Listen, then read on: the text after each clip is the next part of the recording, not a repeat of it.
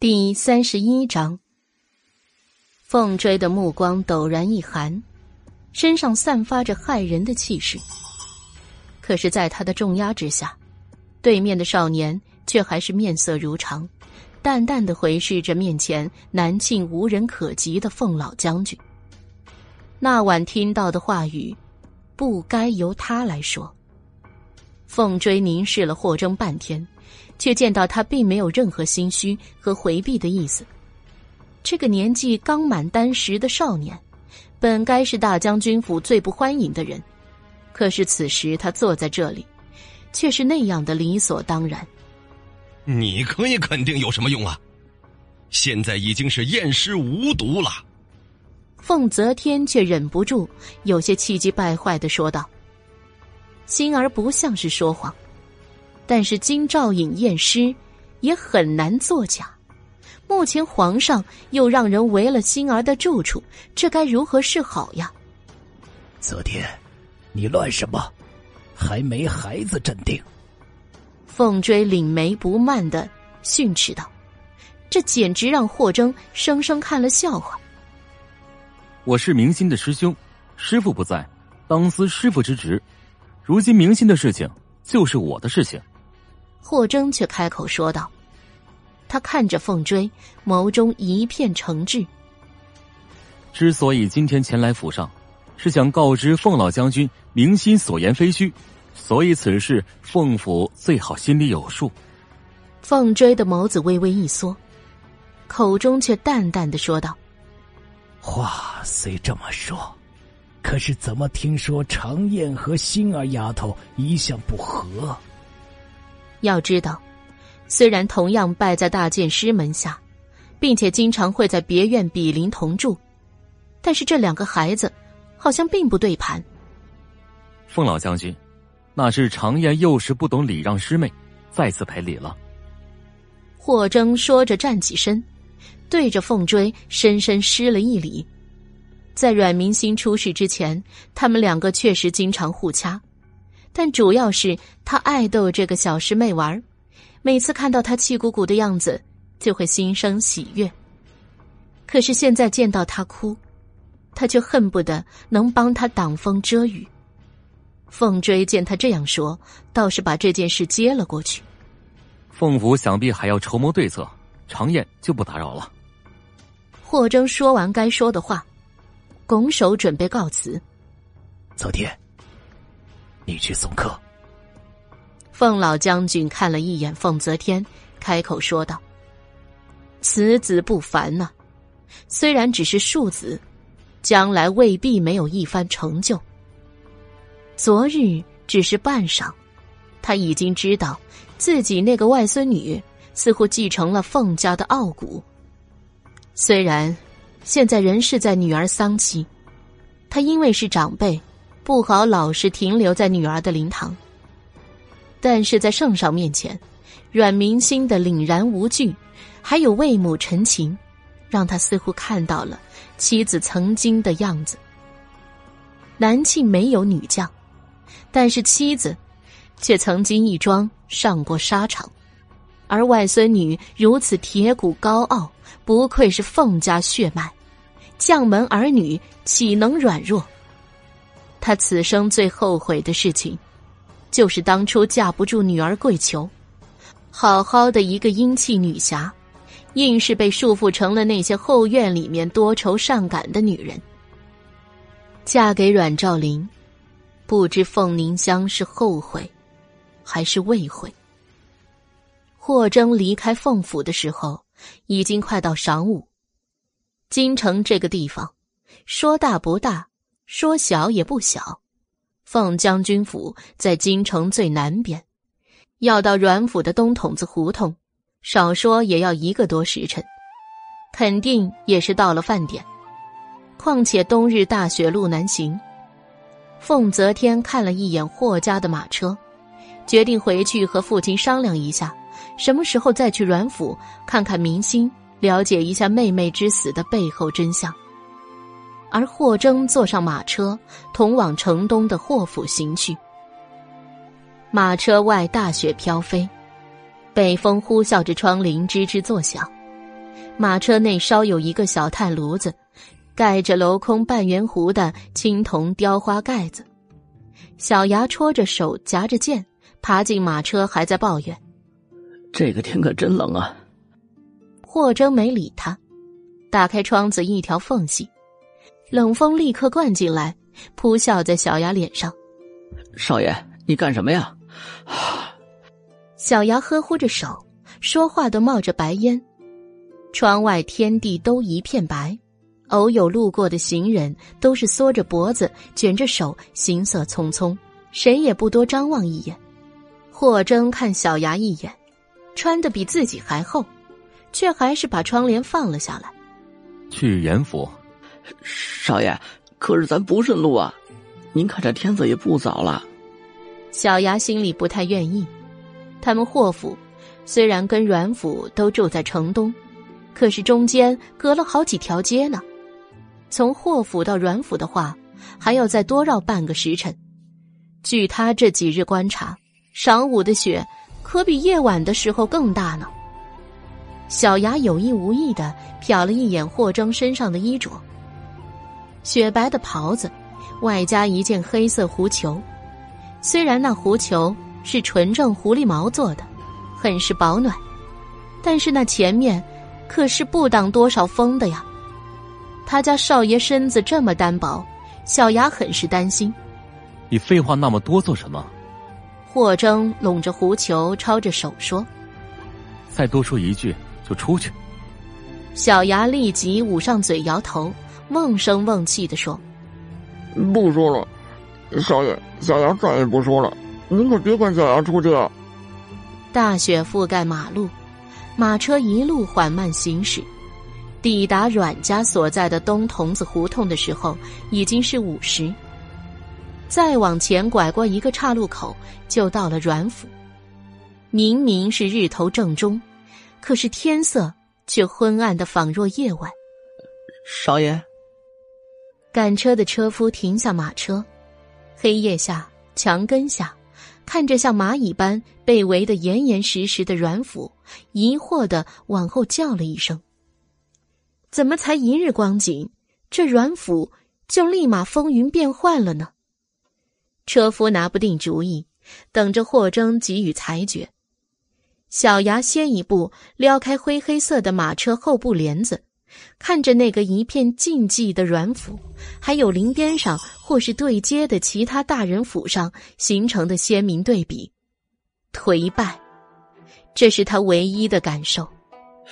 真是一点也不像办丧事的人家啊！小牙感叹。没有唢呐吹打就算了，竟然连念经的和尚也没有。同时，小牙心里。更是默默的认定了这个阮明星以后一定会是个麻烦精。他们家少爷也跟他同门，一起没多久，这一段时间就没离开过他的身边。前面教训这个什么桂嬷嬷不说了，小牙一想就明白了，他家少爷是在暗地里帮他。如今这暗地里都不要了。直接跑到明面上不说，这天寒地冻的，还大老远的专门去了凤府，又绕过来去看他。霍征没有说话，只是打开车门走下了马车。尚书府一片白色，但静悄悄的，却仿若无人。虽然开棺无毒，但是由于案子还没有定论，所以棺木还停在灵堂，不能自行处置。一个纵身。少年直接跃到了马车之上，眸光落在了阮明心所住的庭院位置。那边有一个两层楼的小绣楼，是在尚书府最好的地段，可以俯瞰尚书府全景。那是阮府嫡女、凤府外孙女李该住着的地方。可是此时，却被侍卫团团围住，周围守卫森严。冷风吹乱了发丝和狐裘披风，但是少年站在车顶却一动未动。眼前的重重屋檐代表着尚书府的气势，而比邻的淮阴侯府更是威严恢宏。一个六岁的女孩，想要在这里申冤，该要推开多少重的暗手啊！验尸无毒，在情理之外，却在意料之中。如果那么好揭穿一切，堂堂大将军府的唯一嫡女也不会死得不明不白。可就算千难万难又怎样？他会帮他，他或争或长燕。一定会帮阮明星讨要一个公道。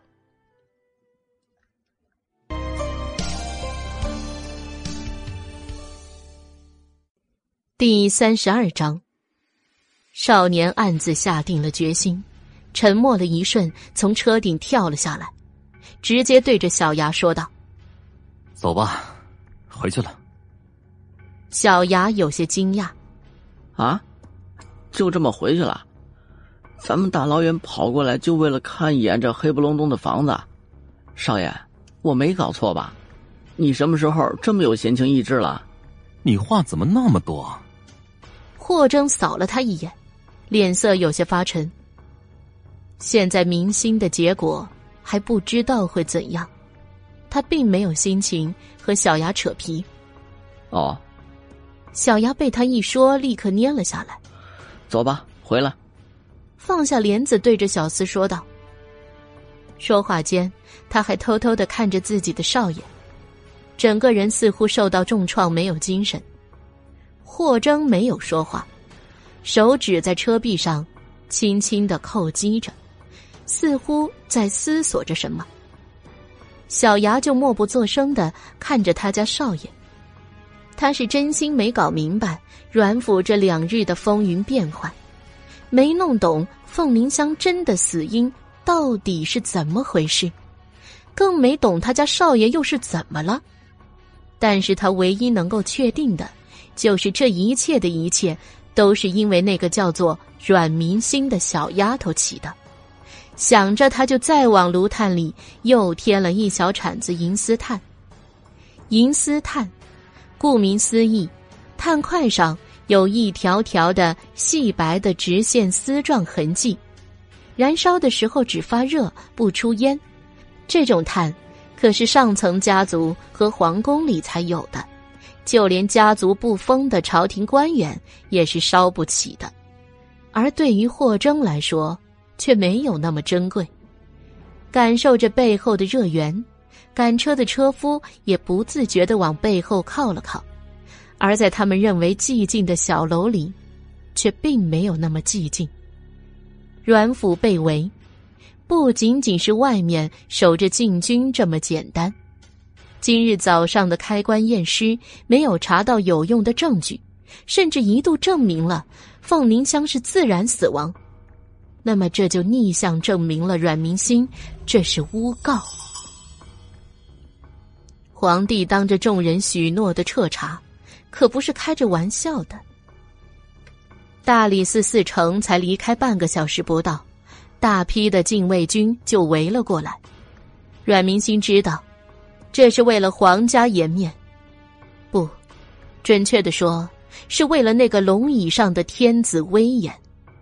他理解皇帝的举措，就算是换做前世，他自己高位处决，他也会是同样的手段。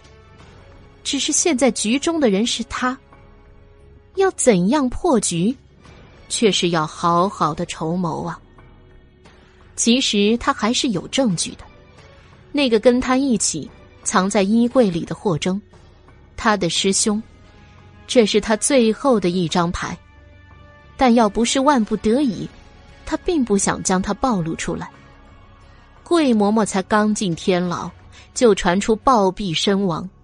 还有那个母亲的药壶，到了大理寺还不到一天就消失不见了。可见，这是有人在暗处操纵啊。阮明熙不相信，那是他父亲能够做出的事情，他还没有这个胆魄跟能力。不是阮兆林，那就只剩下裴玉莲了。那天夜里的声音。在阮明星的脑海中挥之不去。等此件事了，你还是回玉莲身边去吧。谢谢老爷，那老奴就等着老爷和我们家小姐早日可以成就好事。我当初就起诺对玉莲此生不负，却未曾想足足晚了十年。裴玉莲是右丞相之女，对那个既得皇上信任，又手掌实权的首辅政客，对他来说做这两件事连一句话都不用。他只需要透露一个眼神，就有人去帮他办好了。至于阮兆林，就像是前世阮清离所说，他阮明心不过就是他手中的一件物品罢了，又何曾真的当成过掌上明珠呢？前世能为了不被牵连，当朝与他断绝父女关系。今生能为了再娶他的青梅竹马，能下手杀害亲女。两世这个欺世盗名的男人，都在想着要杀他。不过前世他更有利用价值罢了。此时正是饭后午休的时辰，阮明心斜倚在榻上，静静思索着现在的局面。当听到外面的脚步声，他立刻躺平。蒙头盖上了锦被。往常小桃红都是陪他睡在外间的小榻上，而今他被软禁，就连贴身伺候的小桃红也只被允许早中晚三餐进来一盏茶的功夫来给他送饭。现在的他，是完全被软禁的状态。阮兆林不知道阮明星是否已经睡着了，只见他动了一下后。恢复平静，他走上前来，亲手将阮明星头上蒙着的被子拉了下来，压低声音将他叫醒：“明心，明心！”呼唤不断。就算阮明星本想装作没听见，也没办法。而且阮兆林见他不醒，他直接上手摇晃着他的肩膀，却让他不好再继续装睡。嘤咛一声。阮明星伸伸懒腰，做出一副刚被吵醒的样子。阮兆林看着他，不由皱眉：“你这真是心大啊！现在是什么情况了？居然还能睡得着？”他今天可是上下打点了好些动作，在书房里焦急的不知道转了多少个圈儿。这死丫头，居然还能睡得这么若无其事。想着，他心里不忿。手上的动作就没克制住，阮明星的肩膀被捏得生疼。爹，他有些委屈的皱眉，一副想哭又不敢哭的样子。阮父见他蹙眉，赶紧放开手，调整好脸上的表情，温声的劝说道：“明心呐，你昨天实在是太冲动了，更何况你是如何就认定你母亲是中毒身亡呢？”这副一本正经扮演好父亲角色的样子，看上去真是虚情假意呢。阮明星内心只觉得荒唐恶心。若他还是前世，阮明星说不定就掉进他的温柔陷阱里去了。但是今生，他终于认清了阮兆林这个人面兽心、假仁假义的真面目，说什么也不会再相信他这副慈父假象了。冬日的天气，雪后更是冰凉如水。阮明星靠坐在床头横杠上，背后冰凉一片，就跟他此时的心湖一样。阮兆林的话再也扰不动一丝涟漪，他的后背被硌得有点疼。这次回来的太仓促，阮明星的闺房里就像是家里的客房一样空荡荡的。还没来得及置软枕头给他。从前凤凝香喜欢的颜色就跟他的性格一样张扬。他给阮明星制的东西不是大红就是软紫，别院的东西在这守孝期间是都不能用了。他没有开口回答，而阮兆林也没有发现他的不适，只是看上去十分关切的。握住了他的小手，明心，你倒是说话呀！这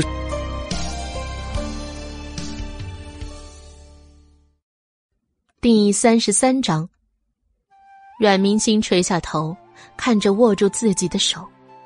曾经的他以为这一定是一双十分温柔的大掌，他会坚定的牵着她，守护着她，将她捧在手心上。而现实却狠狠的打了他好几个巴掌。如今终于盼到了这双他期待了二十多年的守护，却只觉得寒冷。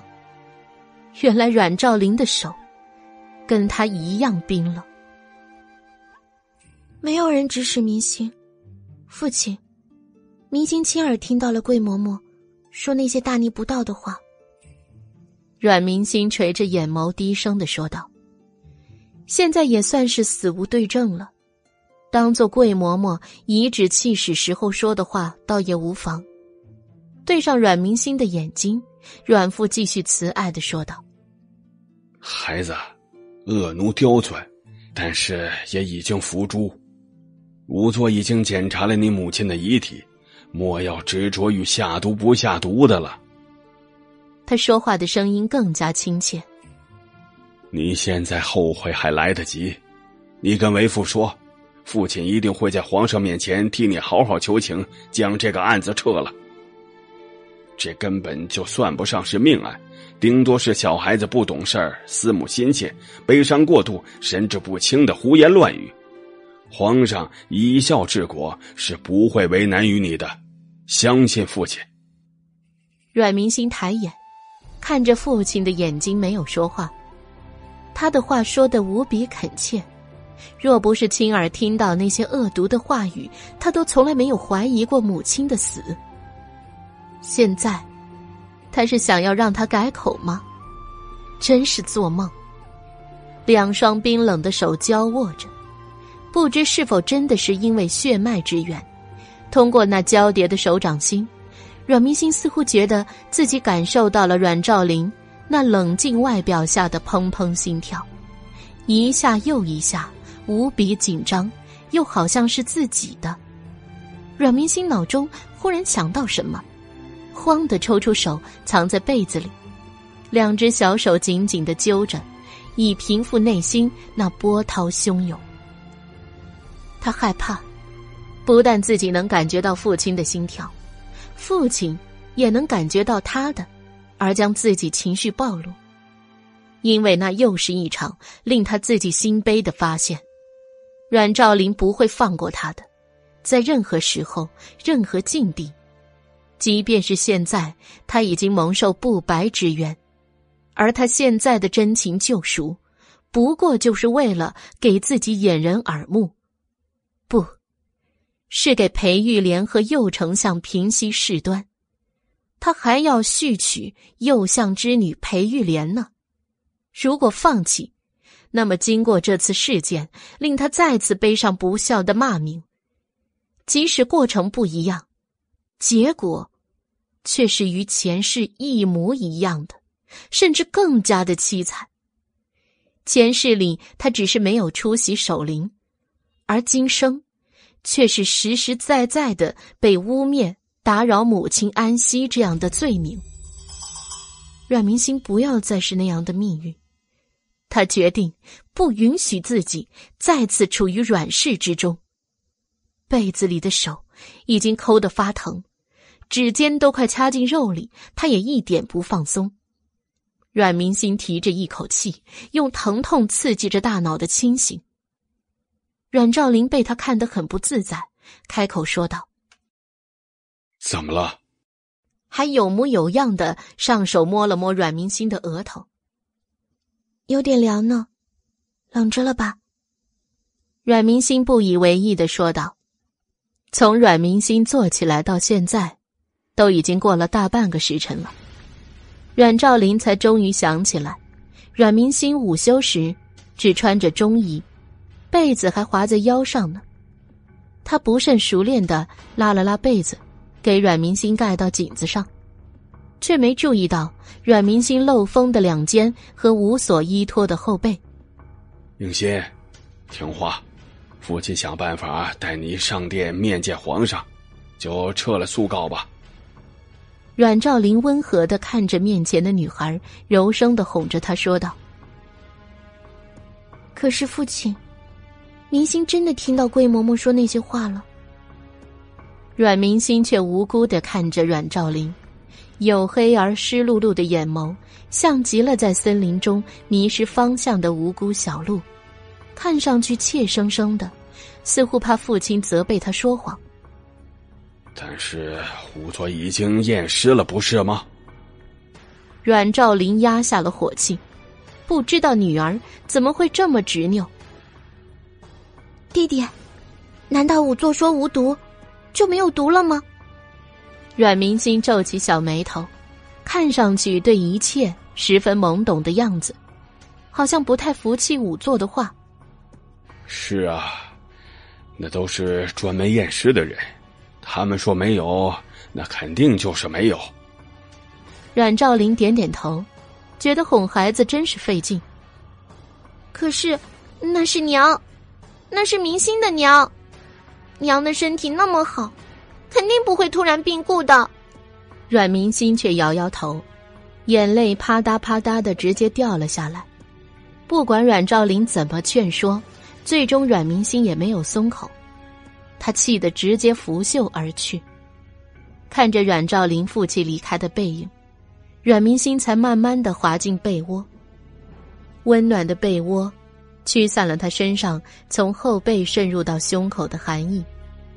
他舒展舒展了身子，再度闭上眼睛，嘴角却是勾了起来。阮兆林离开这个院子，回到房间里大发雷霆。直接摔碎了博古架上好几个青花瓷瓶和一柄翠绿的玉如意。房里的丫头们噤若寒蝉。出去，出去，都出去！阮兆林挥手将他们赶走，但是胸口的气闷还没有发泄干净。看到立在床榻边小几上的半人身高的大肚长颈插孔雀翎的五彩花瓶，直接狠狠一脚踹了上去。瓷器的碎裂声十分刺耳，转眼间，内室已经满目狼藉。那个死丫头，真是能把人气死！到了现在这样的地步，竟然还坚持要告，可恶，真是可恶！一抹狠光，在阮兆林面上一闪而过，他深吸口气，对着门外生气的喊道：“来人！”丫鬟们不敢触动他眉头，只敢偷偷推开帘子一个小缝隙往里面看。大丫鬟曼红见到没人主动进屋，没办法，硬着头皮走了进去，恭敬的说道：“大人，有何事吩咐？”曼红跟其他两名二等丫鬟都是贴身伺候阮兆林的。本来白天并不是老爷该回来的时辰，但是没想到。阮兆林今天会回来，而且房间里还不断传出瓷器砸碎的声音。阮兆林见到他进来，直接指着他吩咐道：“传令下去，任何人都不准去看望那个死丫头，更不准与她传书信，就让她在那里自生自灭好了。”曼红吃了一惊，不由得问道：“老爷说的是四小姐？不是她还是谁？”阮兆林一脸的气愤，构造事件，毁坏阮家名声，就当我阮兆林从没生过他这个女儿。这话说的不可谓不狠。现在阮明星的院子被重兵围住，里面的所有吃食都靠着丫鬟小桃红去送。要是谁也不准看望，让他自生自灭，那可就真的自生自灭了。曼红垂着的头。一瞬间的抬起，看到阮兆林面容狠绝的样子，头又迅速的低了下去，浮声回道：“是。”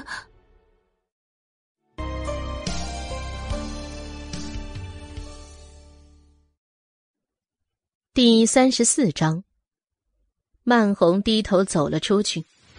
小姐不是被禁卫军软禁着吗？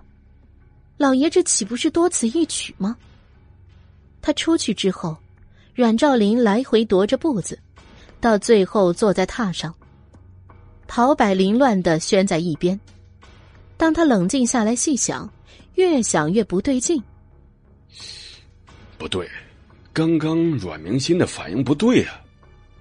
阮兆林想起阮明心突然抽回手的紧张的看着自己的样子，他是在隐忍着什么吗？难不成是有谁在背后教唆他如此的？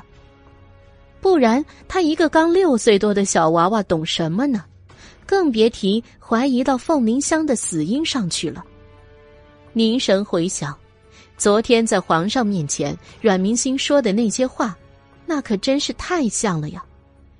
他说的话和在那个雪夜自己和桂嬷嬷说的话简直一模一样，一句一句细细回想，简直让阮兆林有些心惊肉跳。好在桂嬷嬷是已经死了。不然，这后果可真是不堪设想呀！想到桂嬷嬷，就想到了裴玉莲。阮兆林周身的寒冷气势也顿时柔和了不少。那是他心目中等了多少年的妻子，当年他负了她，阮父以手抵额，心疼不已。第二日。大理寺诸人兼协管监审此案的金兆尹，又来到了阮府，还是那个大堂。后面灵堂内烧的纸钱和桔梗灰，时不时的顺着寒风飘舞在大堂外面的天空，零零散散的飞走飞远，直到化为灰色的黑点儿不见了。偏巧，凤老将军也在此时赶了过来。昨天和霍征的一席话之后，他也动了心思。此时正好是巧遇前来二审的大理寺众人。金兆尹傅伯为人正派，最敬重的，就是精忠报国、杀退敌人五十里的凤家儿郎。此刻见着凤老将军，直接上前拱手道：“大将军，傅大人不必多礼。”凤追扶起傅伯抱拳的双手。傅伯明知道凤追出现在此地何意，依旧是明知故问的说道：“请问大将军是来听审的吗？”大理寺跟随来的其他官员俱是惊讶的看着傅伯，他们可没接到任何旁听的圣旨啊。凤追也听出了他话中的深意，捋着山羊胡须道。正是。听说傅伯和凤林凤大将军都聚在大门外，阮兆林连忙换了朝服出来迎接。一行人接近阮府，大理寺派人去通知阮明星前来，其余的人都等在厅内。凤老将军坐在上手左边大椅上，阮兆林坐在右上手静静喝茶。唯有傅伯独自坐在左边下手守位上。不比傅伯的淡定，凤追和阮兆林不时的张望门外。不多时，阮明星出现在视线内。他依旧一身雪白右衽裙裾，外罩一件亚麻孝布，身形瘦小而又单薄。他的身前是大理寺的衙役。身后还跟着两个红色铠甲侍卫，前后对比更显出阮明心的孱弱。尖尖的帽子盖在他的头上，几乎将他与外面的白雪融为一体。如果不是轻微的裙角偏飞，真是不甚容易将他发现。男庆女子深闺庭身，一生之中都没有几次机会能够见到外男。即便是在自己家中，一年也几乎没有机会踏足自己家中前院的会客大堂，注定了三从四德，女贱女责，目光短浅，卑微而谦恭。阮明心不同，前世远嫁质子龙逸轩，后来又是一路帮助龙逸轩登上那九五之尊，这一路上的风风雨雨。别说是自家的会客厅，就是龙逸轩的书房重地，他也是来去自如。他每日进进出出，不比那些龙逸轩的幕僚们少。更何况还有函谷关上披甲沙场的这些事情。他不仅是龙逸轩的谋士，更是他的得力干将。再加上龙逸轩称帝之后，他为后宫之主，杀伐决断，不比男子逊色。因此。从阮明心踏入大堂门口，取下帽檐后，展现出来的沉稳淡定，就惊讶了屋内阅人无数的三人。阮父还没什么大的感觉，就是觉得这丫头比起昨晚更加的冷淡了。而傅伯的触动倒是不小，昨日里初见这个小小女孩，就有一股不同于寻常人的稳重气质。可是昨天，阮明星知道母亲遗体肯定是能验出中毒，所以还愿意装一个坚定的无知柔弱少女。然而在验尸无毒，他面临诬告境地。傅柏林走前，悄声的告诉他二审条件时，阮明星就想好，他真的不能像表面上那样柔弱下去，因为一审的验尸无毒。他已经算是暂背着诬告之罪了。二审条件苛刻，他不表现出自己的坚决，也许还没开始，就会被不匪之人将他阻拦。而那个人，此时正坐在厅上。阮明心意味深长的看了阮父一眼，阮父被他看的，好像身上被蚂蚁爬了一层，有些不太自在。他就奇怪了，这才明明是个六岁多的孩子，眼神冷静的比他这个二品大员都要沉稳。阮父暗暗磨牙，眼神温柔的狰狞。三人之中，若前两个都是惊讶的话，那情绪波动最厉害的就要数凤追老将军了。御前告状，验尸被诬。到现在依旧神情镇定，在他眼里，这个外孙女算是继承了凤家衣钵，让人不由老怀欣慰。阮明心看着这个两世相隔再次见到的外公，喜悦不已。一进门来，就先克制的冲着这个最是疼爱自己的外公，眨了一下眼睛，然后才不紧不慢。端庄舒雅的对着上面的三位大人行礼。凤追没等傅伯说话，就率先从座位上走了下来，将他扶起。他这个举动是表明了自己的态度，不管结果如何，大将军府站在阮明心这边。阮氏明心，此案一审无毒，你还要继续追查吗？傅伯看了一眼凤追，淡淡开口说道：“这件事本就是闹到御前，才会交由大理寺处理。而金兆尹则是因为之前接手了桂嬷嬷的案子，两案并为一案，他主要协助大理寺寺丞方慎审案的。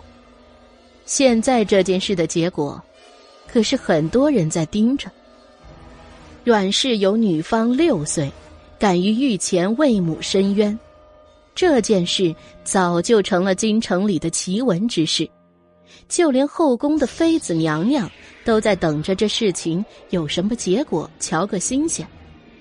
一审无毒也不出意外，毕竟谁也不能指望一个六岁的孩子真能揭开什么惊天谜案。但是结果汇报皇上之后。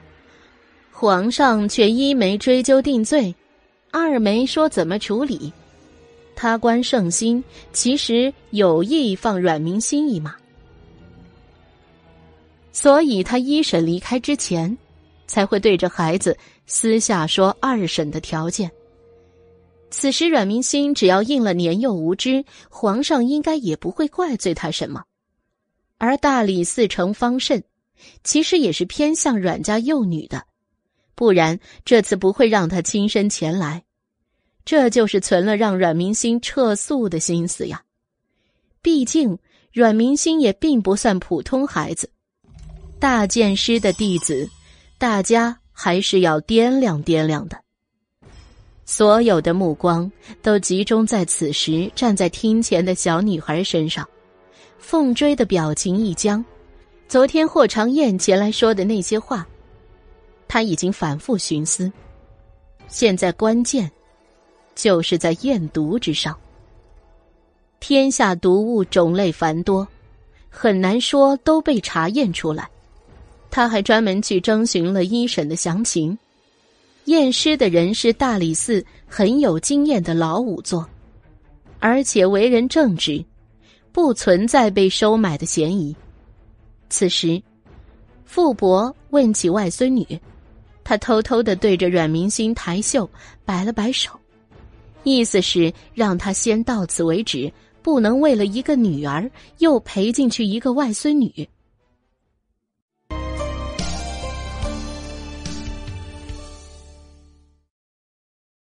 第三十五集，只要人好好的。此事可以回头从长计议。明心，你丧母之后心神不宁，思虑不周，只要给傅大人说不查了，父亲会为你向皇上求情的。凤追只是暗暗摆手，而阮兆林则是明着提醒干预了。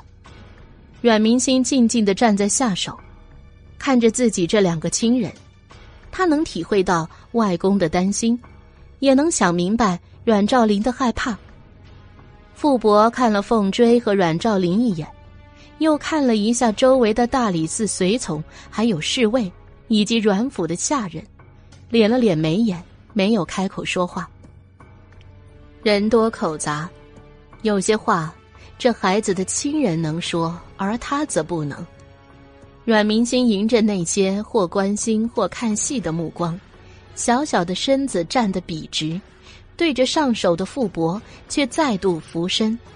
傅大人，一审结果，明星犹有疑虑，所以恳请二审。少女的话音清凉，入耳之后却引起一阵惊骇。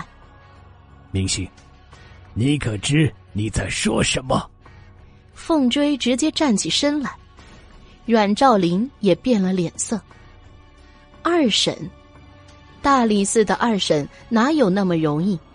何况是已经断定无毒，阮明心早就有诬告之嫌。傅伯的眉头也是一皱。之前他对这孩子说的二审条件，就是想让他知难而退，对母亲孝心倒是可嘉，但是一审的结果很难推翻，他竟然还要二审。外公切莫着急，母亲之死不能明断，母亲难以瞑目，而明心也此生难安。阮明心站在亭下，话语清晰的说道：“事已至此，绝对不是他退让就可以解决的事情了。现在找不到证据，给了阮兆林缓冲的时间，那么证据会更难。”所以此事他绝对不退。冉家丫头，你可知以你现在的情形提出二审，那可是要……傅伯的话有些说不下去了。这才是一个六岁的孩子，明星知道，二审之难甚于一审，但是为了母亲，明星愿意以身试之。小小的女孩，话语铿锵，神情坚定。像是早已经下定了决心。凤追想到霍征的话，再看看这个让人心疼的外孙女，心里已经断定，女儿之死肯定别有内情，不然是什么能够让一个孩子这样坚定而不悔？胡闹，简直是胡闹！阮兆林气得一拍几案，他知道这孩子不听话，可是没想到会这样执拗。他说着，转头看向凤追。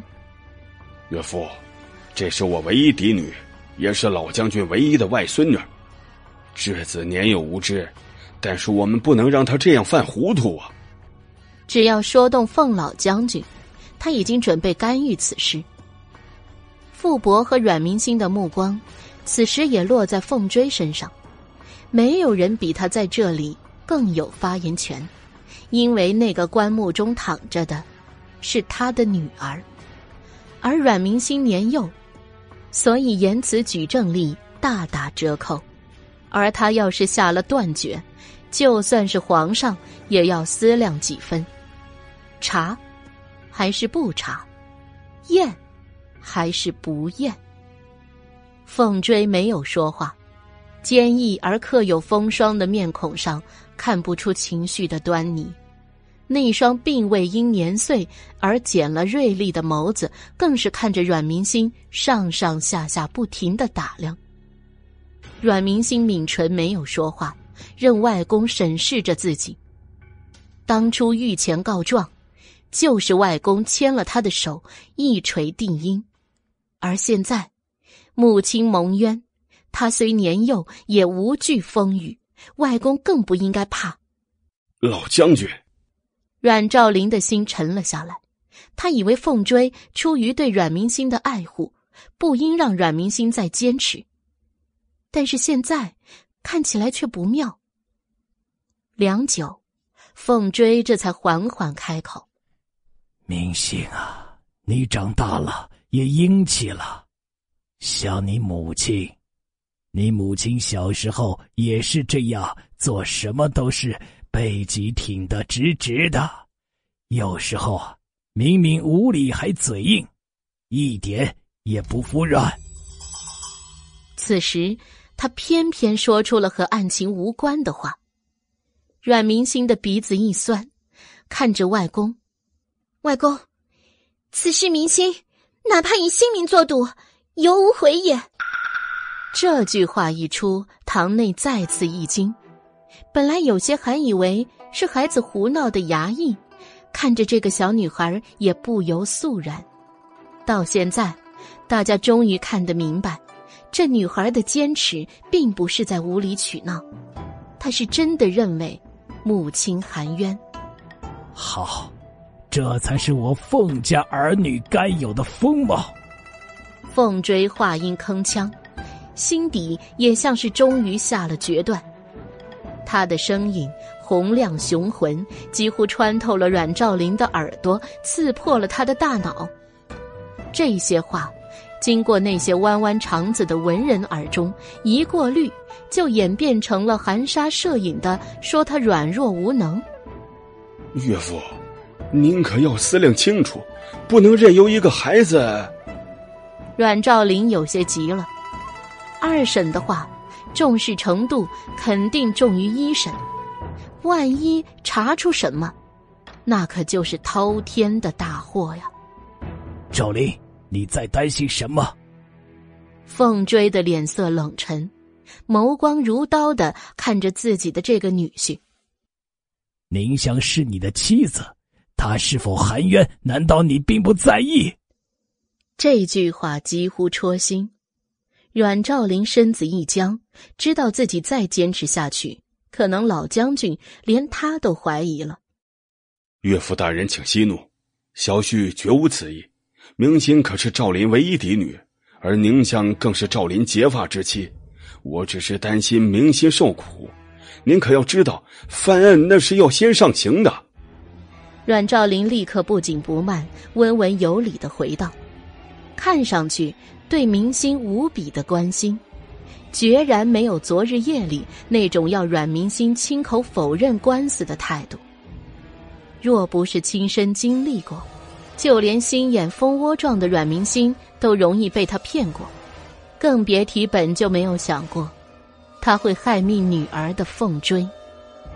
老将军的神情缓和了一些，眸中再度蒙上了一层担忧。若翻案，必先惊刑，这是谁都没办法阻拦的事。明星这孩子，可受得住啊？二审与一审不同，这不仅是案件的重审，就连阮明星的身份也发生了天翻地覆的变化。一审无毒已经记录在卷，明星变成诬告。阮兆林见到凤追这里已经被安抚。转身对着傅博开口说道：“傅大人，看着此案要如何审理啊？”若要论情理，这个时间确实还不算是公堂对审。傅博刚才皱着的眉，早已经松开了，正坐在那里静静的品茶。今天，所有人都在等着一个答案：是再审，还是封案？如果再审，那事情可就闹大了。傅大人，如果此案二审，明星在此提出恳求，希望二审验毒。可以经太医院梁太医和金兆尹的仵作叶宽两人重新为母亲的遗体查毒。阮明心见到傅伯没有开口，再度俯身，说出了惊人之语。上次验毒不明，这一次，他亲口指定这两人作为验尸官，务求验明真相。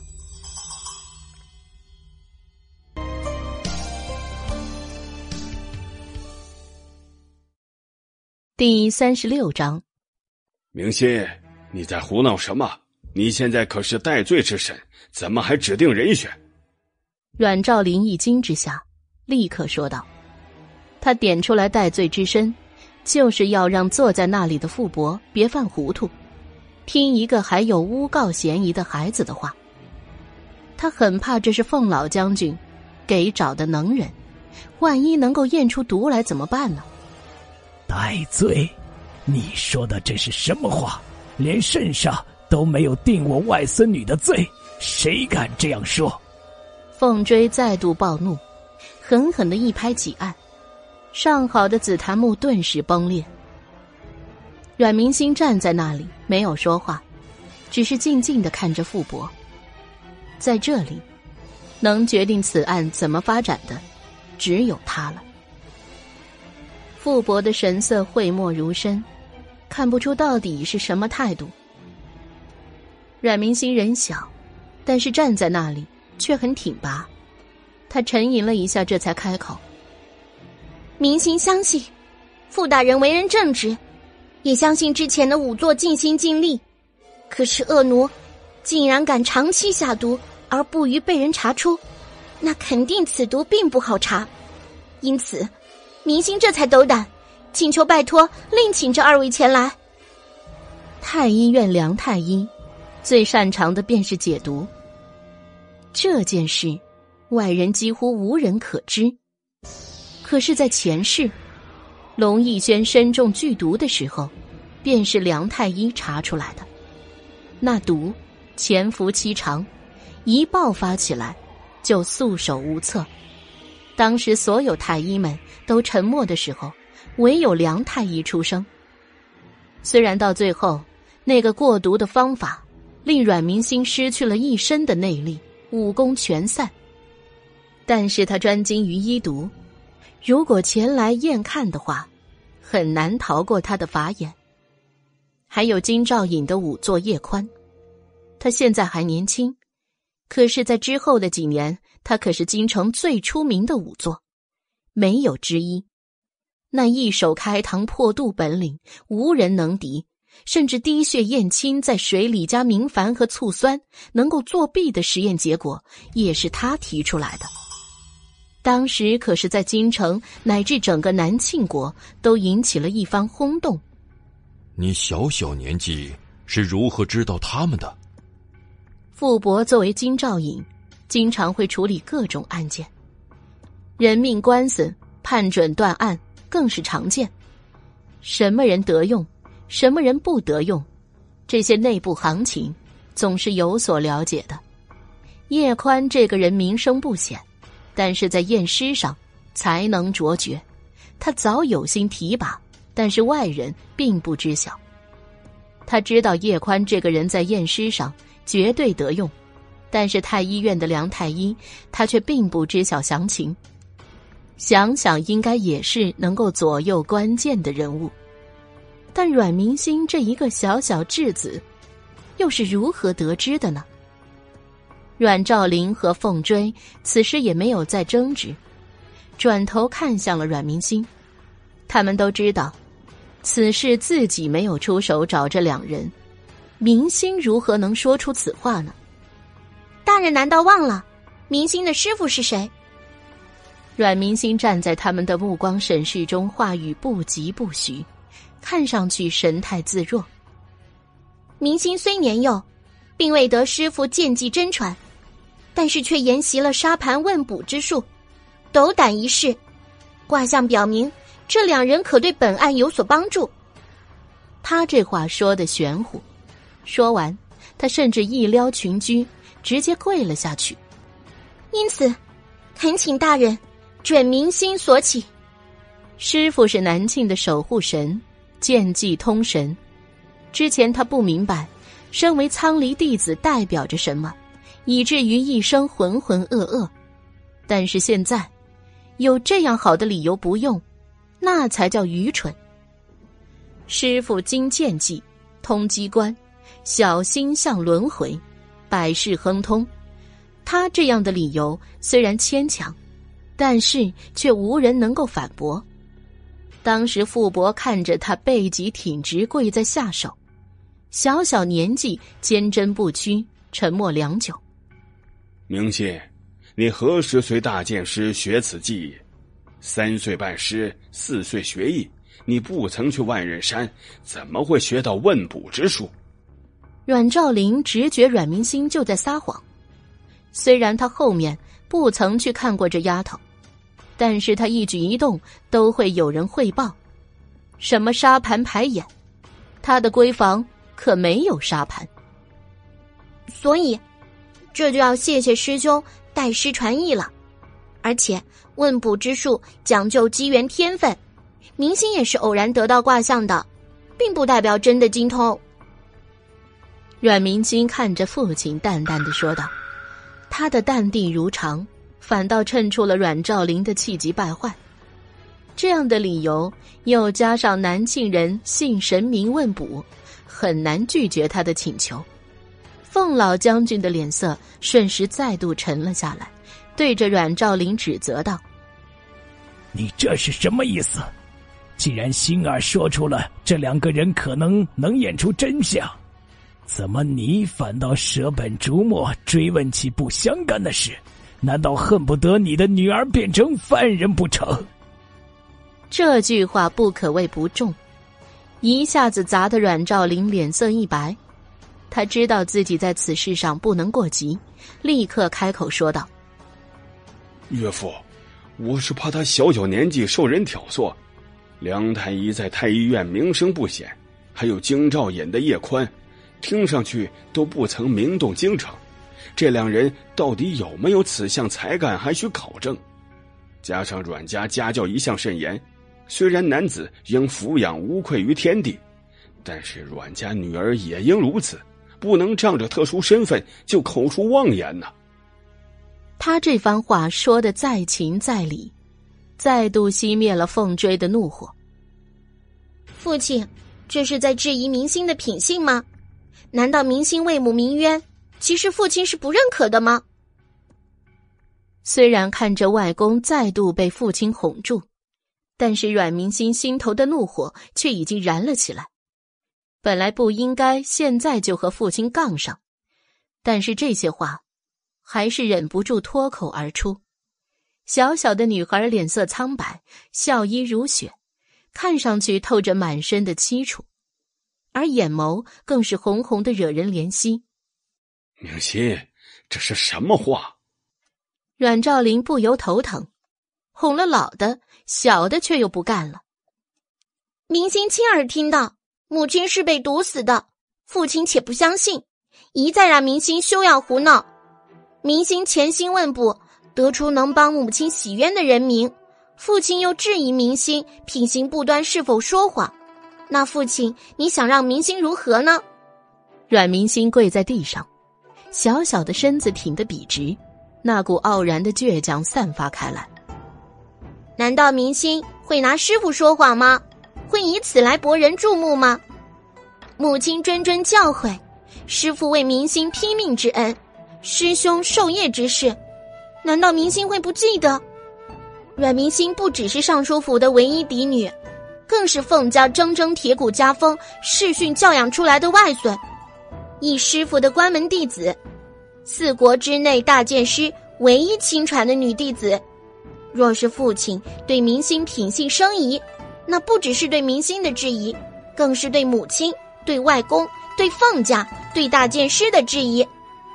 若明星连累这些亲长辈无端质疑，不如现在大人就此定案吧，直接让明星也陪母亲一起去了吧。说着，少女俯身于地，话语铿锵。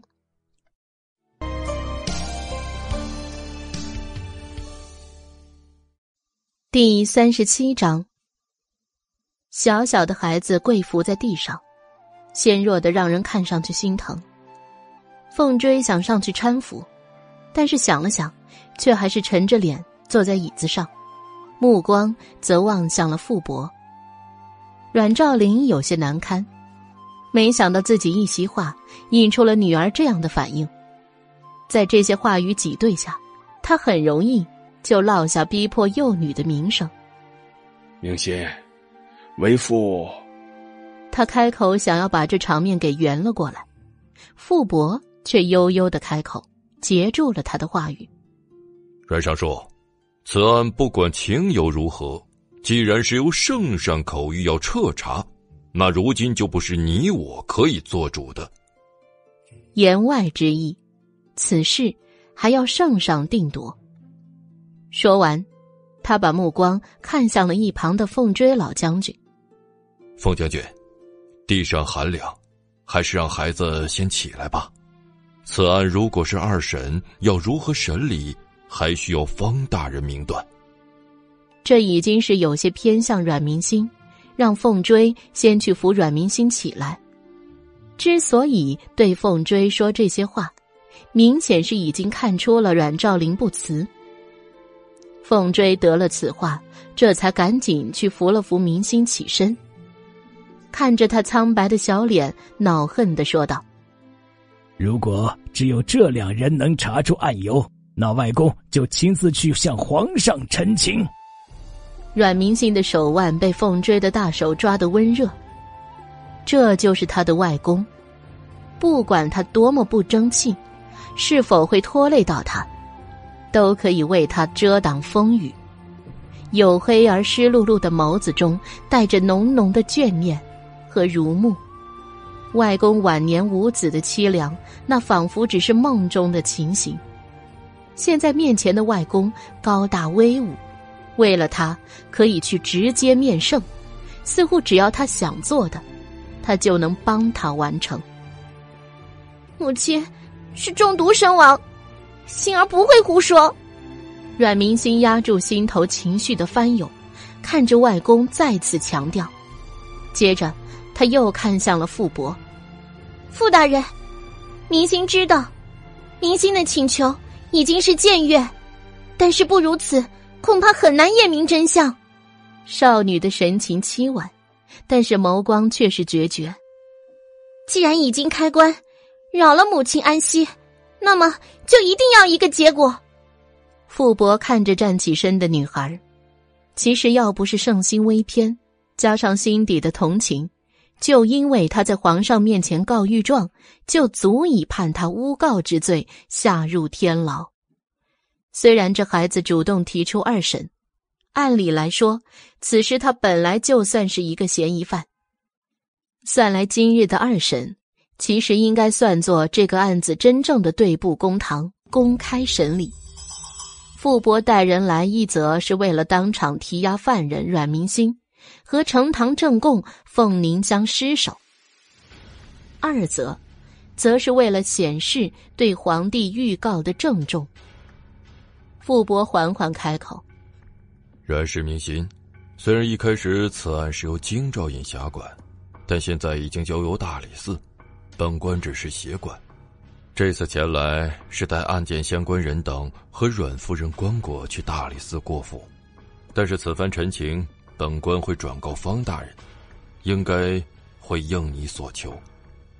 阮兆林的脸色阴晴变化，就算现在事态至此，他已经真的不好再多说些什么了。虽然有些担心，但毕竟前有桂嬷嬷自尽。后有大理寺药渣被盗，这一切都符合他所臆想的右丞相大人的帮忙。加上验毒这种事，可有很多的可能性，不代表这两个人真的前来就一定能够查验出来。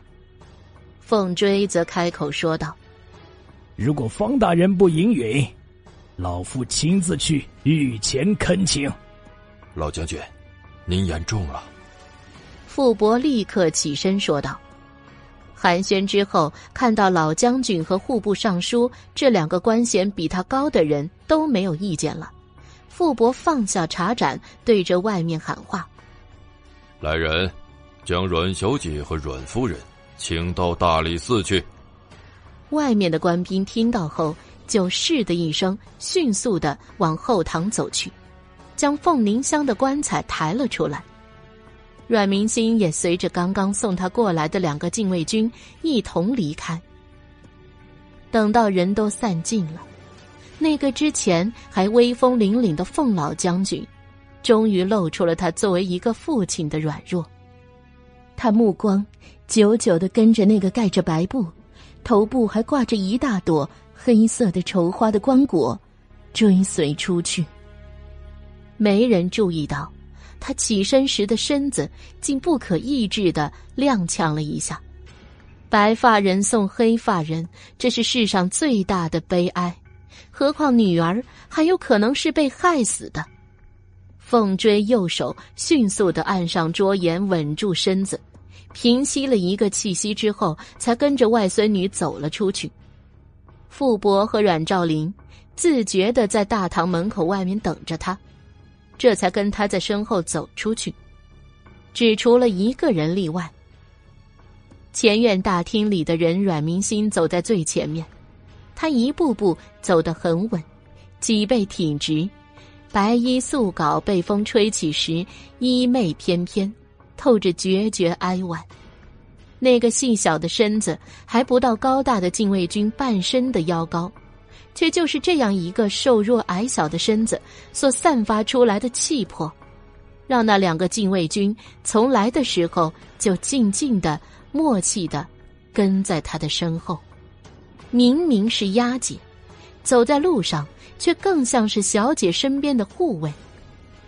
傅伯在后面静静看着那两个禁卫军，可是一点也没有发觉自己做了跟班，而不是押解的犯人。而不是押解犯人，阮家有女，的确不凡。出了朱红大门，阮明星看着门口外面停着的三辆马车，犯了难。为首的是一辆青灰色古朴的马车，一看就不是他们阮家的，也不会是他外祖凤家的，因为凤家的马车就在边上，纯正的黑，在车头右边的天顶盖处。竖着插着一柄黑色的小旗帜，旗帜黑底白字，一个霸气威武的篆书“凤”字，张牙舞爪的张扬在上面，随着北风那个呼啸猎猎作响。阮明星熟悉那个声音，熟悉那个感觉，那是战场的感觉，那是厮杀的声音，带着浴血奋战。马革裹尸也在所不惜的豪情与气概。阮家的马车应是第三辆，四个车毡各垂着一个琉璃的羊角宫灯，每个羊角宫灯的下方都挂着一个青玉的如意扣，扣下垂着青色流苏，在风中飘扬。这辆车看上去比前面两辆稍显华丽，那流苏像是空中的扫把。又像是羽毛扫过人心。这应该不是父亲会做的样式，恐怕是家里的姨娘为了博人惦念，所以专门让人布置的。这应该是他们阮府最平常廉价的马车了。毕竟他爹可是吏部尚书，虽不像是户部掌控着整个国家的经济银钱。但吏部要负责每年官员品级核定，也是个肥缺。这是给他准备的吗？可就是连他的庶妹们的马车，都比这张扬啊！这是对他这个嫡女的蔑视，还是说阮兆林到底还是怕了，怕在这个节骨眼上节外生枝，将自己意外的牵连进去。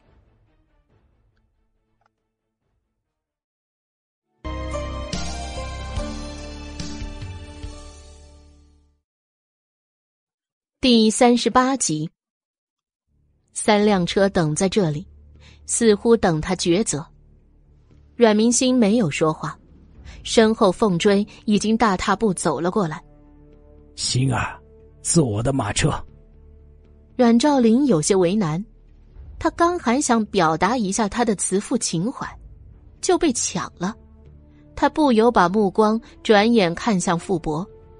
傅博却沉吟着没有说话，而阮明星身后负责押解的人也没有出声。阮兆林害怕阮明心与凤老将军单独相处时透露什么，毕竟越想越有些不对劲。他也很怕自己在那晚和桂嬷嬷的对话被他不小心听到。要万一如此，这要是被凤家的人知道了，那他以后别说是升迁了。性命难保还不一定，于是他只能轻咳一声，开口说话：“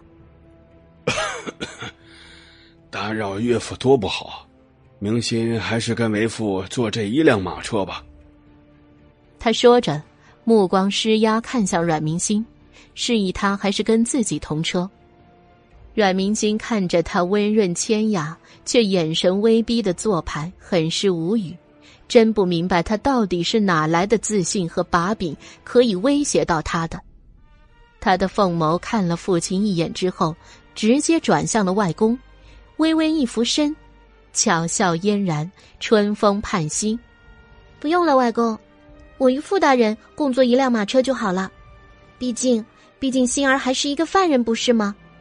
阮明心这句话说的坦然，说完。直接对着傅伯调皮的眨眼一笑，此时他显得才像是一个孩子。傅伯被他这突然的眨眼弄得很不自在，右手握拳抵唇，咳咳两声，一本正经的说道：“ 阮小姐可要选好了，父母的马车上可没有大将军和尚书大人的温暖舒适。”无妨。阮明星对着他再度俯身，明星还怕打扰大人安宁呢。不是很温暖舒适，又能冷到哪儿去呢？比这更大的风雪严寒，他都经历过。在冷宫的那天，他还衣着单薄，哪像现在，小桃红还专门给他送来了一件毛茸茸的兔毛的披风呢。心底一痛，阮明星闭眼。深吸口气之后，又迅速睁开，眼底又是一片风平浪静。其实也不是，当年的冷宫门前，陶红也有给他送来了锦裘披风，只是他傲气没要而已，以至于手边到最后，竟然连个矫健的物件都没有。如果他没有拒绝的话，说不定他胸口的剑会少上几支吧。阮明心自嘲的笑了笑，说不定也会变得更加凄惨。到时候，龙逸轩看射杀他不成，就不是箭箭穿心，而是被射成个马蜂窝了。哦，不知阮姑娘是否后悔了？傅伯看着这个脸色突变的女孩，这个阮家的嫡长女，她虽年幼。却还真是一个谜一样的小女孩，那双眼睛布满风暴，又时而纯净的如天山雪水，不染尘埃。阮明星赶快收起自己的表情，如果他还是这样情绪外露，迟早还会害死自己。不了，傅大人，小女子本就是被看守之人，与您处在一起才是正常的。说完。阮明星一撩裙裾，踩着下人搬来的脚凳，上了那辆青灰色的马车。傅伯明明问的是他现在悔不悔二审，但是他却以实际行动给了他回答。阮明星的手还撩着马车的车帘，若有所感的回头，就看到了阮府朱红大门的背后透出浅浅一角亚麻色裙角，裙角上绣着一棵兰草，一看就是小桃红的手艺。阮明星对着门口说了一句：“回去吧。”说完，干脆利落的爬进了马车。前路未知，他不能再让这丫头陪着他受罪。听着马车声哒哒的跑开了。官兵的步伐落在雪地上，吱吱作响，又整齐划一。小桃红终于捂着嘴，滑坐在门后，鼻子、眼睛、耳朵都冻得通红，泪水糊了一脸。他呜呜的哭泣着，不敢发出一点声响。等周围恢复一片寂静，他艰难的爬起来，迅速的冲出了阮府，奔进了那个纯白的雪地，跑。拼命的跑，脑中只有一个信念：一定要救小姐。雪地湿滑，转眼就摔了几跤，鞋袜早已湿透。他到最后已经分不出痛与冷，再痛再冷也抵不上他的心痛、心冷。早上，小姐被叫到前院，他还以为机会来了，他这才找到机会服侍小姐穿衣。那时候他还奇怪，为什么今日小姐比往日还多穿了这么多？临别时的短短空隙，小姐无意间提起，若是他不在了，就让他去投奔霍家大少爷，还把他的卖身契给烧了。当时他就觉得奇怪，缠着问了好久，才终于听小姐说今日就要二审了。他那时候还居然傻傻的说：“二审好呀，就能还小姐清白了，也能给夫人洗刷清白了。”而他的小姐也只是告别时对他挥挥手，唇边带着浅笑。那时候的小桃红心里还高兴的感慨着：自从夫人去世之后，小姐突然间好像就长大了，跟着这样的小姐是她的福分。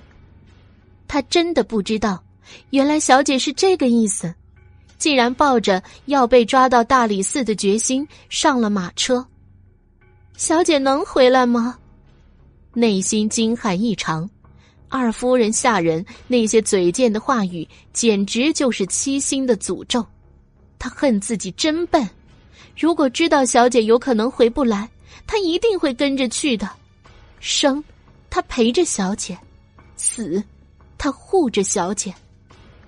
你这丫头，看上去真笨。一声奚落突然入耳，有些熟悉，在冰天雪地中听上去竟像是福音。一辆马车停在了他的面前，这马车看上去比寻常人家的都大，墨绿色的车身彰显尊贵。此时车帘是挂起的，说话的人正是小牙。他撇嘴看着他，车厢内霍征正和一个少年对弈着，看上去神情闲适。小桃红瞬间委屈起来：“我们家小姐都被带走了，怎么霍家少爷还能这样悠闲呢？”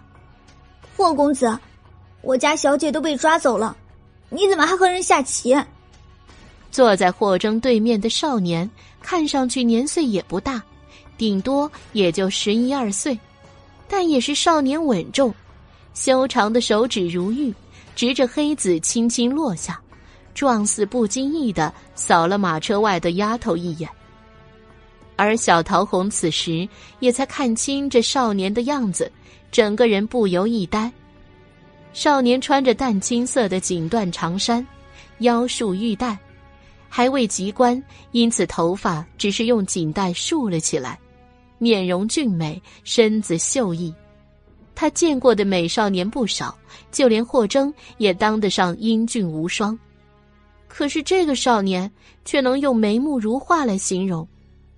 扫了他一眼的那双眼眸，更像是天上云，云中月，吸纳了天地间的精气，像是有云雾弥散，却又好像能够看入人的灵魂。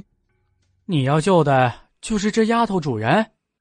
少年看向霍征，这声音圆润好听，但却冷而疏离。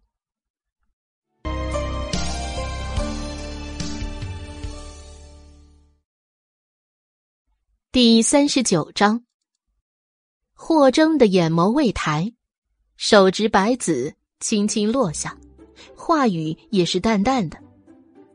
难道你有意见？我当然有意见啦！看上去这么蠢笨的丫头，主人想必也好不到哪儿去。那个少年看上去温雅如玉，但是嘴巴却很毒。这样的人，我可不想救。可谁让你输了？所以，就算是不想，想必谢公子也不会反悔。霍征说完，微微抬眸，狭长的眸子深不见底，但看向那少年的眸光却透着摄人的锋利，意思是，就算他反悔，他也不会给他这个机会。小桃红听到那个让人看呆的公子竟然说出这样的话，刚才观其貌产生的好感顿时消失了。奴婢蠢笨，那又怎样？能收这样的奴婢在身边，那说明主人一定是好心肠的，总比嘴巴坏的要强。他的话说的清脆利落，直直就顶了那少年回去。那少年微微一怔，不由又扫了一眼车外的丫头，倒是个嘴巴利的。喂，你上不上车？你不上车，我们可要赶路了啊！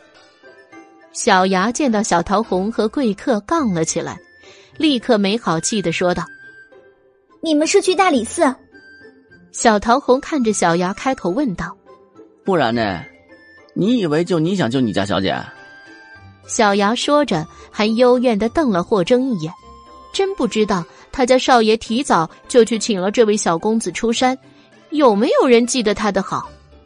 上车，傻子才不上车！小桃红顿时向马车上爬去，在他们这辆马车的前路，阮府的马车一路疾驰往大理寺行去。青灰色的那辆车内，阮明星两手抄在那件到他脚踝上面一寸长的兔毛披风，这是去年凤凝香给他做的。一年过去，阮明星长高了不少。今年，凤凝香病得尤其重，以往还能撑着身子要来一些该有的凤力，今年因为病重，凤凝香一次也没回过京里去。桂嬷嬷自然恨不得他们母女俩早死早超生的，哪里会多问一句今年的冬衣有没有做？披风虽短，但还是能够牢牢裹住阮明星纤细的身子的。一路上，傅伯都在不着痕迹的观察着这个小姑娘。本来他是没有觉得冷的，但是看着对面那个毛茸茸的一团，跟个蜷缩的兔子似的女孩，又看看自己的单薄的官服，突然打了个激灵。接着，傅伯就将视线默默的从阮明星身上移开，看向左侧的那道灰色的厚布帘子。他的马车是真的冷，就连布帘子都没有人家的厚，不比阮府的吧？刚刚那短暂的一瞥，就连人家大将军府的马车布帘子都比他的有后缀感。看着那因为马车急速行驶而晃晃荡荡的棉布帘子，傅伯第一次觉得他是不是应该换一辆马车了。此时，阮明心。已经把自己缩成了一个球了。他现在不比后来，虽然习剑，但是时日还不多。其实赖于脑中的那些记忆，他已经开始修习师门最精妙的一种内功心法。曾经他志不在此，所以武艺在师门算是排行末位。等到年长，真知道强身的重要性，已经错过了这套心法修习的最佳时刻。霍征最后能凭着一己之身护着龙逸轩征战沙场，这套功法功不可没。虽然是缩成了一团，他小脚却是盘坐着，暗暗运转着内息在体内循环。但是看着傅伯大人微微皱眉，看着这马车稍微飘起的布帘子，一副全神贯注的模样，他忍不住的嗤的笑了一声。傅伯闻声回头，他没有说话，甚至是面无表情，只眸光中闪过一丝疑惑。他对他是极其好奇的，身为朝廷命官，尤其是大理寺寺丞这个职位，天生的就要善于察言观色，抓取微末细节。傅伯总是会有意无意的注意到他这个新接手的原告。现在的申告人，更叠加一项诬告嫌疑人，他的身份可真多呀。车厢内静静的，傅伯就这么静静的看着阮明星那越来越浓郁的笑意。阮明星见到他未言语，猝不及防的开口问道：“傅大人，您是不是想着要换一个厚重的帘子才行啊？”说完。他忍俊不禁，唇角微微勾起，颊边的梨涡浅现。傅博声音一成不变的问他：“你怎么知道我刚刚是想要换一个帘子？”因为小女子掐指一算呢。阮明星一本正经的说道：“你忘了明星的师傅是谁了吗？”你真的会问卜之术？只要所有不可解释的事情。似乎都可以用师傅来搪塞。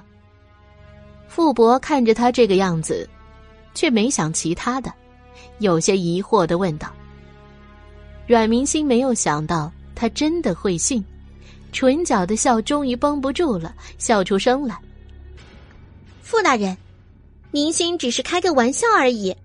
刚才那样的猜测，是因为您刚才看着车帘的表情，似乎有些纠结。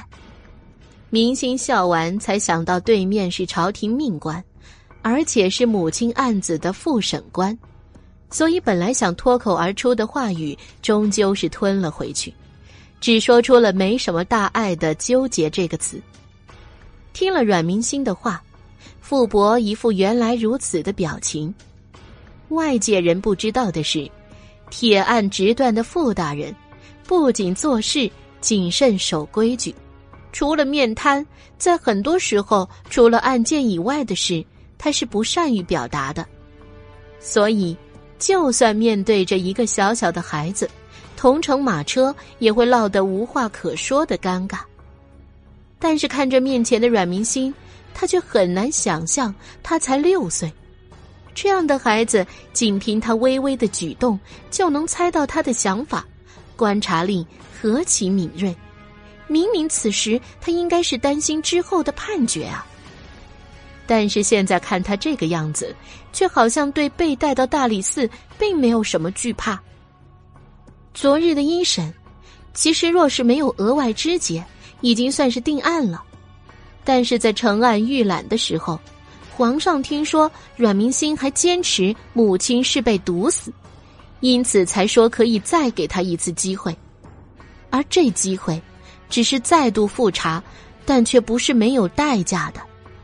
皇上还说，他也想看看那个丫头会如何选择。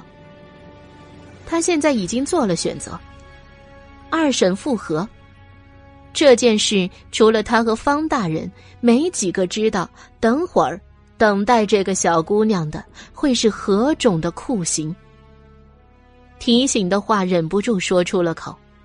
阮小姐，你真的确定梁太医和叶宽能验出一个结果？一审的仵作也很有经验，如果中毒，不至于看不出端倪呀。难道那两个人就一定可以回天不成？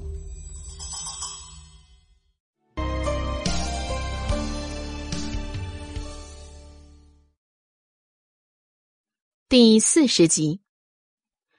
傅伯留给外人的印象最直观的，除了断案，就剩下他那没有起伏的说话语气了。似乎认识他的都说他礼数周到的同时，伴随着不近人情。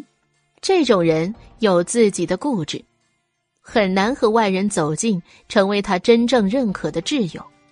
至少，那一世，他是以刚正不阿出名的。几乎是一个孤臣。阮明星静静的看着这位性情其实并不算坏的大人，小小的手指把玩着披风边上飞起来的绒毛，漫不经心的回道：“明星并不能确定。”傅伯一怔，以前他经手的不是穷凶极恶，就是纨绔、贪官污吏，或许是第一次接触到这么小的原告人，傅伯待他多了一分耐心。不确定你就敢坚持二审，你可知道，这案子等会儿要审你，要坚持上告，可是要滚钉板的。傅伯的话语严肃起来。阮明星看着身边坐着的这位大人，本来静静的眉眼顿时弯了弯，他还真将自己装作一个什么都不懂的小孩子。他心思转了转，干脆学起孩子的样子。无辜的将手捏成小拳头，捂住眼睛，两只小脚不停的踢他。嗯，我好怕，傅大人，你就不要让明星滚钉板了吧。他边说，还假意露出一只眼睛来看傅伯的反应。在涉及到案子身经百战的傅伯，显然没将阮明星的小花招看在眼里，依旧是面无表情、一身冷肃的看着他。阮明星渐渐收起自己的动作，小脸再度沉静下来，眸光也恢复那本不该属于这个年龄的幽深沉静。傅大人，母亲被害，中毒身亡，难道明星就因为不确定，就因为怕，就无动于衷，任由此事当没发生过吗？明星虽年幼，但也知道有些事是明知不可而要为之。纵使结果不能如人意，至少无悔。母亲为我牺牲良多，如果让至亲有冤而不能伸，明星纵使活在世上，又有什么意义呢？他早已经做好了破釜沉舟的准备。如果这两人也不能验出毒来，就算是前去请师傅前来，也不能善罢甘休。看到傅博微蹙的眉头和担心的神情，阮明星勾唇一笑。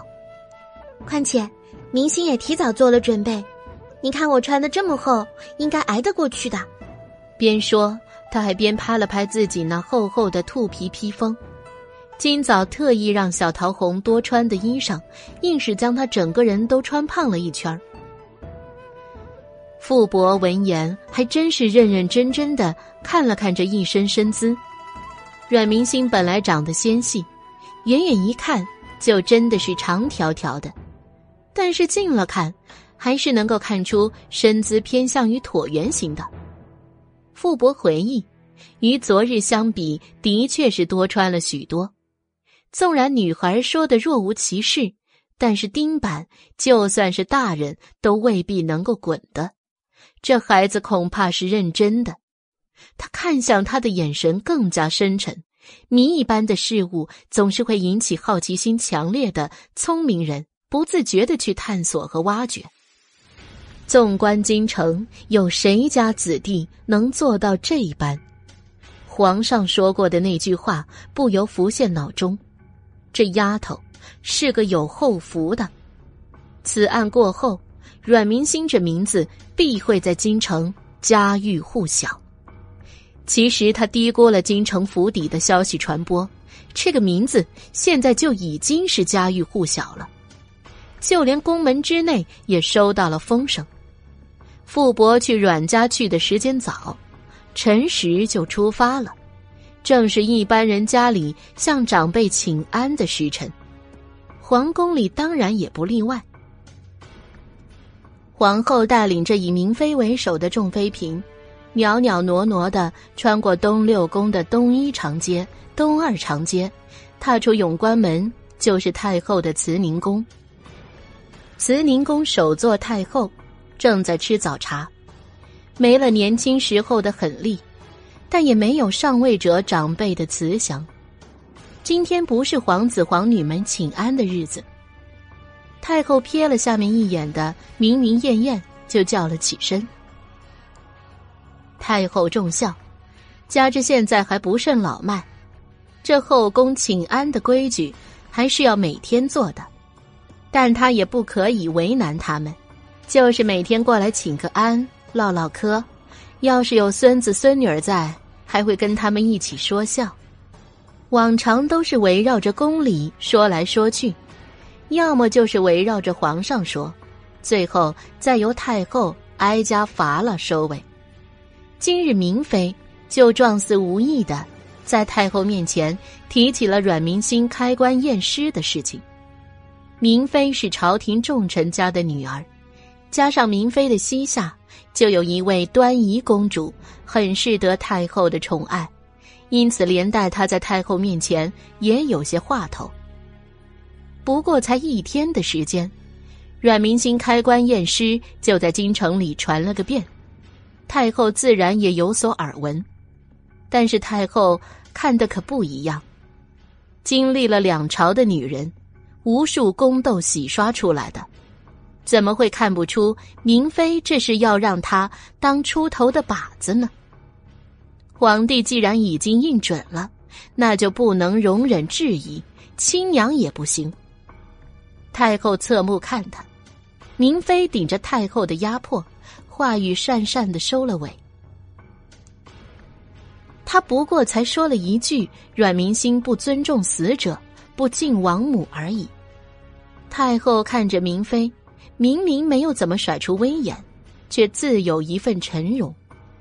明妃，你要对得起自己身上的那个名字。皇帝赐你名字，可不是让你在这随意耍小聪明的。若凤凝香真的被毒死，阮民心就是大笑。明妃说话前可要想清楚。明妃的身体陡然僵直，双手紧紧捏着椅子扶手，才能镇定不变容颜。以往太后虽然不和蔼，然到底待人是宽和的。明妃这次恐怕是真的触怒了太后，才这样拿她的封号说事。众妃都看着那个笑意僵硬的明艳女子。是，臣妾谨遵太后教诲。明妃克制着，顶着周围嘲笑的目光，礼仪缓缓的行着。话题到此，皇后轻蔑的看了一眼明妃，辞别太后，众妃也跟着退了去。明妃姐姐，明妃姐姐。出了太后慈宁宫，明妃快步坐上了步辇离去，连一向与她交好的安嫔叫她都没有听到。一路上，明妃身边的宫女太监们噤如寒蝉。回到景仁宫，明妃挥退众人，只留身边的大宫女织锦在身边。娘娘，织锦小心的开口，带着小心翼翼的忐忑。明妃沉默良久之后，才深深的叹出了一口气，打起精神说道：“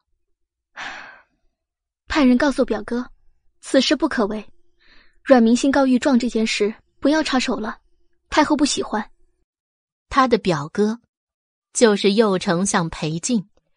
至于是太后不喜欢他管，还是不喜欢别人阻挠皇上的决定，就不知道了。说完，明妃有些不太放心，再度叮咛了一句：“让传唤人小心，别被抓了把柄。”知锦也不敢问。只是深深看了自家娘娘一眼，对方点头后，方才退下。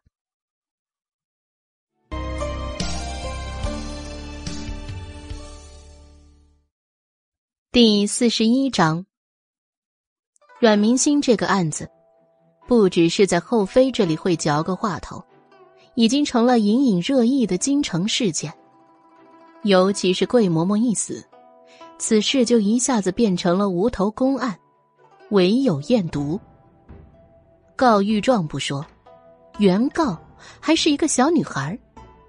更加离奇的，竟然子女要求开母亲的棺。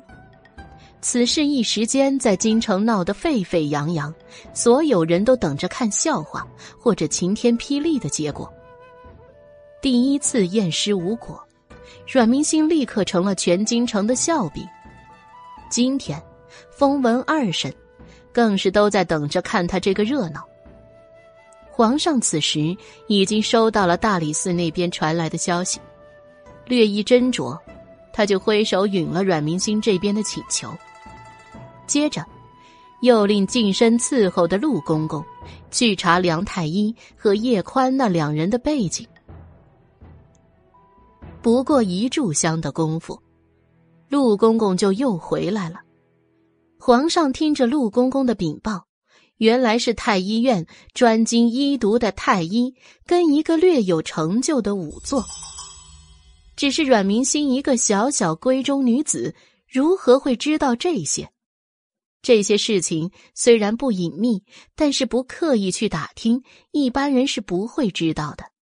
而有的，就算是打听，也未必能打听清楚。你说这凤将军手伸的是不是太长啊？皇上背着手站在御案前，脸上的神情看不出喜怒。想到当日跪在他面前的那个小姑娘，那种坚韧又不卑不亢的性子，不像是他父亲那样左右逢源的样子。倒像是凤家的子孙呢。凤家，皇上的脸色阴晴不定，陆公公却不敢真的回答皇上的话。其实不光是皇上，那些皇子对此事也带着好奇。这件事实在轰动京城，表面上看起来没有多大关系，实际上奴才毒杀主子，哼。说不定还有什么新秘传闻暴露。明妃本能的想要踩姓婉的女儿一脚，皇帝态度莫测。那么尚在年少的太子跟几个皇子们，纯粹就是想要听到什么豪宅隐私、诡秘新闻了。昨日里就已经开始悄悄议论，龙生九子，其中也不乏。有个别特殊，七皇子龙逸轩就是个规矩、沉默寡言的人，几个哥哥们都谈论的热火朝天，他一点好奇都没有。切，皇子们觉得他无趣，将他抛在一边。虽然皇子的婚配终究不会太差，不管受不受宠，妻子人选一定是朝臣或者勋贵。而阮兆林，作为历代最年轻的吏部尚书，得皇上青睐，将来拜相也说不准。阮家嫡女也算是贵女之中排在前列的，因此皇子们对他的好奇，还带着一种审视。龙逸轩却并没有操这些心的闲工夫。母妃的病越发重了，父皇却还没有让他出冷宫的意思。从前人人巴结的怡福殿，也水冷茶凉。莫说冬季该供应的煤炭，就连送的饭菜也不过是隔夜的凉菜，淋上了一勺热油了事。人往高处走，母妃失宠之后，那些个奴才也不尽心了。那些别人家的事儿，哪有母亲的身体重要？即便都是父皇的儿子，地位也是不一样的。母妃一失宠，他就深刻的领略到了其中的辛酸。就算是亲兄弟们，表面不说，内心中都是划了尊卑地位的。他的母妃身份卑微，如今被废冷宫，何止是伺候的下人，亲兄弟们之间就更加微妙了。也是从那个时候开始，曾经被夸为神童的七皇子龙逸轩，初次领略到了权力的滋味和压迫，开始变得背地里沉默。这份沉默，直到他在御花园的假山洞里听到了太子哥跟大皇子的谈话后，勃然变色。没想到，他们口中谈论的那个阮氏嫡女。曾经母女俩居然一直居住在京郊的康山别院。龙逸轩心头震颤，外面的假山石上覆盖着厚厚的积雪，皇宫里的工匠师们为了冬日里的御花园美观好看，从来不允许太监们刻意打扫，而是在雪上泼上水，凝结成冰，然后雕刻创作。夜晚的时候还能看到冰灯。可是再美的风景，龙逸轩此刻也无暇欣赏。他靠在洞中山石上。仿佛假山石外面凝结的那些冰包裹在他的身体上一样，冻得他僵硬到颤抖，不是寒冷，而是激动到抑制不住的身体抖动。那个血色漆黑的夜晚，大雨滂沱，他躺在地上，无望的敲响了一家大门紧闭的人家。若不是对方出手相助，那时候他们母子就命运金交了。对方母女未露姓名，山上的居民似是他们避难之所，所以阮氏母女也是如此。那女孩又不惧刑罚，为母伸冤，和记忆中灵气逼人的女孩倒是相符。太子和大皇子离开之后，许久，龙逸轩才从隐秘的石洞中出来，看了一眼假山上披洒着的厚厚白雪，转身离去。怡福殿，七皇子的寝殿内，龙逸轩瘦长的身影，背着手，背对着光明，坚韧神秘，通身的冷凝与他在外的温存无害，仿佛不是一个人。即便是他身后已经跟随他有一阵子的黑衣人，也惊讶不已。你去查查近日京城中声名大噪的阮明星跟他母亲的背景。特别是在康山别院那几年，他们惯常的活动范围。小小年纪，冷凝的声音，已经是上位者惯常的发号施令。黑衣人拱手退去，无声无息，正如他来时的一样。龙逸轩坐在书房，除了手指轻轻敲击桌面一动不动，就连桌面上的一口茶水都没有碰过。一下午都在等待着黑衣人的结果。昨夜一盏孤灯，几乎长明，在怡福阁龙逸轩的书房。黑衣人已经消失，他的几案上多了一卷牛皮纸包裹着的书卷，边上印着刻字的蜡泥，那是他们的暗号。龙逸轩看着蜡泥，枯坐了许久，最后终于将它掰开。取出牛皮纸中央夹层的杏黄纸书信。阮家宅院那一点妻妾之争，淮阴侯府老夫人对凤凝香的厌恶，他们母女的避居。龙逸轩看到最后，已经面色凝重，仿佛经历着什么天人挣扎，是狂喜、无奈、错综复杂交错。他的双眼像是空洞的。盯着那跳动的烛火，又是半晌，终于做出决定，冷声的喊道：“出来！”呈上卷宗后就消失的黑衣人，再次突然跪在了他的书桌前面。明日里如果二审，你去暗中密切注意阮明星这个案子的发展，有什么消息，及时回报于我。烛光前，一直韬光养晦的七皇子如是说。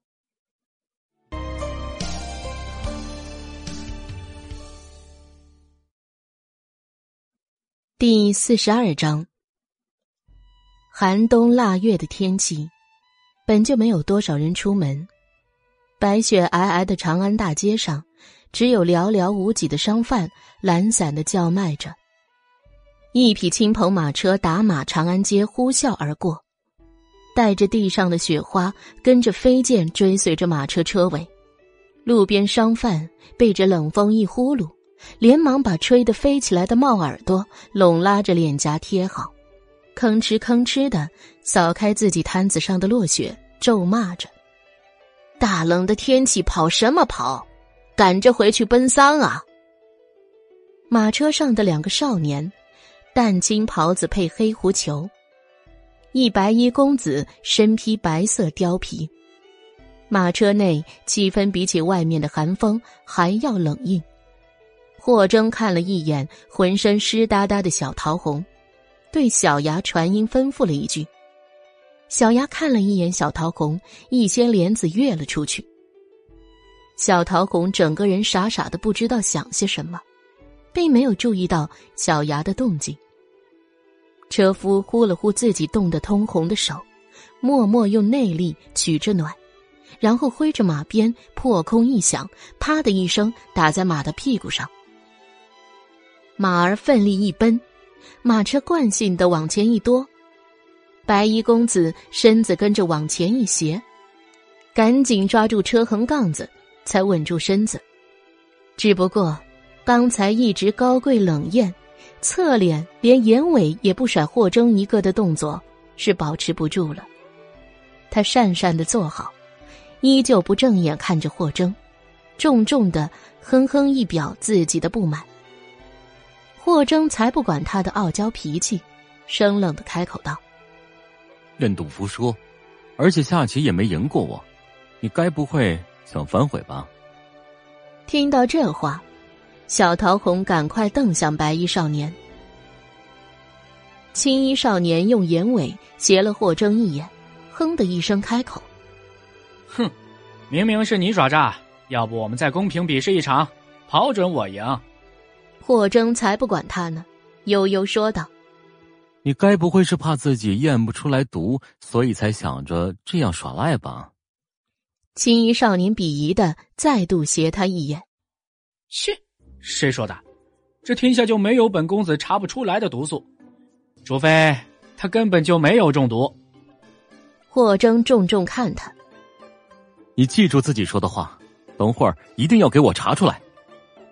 他急迫的几乎带着命令的语气，又换了对方的一声冷哼。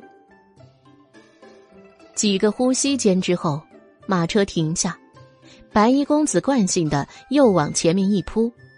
霍征将他拉住，换来对方冷眼。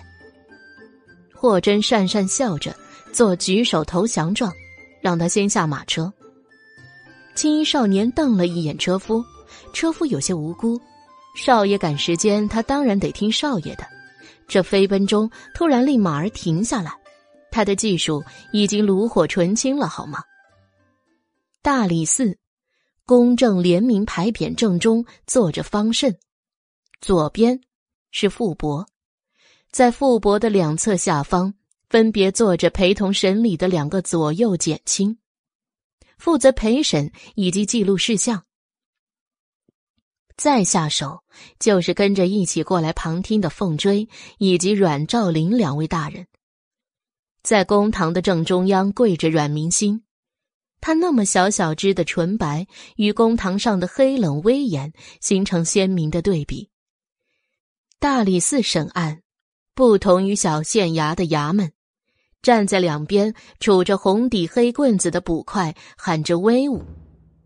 阮明星这件预告通过两天的发酵，早已在京城闹得沸沸扬扬。在他们一路从阮府到大理寺的路上，就听到了不少谈论，有支持阮明星的，还有更多的还是说小女孩子年少无知，这次。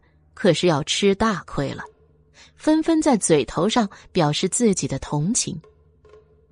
归根结底，还是阮兆林这些年的温雅君子太过深入人心了。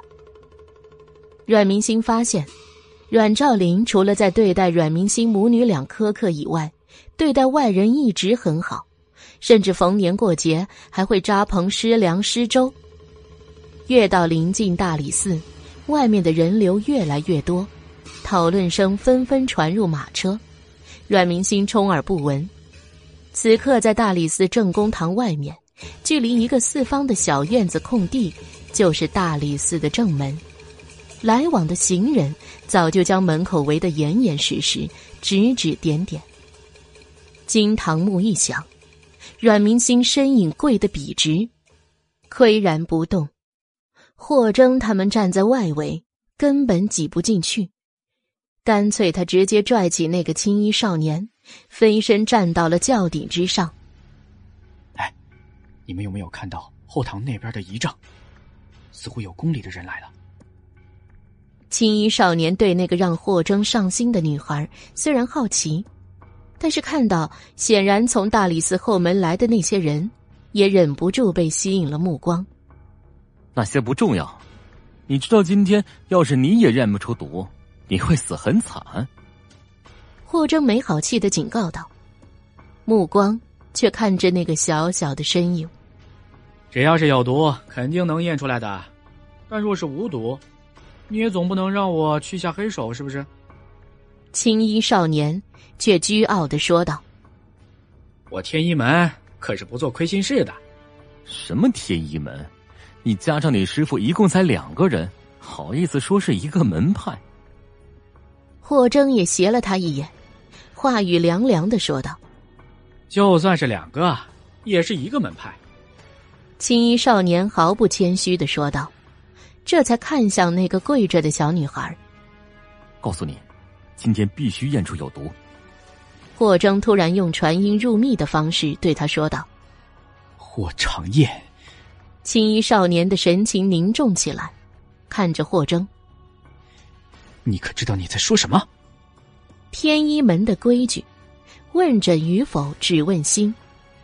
他现在能来，一个是打赌输了，但最主要的却是和霍征的关系莫逆。我知道。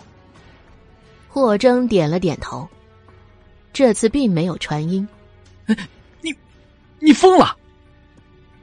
青衣少年立刻把头摇成了拨浪鼓。好好的贵公子气质立刻荡然无存。这可是大理寺问案，看样子那些皇子后妃，甚至连皇上都派人过来，在这些众目睽睽之下，他居然让他作假，这是想要了他的亲命啊！而在此时，堂上的金堂木再度敲响，这次却是方慎示意傅伯可以开始了。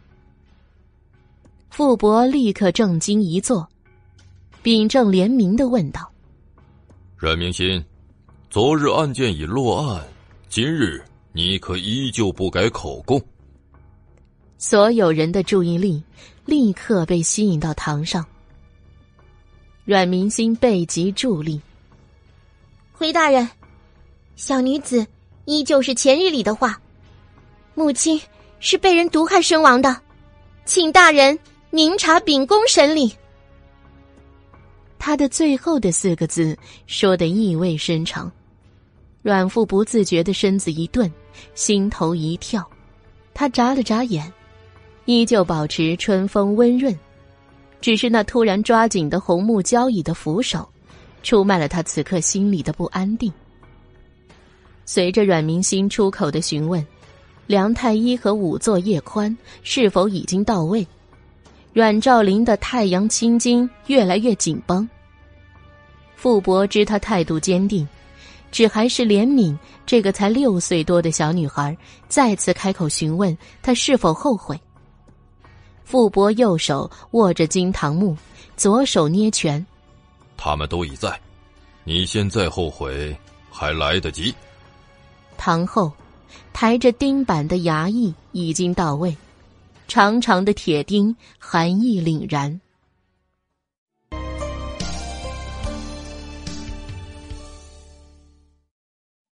第四十三章，民女不悔。阮明心态度坚定，声音洪亮，直至外面的围观百姓听得清清楚楚。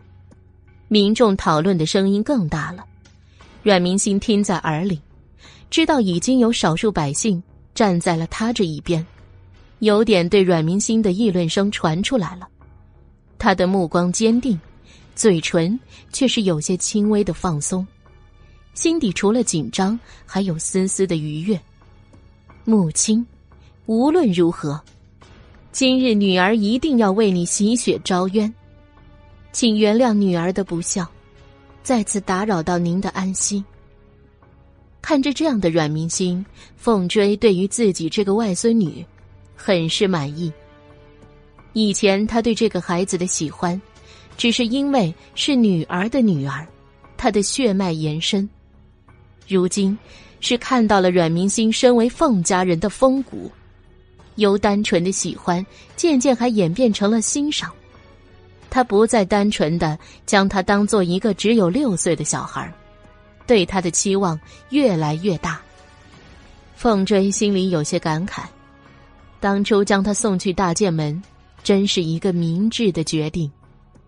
可惜生儿为女，未为男。傅伯看向了方慎，两人视线交流了一下，方慎点了点头，沉默。公堂里寂静无声。阮明星等不及的说道：“请傅大人开始吧。”傅博的黑眸深沉，旁人很难读懂他在想些什么。良久，就在外面的议论声已经快要沸反盈天的时候，他这才开口说道：“按照本朝刑法规定，对一定案件申请重审者，必须先服丁刑；活着者，再准许开庭审理。”那轻悠悠的话语落在众人耳中，犹如铁刺扎入心脏，紧缩，双眼瞪圆，就连外面听得不甚清晰的围观民众都倒吸了一口气。丁刑，没听错吧？是丁刑啊！听到前排议论，百姓越想越害怕。丁板呢？别说是一个那么小的小姑娘了。就是一个成年人，滚过来都不一定还有一口气儿，更别说还能清醒的在述说冤情了。周围不了解刑法的纷纷吵闹起来：“这是什么规定啊？那岂不是以后有了冤屈也只能含冤而死了吗？”有些博识的书生夫子就在边上一边看一边解释了起来。对于冤案重申者的规定由来已久，早在历史追溯战国统一天下开始，各朝各代就有硬性的规定：所有已定案件若想翻案，申告人必须滚钉板以示惩罚。国家一统之初，当时天下还不稳定，刑法更是苛刻。随着历史的演变。才渐渐的在历史长河的进化中慢慢减少，但唯独滚钉板这一项一直没有取消。这样苛刻的刑罚，其实也是为了天下稳定才设置的。不管是否冤案，这是给天下人的表率。如果人人都借着案子不公，从三复四的要求重审，那当朝官员多少都忙不过来。这也从一定程度上杜绝了某些不轨之人的私心。至于当官的判错了，可怎么办？岂不是就这样被冤死了的事情，也是同样大有存在。但是更多的，还是在那些上下蝇营狗苟、拉党结派中产生的。乡县里，县令审判的案子，一般不会一集就结审，且每年大理寺。还会复查，还有若是判错的，就会打回去重审。一言堂的是只有天子才有的权利。众人惊恐色变中，那个贵丽的女孩身形挺直，她的面色同样泛着苍白，可见一时一样吓得不轻。凤追再也坐不住了，他离开座位，蹲在阮明星的面前。他相信自己的外孙女绝不会拿自己的生命开玩笑，但是依然还是忍不住的问了一句：“真的确定吗？”这些年他远在边关，见女儿的时间本就少，每一次见面，看见她越来越弱的身子和多愁的面容，凤追是生他气的。当初是他执意要嫁。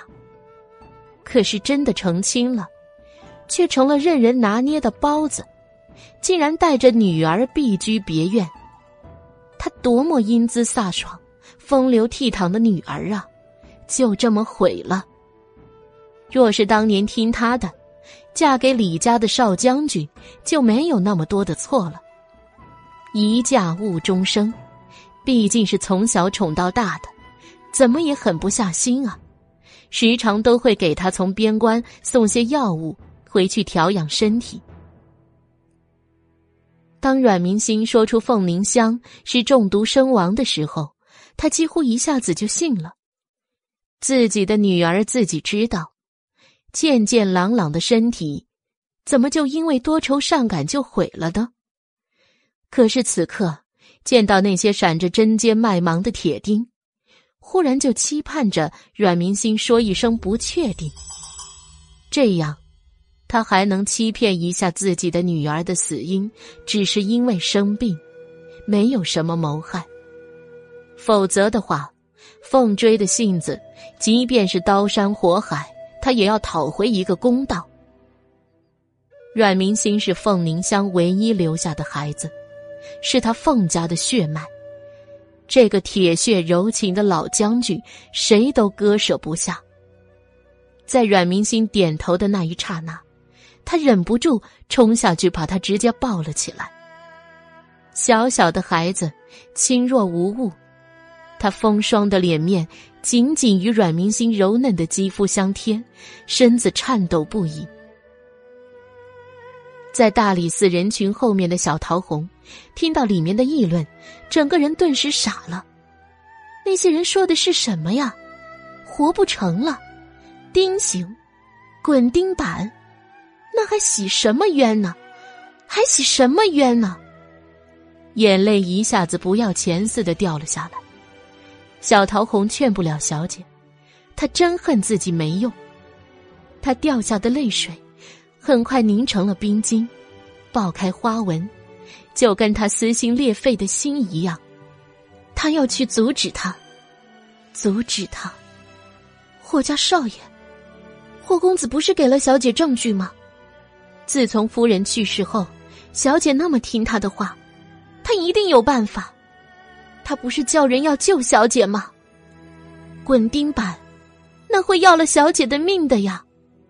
那些寒铮铮的钉子，岂就是几件衣服抵得过去的吗？亏他还说小姐长大了，小姐还是那么傻。他们的仇不报了还不行吗？以后再报也不行吗？小桃红哭得不能自抑，看着轿顶的霍征，开始哭求。霍公子，就救救我家小姐吧！小雅此时已经拿了一个包袱归来，看着他哭成泪人的样子，一脸嫌弃。霍征的位置可以远眺到后堂已经伸出一角的钉板，上面密集寒光闪闪的钉子，他的脸色也是一沉。陶红。你先在马车里换了衣衫再说。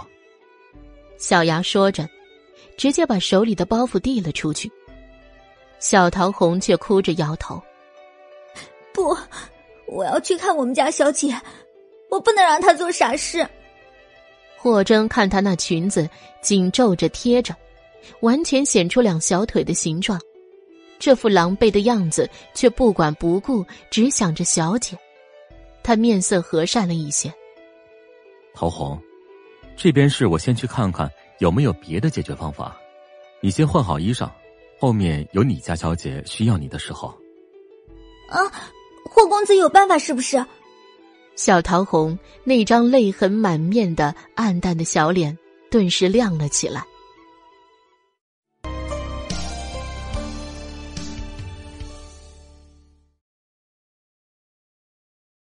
第四十四章。阮明星被外公紧紧抱着，感觉自己脸上热热的。在这寒冷的时候，湿润润的水花是那么的温暖。一滴水珠顺着他的脸颊到了脖子，最后消失在了他那身绒毛领中，一直从头温暖到了他的心里，给了他越加坚定的信念。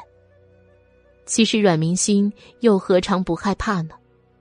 他上过战场，当过谋士，更是在新皇登基的初期掌管过朝政。他了解刑罚是何等的残酷，那份惊恐早在昨日听闻二审的时候就已经蔓延，一点一点的，随着时间的流逝融化在骨髓。但是每一次听见，他依然还是会怕。在马车上的时候，心就已经紧绷了，现在再次听到，心头的跳动早就比战场的战鼓不差多少，一样的心间颤动。只是这是赴死的决心。阮明心不怕死，只怕自己还没来得及报仇就已经死去了。他的仇可以慢慢去报。但是母亲不可以错过这样的时机，那再找机会就难了。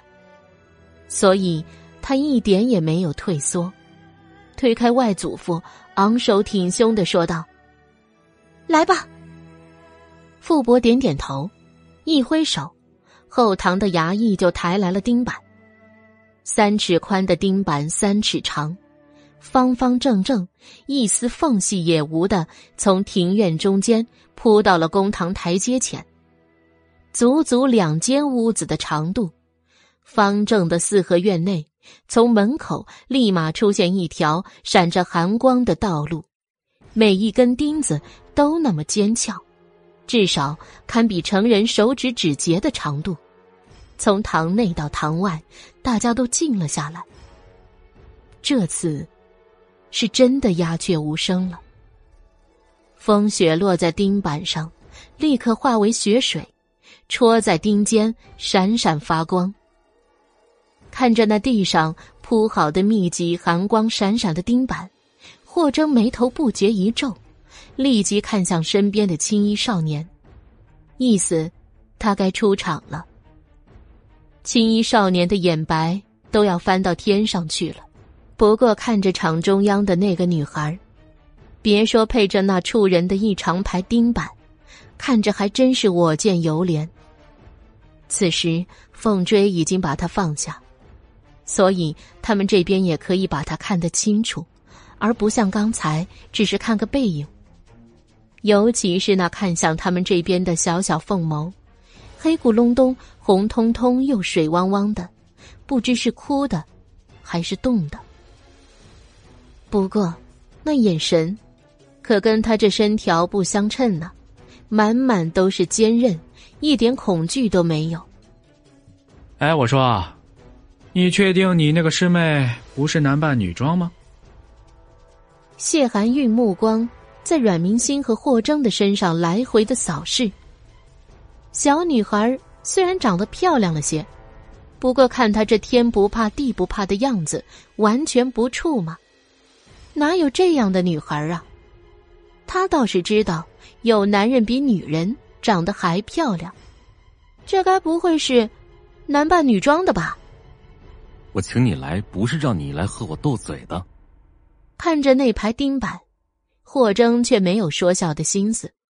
他一向漫不经心的面孔，此时已经冷沉如冰。谢寒韵看他这样子，才确定阮明星真的不是男的。原来，这就是霍征的小师妹呀！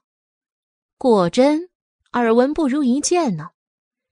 这样子，倒也值得他霍征大费周章、大老远的专门把他找来，甚至为了赶时间，居然还跑死了两匹马。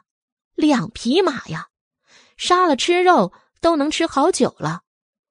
或许是他怨念太深，阮明星的目光。终于从霍征的身上移到了谢寒韵身上，但是他什么意思呢？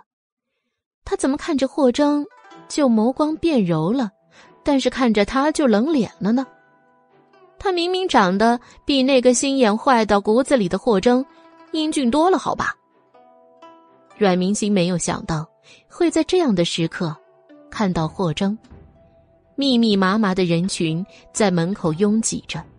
但是在这些人的后面，墙头之外，霍真就这样站在轿顶，静静的凝视着他，仿佛是在对他说着“别怕”，还有他。有些话，他从来不说，但是还好，现在的他已经知道，已经明白。看见霍征出现后，阮明星的心中有了一股奇异的安定。仿佛自己终于有所依托，找到了主心骨。他别过身去，面朝堂上正大光明匾，背脊依旧挺直，心里安定了，身体也跟着放松下来，嘴角居然隐隐还有着笑意。这一世，他一如既往，那么，他就不会相负。此时见到这样的场景，除了霍征着急，那些本来没准备上前的皇子也有些着急了。本来他们提前跟大理寺打好了招呼，要来观审的，只是皇子们尊贵，大理寺怕前面无状冲撞了皇子，安排在后堂。可是后堂哪能看得清楚啊？尤其是现在要上主菜了。都纷纷让各自的跟班太监把椅子搬到前堂去。方慎看着那群祖宗，真是一个头两个大呀！立刻把接待应酬的任务交给了傅伯，而傅伯他为人死板，不善专营，他的那脑袋里当然是皇子们来了只会添乱，尤其是现在已经就要丁刑了，要旁听。后堂也是很可以的嘛，哪能理解那群小祖宗想要直面热闹的心情呢？于是凤老爷子、阮兆林、傅伯牵头开始施礼打招呼，老百姓们原先还丈二和尚摸不着头脑，听到傅大人念出的那一连串皇子，立刻蒙圈的急忙跪下。明明是暗审现场。现在却跪了一片。哎，你别着急呀，再等等，说不定这些皇子们是来搅局的。谢寒玉说着，手肘撞了撞霍征。霍征皱眉，看着那些他知道的皇子们几乎全来了，不明白他们这是为了什么。眸光忍不住落在了阮明星的身上，带着一丝隐忧。皇子们看着那些百姓敬畏跪拜的样子，有些新鲜。太子立刻彰显仁德的说了一声：“免礼平身。”并说他们只是来观审，大家不用拘束。可是谁能不拘束呢？皇子们此时年少，但终究也是皇子。方慎和傅伯立刻有些坐立难安了。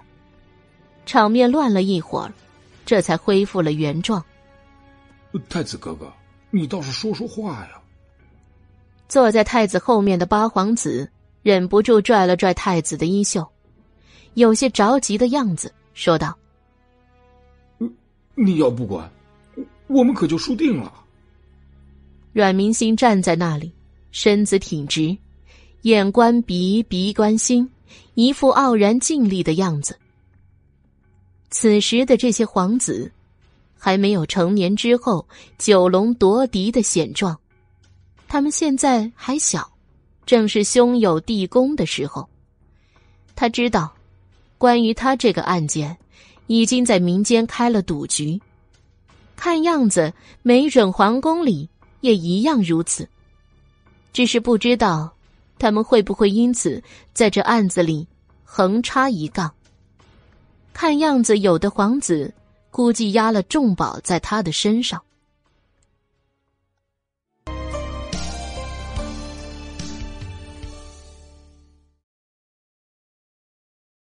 第四十五章，太子坐在傅伯让人准备的大椅上，看了眼站在钉板前的少女，有些头疼。来之前。皇室的兄弟几个还在宫里开了赌局，赌阮氏嫡女到底敢不敢滚钉板。除了五皇子出生牛犊不怕虎，和七皇子木讷老实赌了他敢，剩下的皇子包括他自己，全都赌了他不敢的结果。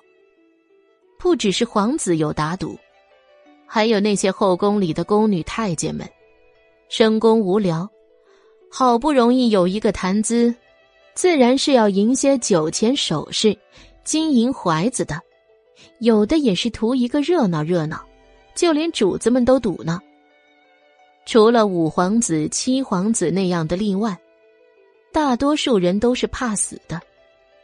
他们以己度人，那钉板听说比手指指节还长，足足三丈那么远，滚过去还有命吗？于是，基本上都压了不滚。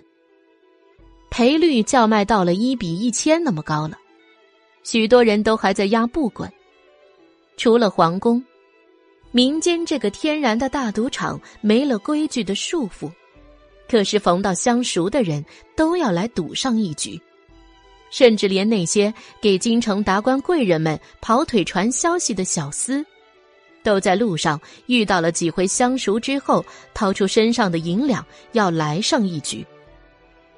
他们可是有观看最新战报的，不像那些光听转述的下人们。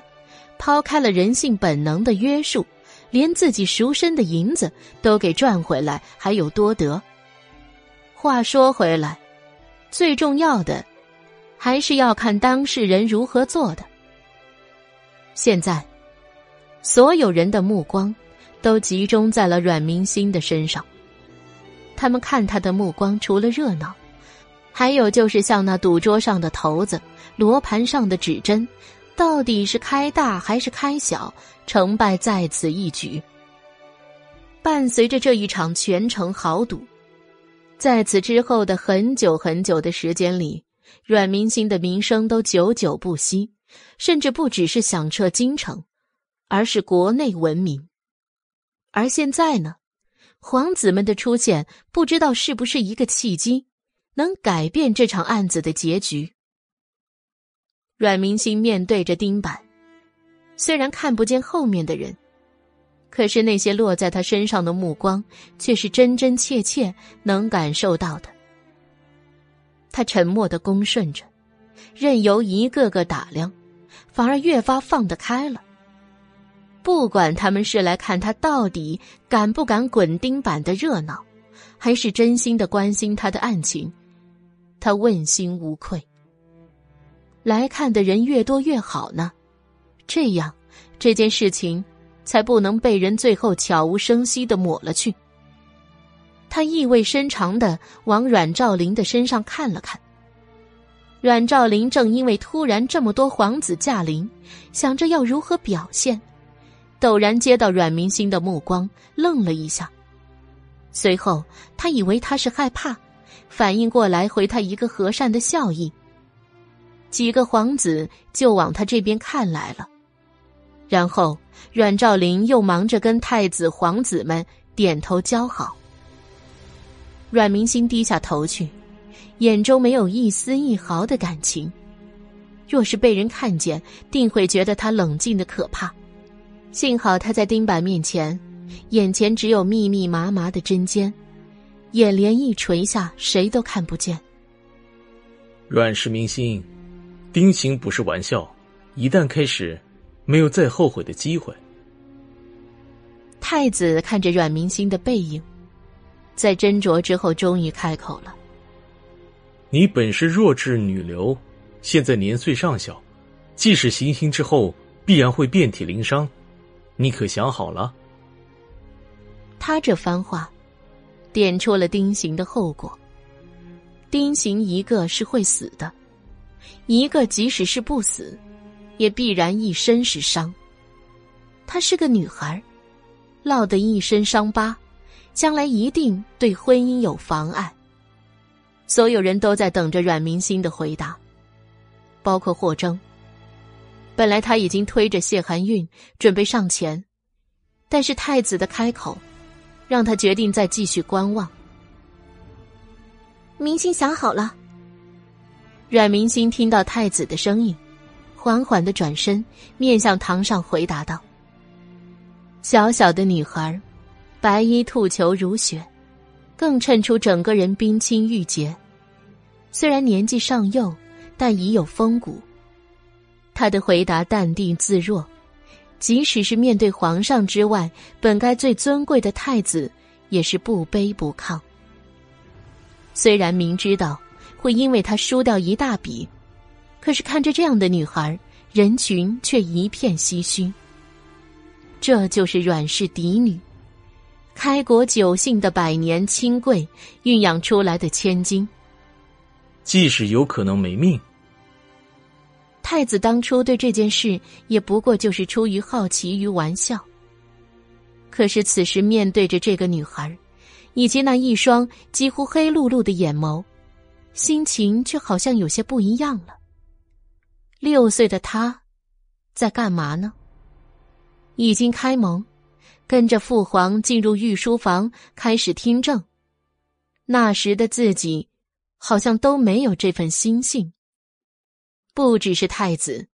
今天到的皇子都把目光落在这个白衣女孩的身上，也包括本来没有要跟来，但是却跟着一起来到现场的七皇子龙逸轩。这样一看，确实是他，是那个曾经用双腿倒挂在树上，好奇的一边啃着梨子一边看着他，问他一个大男人偷偷掉眼泪羞不羞的小女孩。那时。他们母女救了他们母子，而现在，他却只能眼睁睁的看着，无计可施。阮明心的眉头微微蹙起，像是带着亲仇与深恨，唇角微微勾起，但是却没有让人觉得在笑。死有重于泰山，有轻于鸿毛，母亲生养之恩，莫敢遗忘。若明心一死，能换害死母亲之人伏法，明心愿意。阮明星的话铿锵有力，一字一句像是砸在雪地上，每一个字都是一个坑。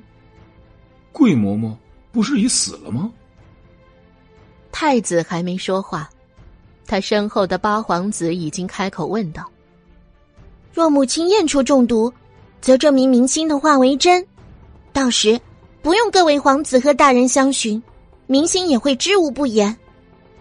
阮明心却还是淡淡的说道：“但若验不出中毒，现在说出也只是笑话。”明心，你又在乱说什么？阮兆林听到此话不由心惊，这孩子还知道什么呢？父亲，你是在担心什么吗？阮明心却直直的看向阮兆林，淡淡的开口问道：“朗朗乾坤，众目睽睽。”他这样的问话，其实也是一种心理战术。他要在大家心底种上一丝怀疑，即使现在不会立即造成什么结果，时日长久之后，总会有效果的。阮兆林一下子语结。他看着明星，再度开口：“我只是担心你年幼。”他的话却被凤追一下子打断了。赵林，这是公堂，没有你我说话的余地。此时，除了他们几个，太子和那些皇子已经被阮明星的话震慑到，没想到案子还有内情。六皇子龙思远悄悄撞撞四皇子龙玉川的胳膊，用下巴指着外面的人群中那几个面熟的太监。三皇子小声的说道：“第四十六章。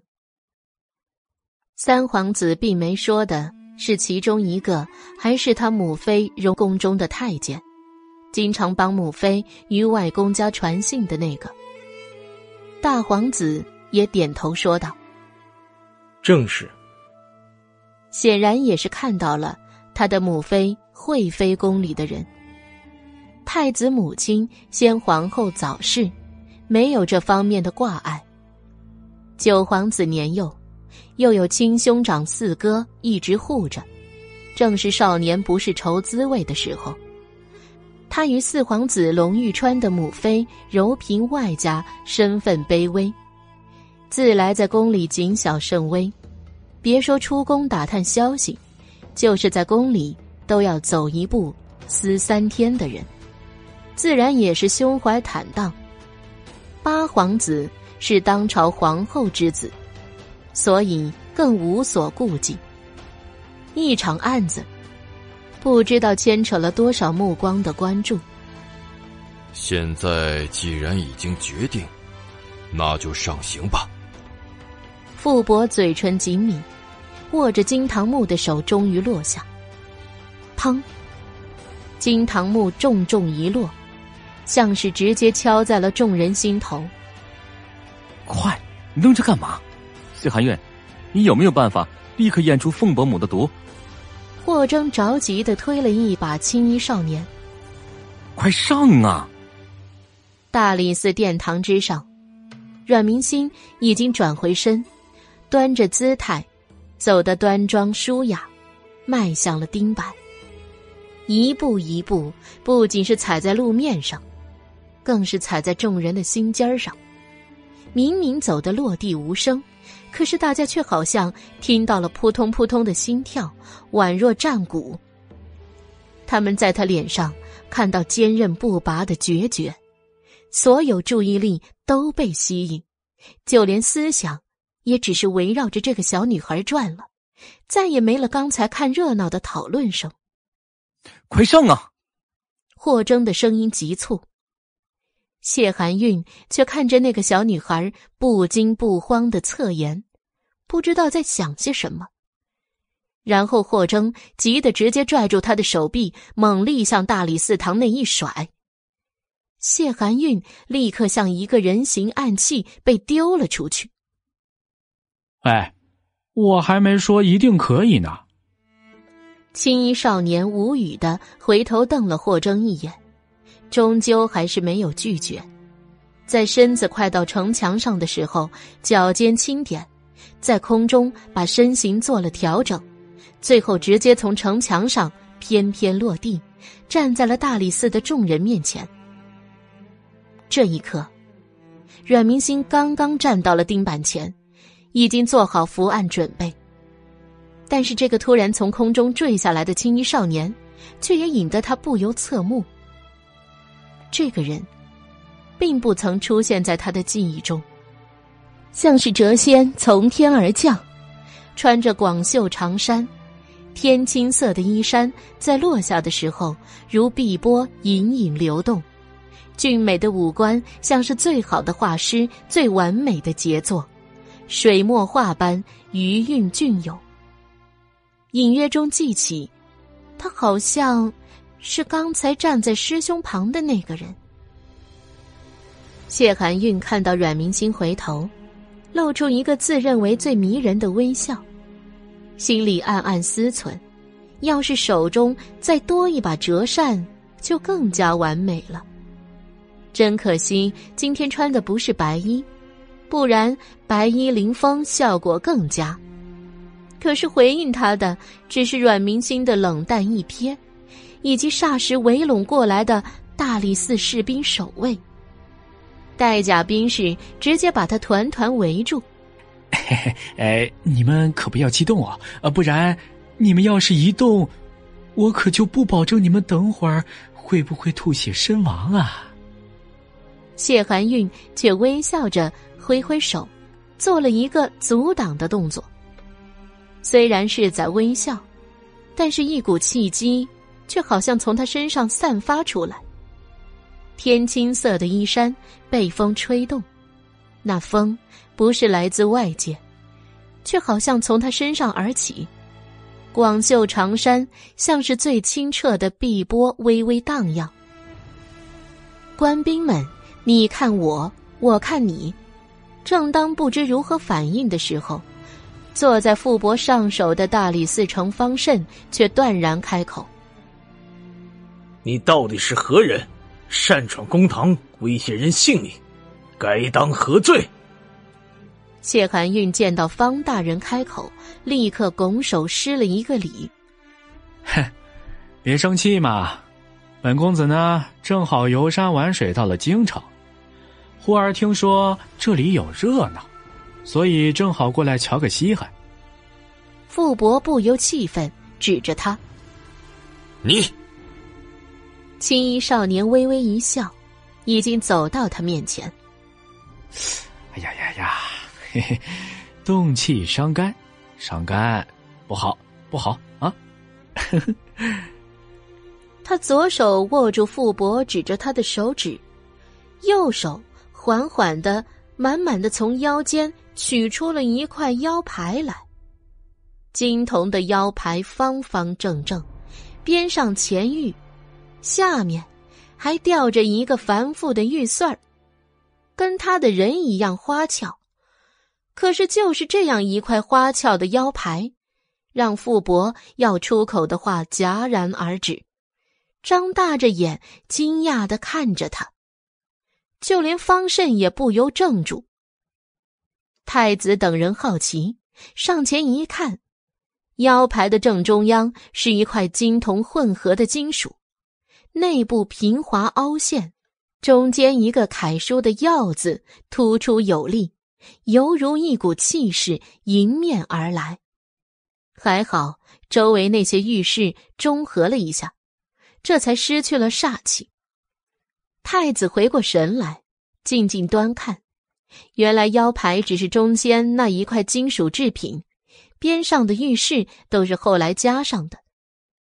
谢寒韵轻起嘴角，音调上扬：“哼，好看吧？”刚也凑上来的大皇子默默退回座位上去，摸摸鼻子，抬头望天花板。哎呀，大理寺的人也太不精心了！公堂这么严肃的地方，梁柱上居然还有灰尘。看清了，那正是当年先皇赐下的腰牌。太子也回到了座位，不再插话了。嘿嘿，太好了，这板钉滚不成了。八皇子高兴起来，他可不管什么先皇腰牌，他只操心着赌局是滚还是不滚，至于是自愿的还是意外的，都没有结果来的重要。说起这块腰牌，可能是与那人气质相符的缘故。别看他现在被谢寒韵修饰的那么的张扬，实际上他的本尊。还是很肃杀的。当年还是皇后的太皇太后，素有顽疾，便请名医不可治，直到忠烈侯府世子偶遇江湖神医，据说可以活死人、肉白骨，但脾气古怪，求得其为太后来医治。神医并不入宫上殿，是太后亲至忠烈侯府。顽疾才被治好，甚至调理受寒的身体。两个月后就成功怀孕，诞下了先皇。先皇感念神医大恩，一登大宝，就将神医封为药王，不受俸禄，但见此腰牌如见君王，其尊贵无与伦比。皇家儿郎年幼可以不贵。但方慎不敢不跪呀，神医被封药王，药王令牌如朕亲临呢。他正要退出座位恭敬拜礼，青衣少年连忙阻止了他，举止温雅。现在我能开口了吗？是，是。方慎应道：“不知道这样一个人要来做什么呢？”谢寒韵随手指了指那一长排的钉板，宽广的袖袍轻轻一甩，朗声的说道：“听说今天是为了变毒的案子，这是要一个小女孩去送死吗？把那些钉板给撤了吧。如果是验毒，那本公子倒是还略懂一二。”少年站在那里，清贵倨傲。说是略懂一二，但是那副神态让人都看个明明白白。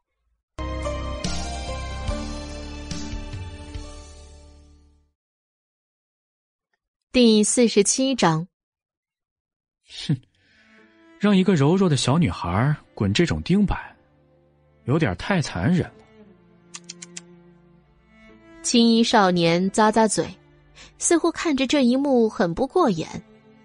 阮明星本来没觉得自己柔弱，但是被青衣公子这样看着，他立刻做出一副柔弱不胜的神态。是啊，真是太残忍了。既然这位公子可以现在验毒，没必要非要听信吗？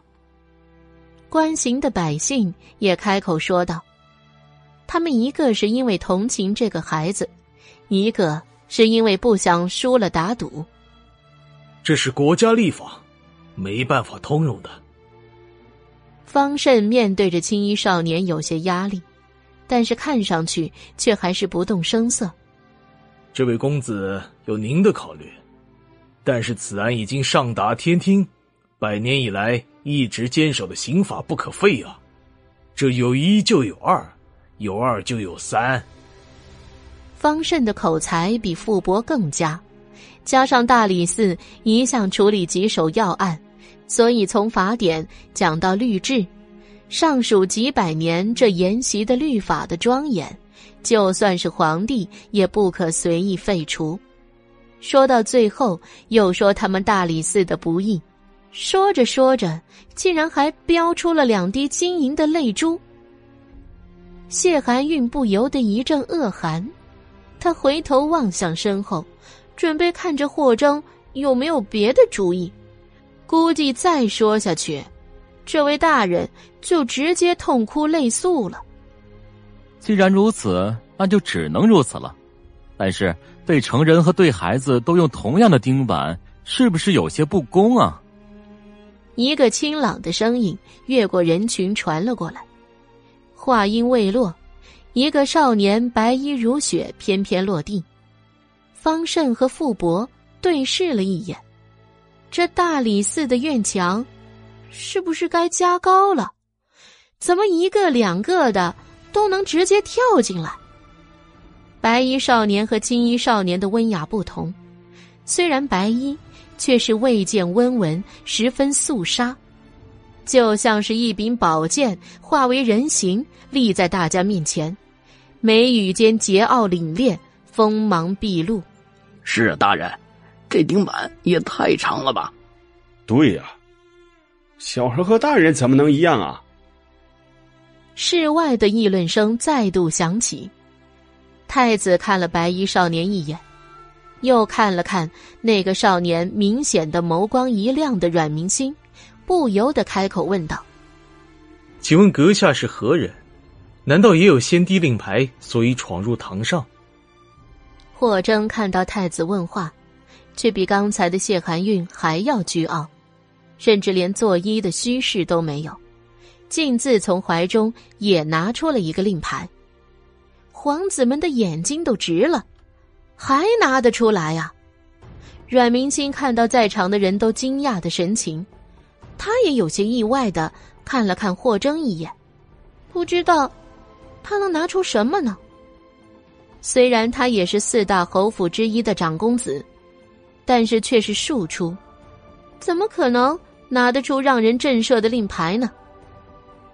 可是当看清那个令牌，就连他都不由得一惊。因为他拿的是大剑师令，剑师令牌由千年寒铁制成，触手冰寒，是师傅剑客的一个“剑”字。这个字透着凛冽剑意，虽然不是皇上所传，但却并不比皇宫令牌逊色多少。尤其是大剑师令，举世无双，可以号令全国。甚至包括军队相助，这是皇室对大剑师的信任，以及大剑师本身的威望。还让不让人活了？方慎真想直接把案桌掀了。不过是一个很简单的恶奴投毒案，结果牵涉了皇子和两个他怎么都惹不起的令牌。太子看到大剑师令，也有些吃瘪。不由得摸了摸鼻子，这才想起京师之内是有两个大剑师的弟子的。想到自己以后还要和大剑师那一脉关系交好，立刻开口道：“是霍公子吧？不知来这里有何事要做？”这份尊敬，给的是霍征这个名字，和他的家世背景无关。如果可以，他当然也希望今天案子直接验出毒来，然后结案。这样，那个看上去和满京城千金闺秀都不相同的小女孩，就不用受那份苦了。而他呢，也不会输掉母后留给他的那块玉牌。师傅对小师妹最为关照，人在天目山特赐大剑师令于长念，拜师命传小师妹剑技，并代为游走南幸，扬大剑师名威。霍征一脸认真的开口说道：“白衣素衫迎风而立，如玉树临风的观感让谢寒韵不由扼腕。怎么白衣？”就被他这小子穿了呢。阮明星发现，在他正经的时候，其实也超能唬人的。霍公子，您就说您想怎样吧。傅伯看了一眼方慎难看的脸色，开口询问着霍征：“大剑师弟子行得正，坐得端，也不会做违背律法常理的事。既然大人说这钉板必须滚得。”那至少也要酌情量刑，但是要撤一半，这才公平。霍征看了一眼阮明星，开口说道：“这。”傅伯把目光看向了方慎，这事儿他可做不了主啊。方慎感觉自己也做不了主，立刻让手下去皇宫请示。那现在时间可以容我和师妹去内堂说几句话吗？霍征却再度开口，话语说的彬彬有礼，但是态度却显然不容拒绝。傅伯看着上手的方慎，方慎看向那一群皇子们，以太子为首的皇子们无可无不可。方慎随着霍征点头，霍征直接拉起那个一身麻布校服的小女孩，就往大理寺后堂走去。喂，等等我！谢寒韵也跟了上去。阮明星胳膊被霍征牵扯着，被动的跟着他大跨步伐。等到了后院，霍征随意推开一个厢房，走了进去。阮明星皱眉：“师兄，他带着他来这里，是有话要说吗？”喂，你们孤男寡女共处一室，注意一下影响。谢寒韵站在门口，一副漫不经心的样子。此时没有外人，他的目光直接落在了阮明星的身上。见过药王首徒。阮明星此时不能当做这个人和他无关，毕竟这是师兄请来帮他的。哎呀，干嘛叫的这么生疏啊？嘿，叫我谢哥哥就好，或者韩韵哥哥。哎。谢韩韵说着，走过来，看着阮明星，自来熟的说道：“出去。”霍征看着他嬉皮笑脸的样子，直接冷冷的开口说道。阮明星则一脸无辜的站到了霍征的身后，对着谢寒韵耸了耸肩：“这不是他不喊呀，这是师兄让他出去的。”喂。美人面前多少给我留几分薄面呢？谢寒韵却有些怨怪的看了一眼霍征，他这样子未免也太不近人情了。你以为我师妹是你整天走街串巷调戏的那些婆娘大婶儿？少在她面前说那种混话。霍征冷睨了谢寒韵一眼，毫不在意自己揭对方老底是否夸张。哎，霍长夜。你别以为我不会和你翻脸。谢寒韵说着，直接撸起袖子，刚才翩翩公子的形象瞬间荡然无存。他什么时候调戏婆娘大婶了？这简直是污蔑他的形象！砰！回应他的是一声狠狠的被甩上的房门。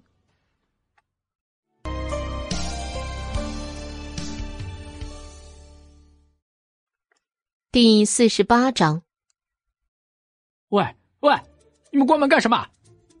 谢寒韵在外面没好气的喊道：“要知道，可是孤男寡女。”谢师兄，若是不介意引来钱塘的人，明星自然也是不介意的。阮明星在屋内淡淡的说道。谢寒玉想了想，摸了摸鼻子，闭上了眼睛。师兄，有事要跟我说吗？阮明星看到霍征进屋之后，并没有说话，直接开口问道。霍征没有说话，竟然直接脱下了他的外袍，接着又解开了中衣。阮明星有些目瞪口呆。不知道他究竟要做些什么，可是不管要做什么，现在年纪也不对呀。喂，霍长燕，你真他妈不要脸！谢寒韵见到门不能打开，直接推开了窗子。看到这一幕，不免直接咂嘴说道：“阮明星有些瞠目结舌的眨眨眼，两辈子都没现在这一刻和霍征。”更加接近过，尤其是没有见到他只穿着内衬的样子，显得少年劲瘦修长的身条。他直直的盯着，回不过神来。阮明心，小心看了长针眼。谢寒韵倒是本来并不担心他们两个真的发生什么，可是现在看到阮明星的目光，却忍不住直接跳了进来。房间内没有光源，只有窗户打开后，外面的阳光漏进来一个方块。霍征刚好站在那个方块内，此时只剩下上下身的内衣，以及在外面罩着的一个鼻甲。鼻甲像是量身定做，妥帖合身，衬出少年的身形挺拔。最关键的是。这个鼻甲看上去薄如蝉翼，此时在外面漏进来的阳光照射下熠熠生辉，光芒隐隐流动，竟像是每一缕丝线都是金属织就。你师傅对你真不错呀，大剑师令和天蚕衣都给你了。谢寒韵也被这件比甲吸引。传闻九州当年有三族，仙。灵，人族，因此也衍生出无数传奇志异。后来仙族开天，灵族成为仙族和人族的沟通桥梁。到后来灵族灭族，千百年来已成传说。天蚕据说是灵族喂养的灵物，价值无双。吐丝如果织线成衣，据说能抵御刀剑水火。南庆的大剑师苍离手中据说有一件比甲，现在却给了霍征，可见对他的喜欢。阮明心一愣，鼻子突然一酸，修长的手指抓着鼻甲，很快退下，递到他的面前：“换上吧，真没见过你这么笨的丫头，有命才能报仇。”霍征语气听上去很不耐烦，说的话也不中听。可是这件举世罕有的比甲就这样递到了他的面前。阮明星没有接这件比甲，当年他也是给过他的。随着龙逸轩征战之中，他也是这样一脸不耐烦的丢给他。他当时接了以后在想什么呢？那件比甲，最后是穿在了龙逸轩的身上。如果是穿在他身上，怎么可能到最后一箭穿心？那个时候，他可知道师兄是捧着一颗心过来，把他当成了天下之重。喂，明星丫头，这可是好东西啊！谢寒韵看到他发呆，立刻开口说话道。但是话还没有说完，小姑娘一脸沉静，却好像寸寸碎裂，豆大的泪珠一滴一滴的掉了下来，砸在地上。明明是哭，阮明星的嘴角却在微微上扬，笑得让人有些心碎。怎么还哭了？霍征立刻有些手忙脚乱，本来想拿手中的笔甲帮他擦眼泪，但是伸过去才想到这件衣服水火不入，立刻直接拿袖子帮他擦了脸。不说你笨了，行不行？不说了，不说了。他以为是自己那句话把阮明星惹哭了，本来还只是静静落泪的阮明星，听到他的话却哭得更痛。这世上，可还有比他更傻的人？竟然根本就看不清谁是真的在意，谁一向都是虚情假意。霍征更加的手足无措，小小的黑眸中泪水像是开了闸，怎么都止不住。怎么了？这是会没事的，一定能验出有毒。师兄给你做主，带着这个小子过来，一定能验出来的。阮明星没有说话，泪眼朦胧。只是看着眼前的少年，像是怎么都看不够。他为他带来了隐世神医的徒弟，他为了他闯大理寺大堂，一桩桩一件件，并不比他曾经为龙逸轩做的少到哪里。不问前程，生死不计。是怕滚钉板吗？那咱不滚了，我现在就带你走，看谁敢拦着你。霍征看着阮明星还是在哭，以为他本来就傲气，现在后悔丁情又不好意思说，立刻拍了拍腰间配着的宝剑。只要有师兄的三尺剑在，就不会让人为难你。管他什么律法，管他什么旨意，少年气势峥嵘，一怒拔剑，似乎就算是千军万马过来，他也能护在他的身前。明知道她是贵门嫡女，应该矜持，更知道还有外人在场，但是阮明心却忍不住直接扑进了少年的怀中，紧紧的抱住了他的腰身。师兄才是笨蛋，没见过比师兄更笨的人了，笨蛋，笨蛋！他哭得稀里哗啦。霍征表情呆滞，怔怔的看着谢寒韵。一手拿着天禅一比甲，一手拿着剑，整个身子都是僵的。小女孩披着兔裘在他怀中，就像是一个毛茸茸的小动物钻了进来，怎么哭得还更厉害了？滚烫的眼泪透过那一层薄薄的内衣传进衣服，心跳好像都快了几分。怎么办呀？他求助的看着谢寒韵。不过师兄再笨，也是明星的师兄，只对着明星一个人笨就好了。阮明星紧紧抱着霍征的腰，听着他强劲的心跳，多好！他们两个现在都还活着。说完，他松开手，又拿着师兄的袖子在脸上擦了擦。谁说明星怕丁行的？既然他们要这样，我就正大光明的。让他们看看，我母亲到底是怎么死的。说完，他直接从霍征僵直的手中抽走了那件天蚕比甲，然后看着呆若木鸡的霍征，还有谢寒韵，直接说道：“好了，我现在要换衣服，两位请出去吧。”哦。霍征傻傻的点头，见到谢寒韵从窗户直接跳出去，于是也跟着跳了出去。连门也不会走了，还不是笨蛋吗？阮明星把窗子关上，褪下了自己的衣衫，穿上了那件蚕丝甲。它上面似乎还带着炽热的温度，他觉得自己的眼眶也被它给烫热了。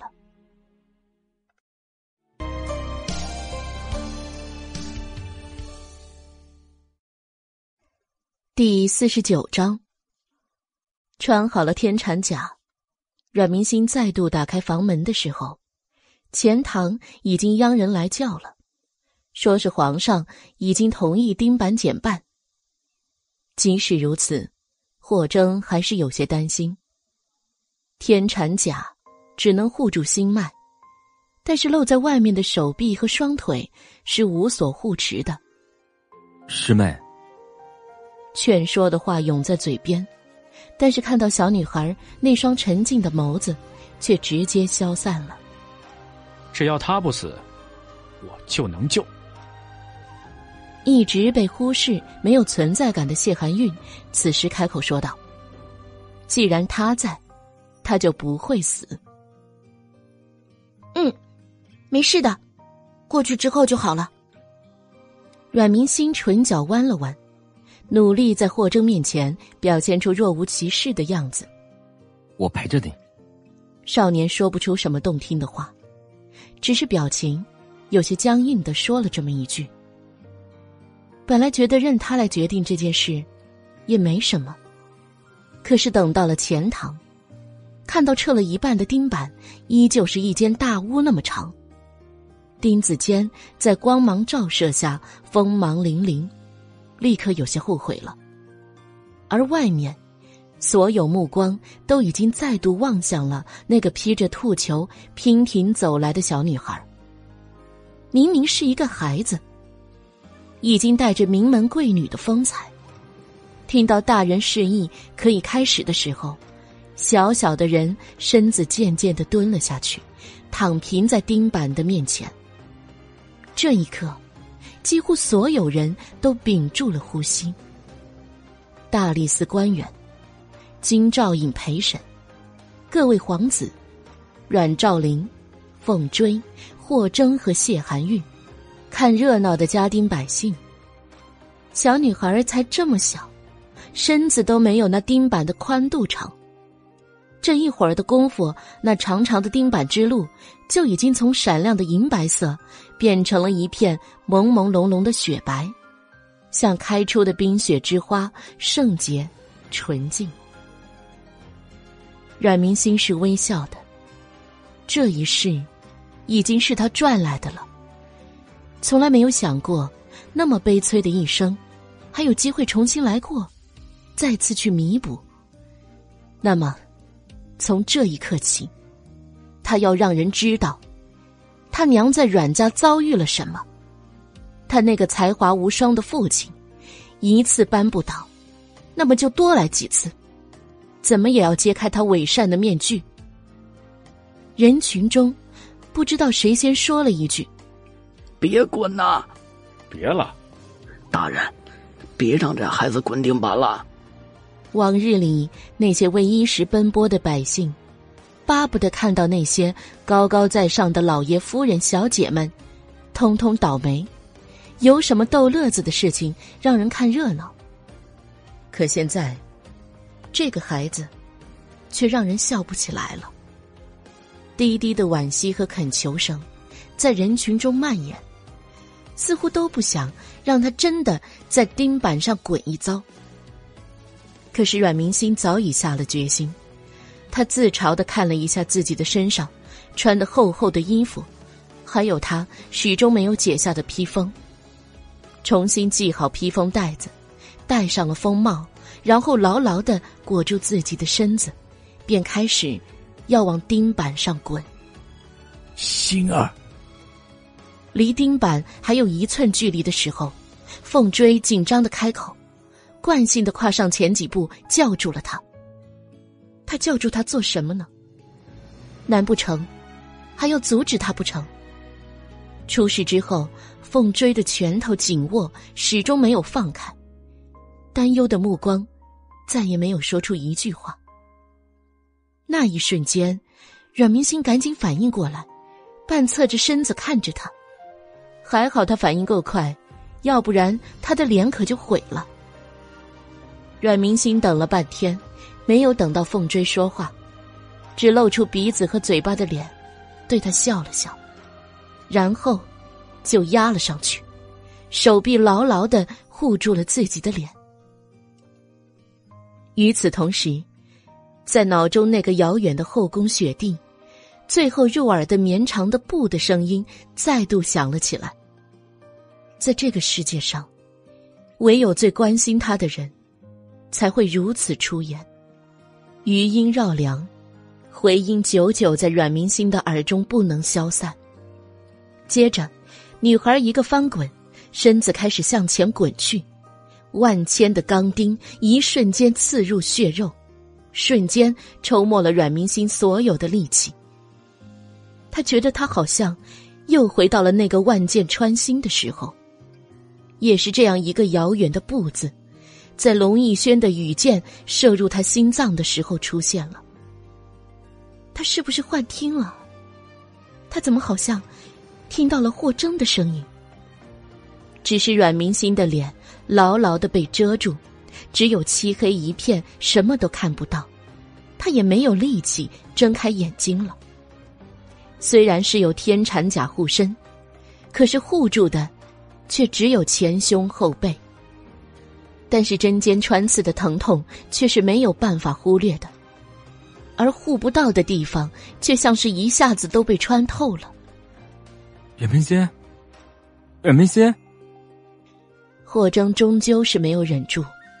跑入院中的钉板前，半蹲半跪在阮明星的脑袋那边。他想要去触碰他，可是伸出的手僵在了半空中，怎么也不敢摸下去。此时，他像一个无助的孩子，只能看着那条雪白的长条身子说道：“你不能死，啊！你怎么敢死呢？你忘了自己跑到这里来是干什么来了？快起来，起来！”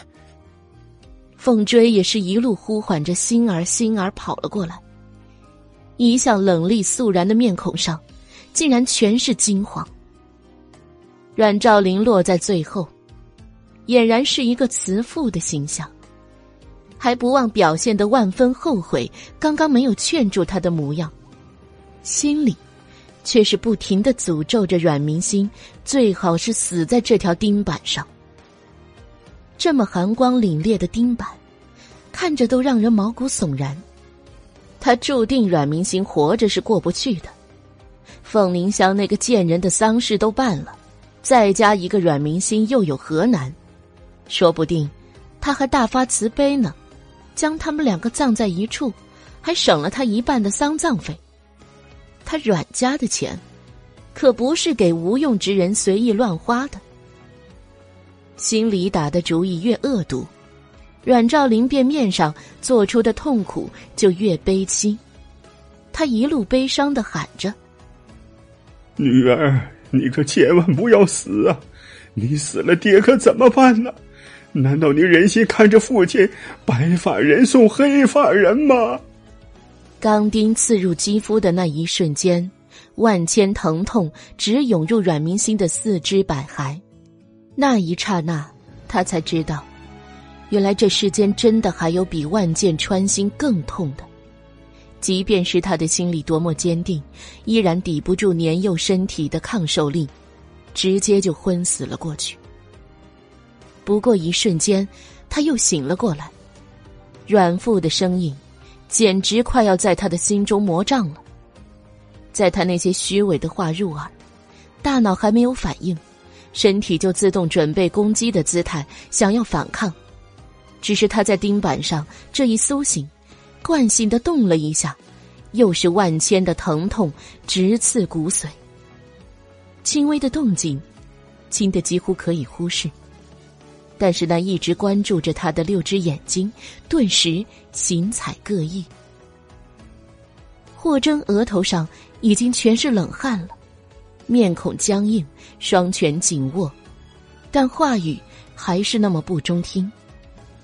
叶明心，你死了，本公司想要再找一个你这样的人欺负，估计要好久。你可别轻易就这么死了啊！这钉板，不过才向前一个翻滚的距离，而前路还长。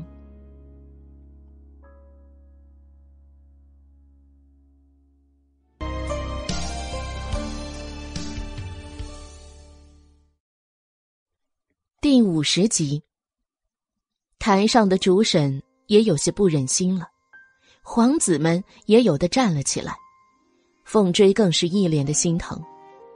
星儿，行不行？要不就不要滚了，快下来吧。阮兆林也跟着紧张的说道：“是啊，是啊，明心，要不就下来了吧。”没想到，这比想象中更加的艰难。主要是这副身子，现在还是太弱了呀。阮明星咬了咬牙，身上的疼痛还伴随着冰冷刺骨。阮兆林的话像是最能激起他力量的药物，让他又是狠狠的往前翻滚了几个身子。一路上，凡是他滚过的地方，立刻根根钉子鲜红一片，血水融合着血水，触目惊心。还有一大半的路程，阮明星看不见。他护着脸的同时，每次滚过都将头抬起，避免碰到脑袋。这样一来，他的双臂、手臂和手背，还有双腿，几乎被钢针戳中了骨头。阮父的话激励了他一瞬，瞬时过后，身体的本能又占上风。阮明星侧着身子护着头，除了追上来的霍征、凤追和阮兆林，谁也没有出声。院子里的风声呼啸着，阮明星好像听到了雪花落下的声音。那些百姓也没有了声音，偌大的地方竟然是静悄悄的。阮明星的身上此时已经是万千个窟窿，血一直在流，温热的血水融化了雪花，顺着钉板的空隙流入了雪地，让他已经痛得。不甚清醒。若不是师兄的天蚕甲，这一次，他怕是撑不过去的。低估了自己现在的身体，而且高估了自己的意志力。有时候，并不是你想怎样，就可以怎样的。霍征、凤追、阮兆林三个人还在他的身边。阮明星恨不得自己此时就昏迷了过去。也好过这样不清不醒的硬挨着。叶明心，你起来啊，快点过去呀！停下来做什么？咬着牙一口气就过去，不然别提你是大剑师的弟子，给师傅丢人。霍征的黑目深沉，说话冷声嘲讽。顿在原地，只能让行刑过程更长，血流的更多。早点滚过去，就可以早点施救。外面的围观民众终于被他打破沉默，纷纷对他指指点点。纨绔就是纨绔啊，没得救了。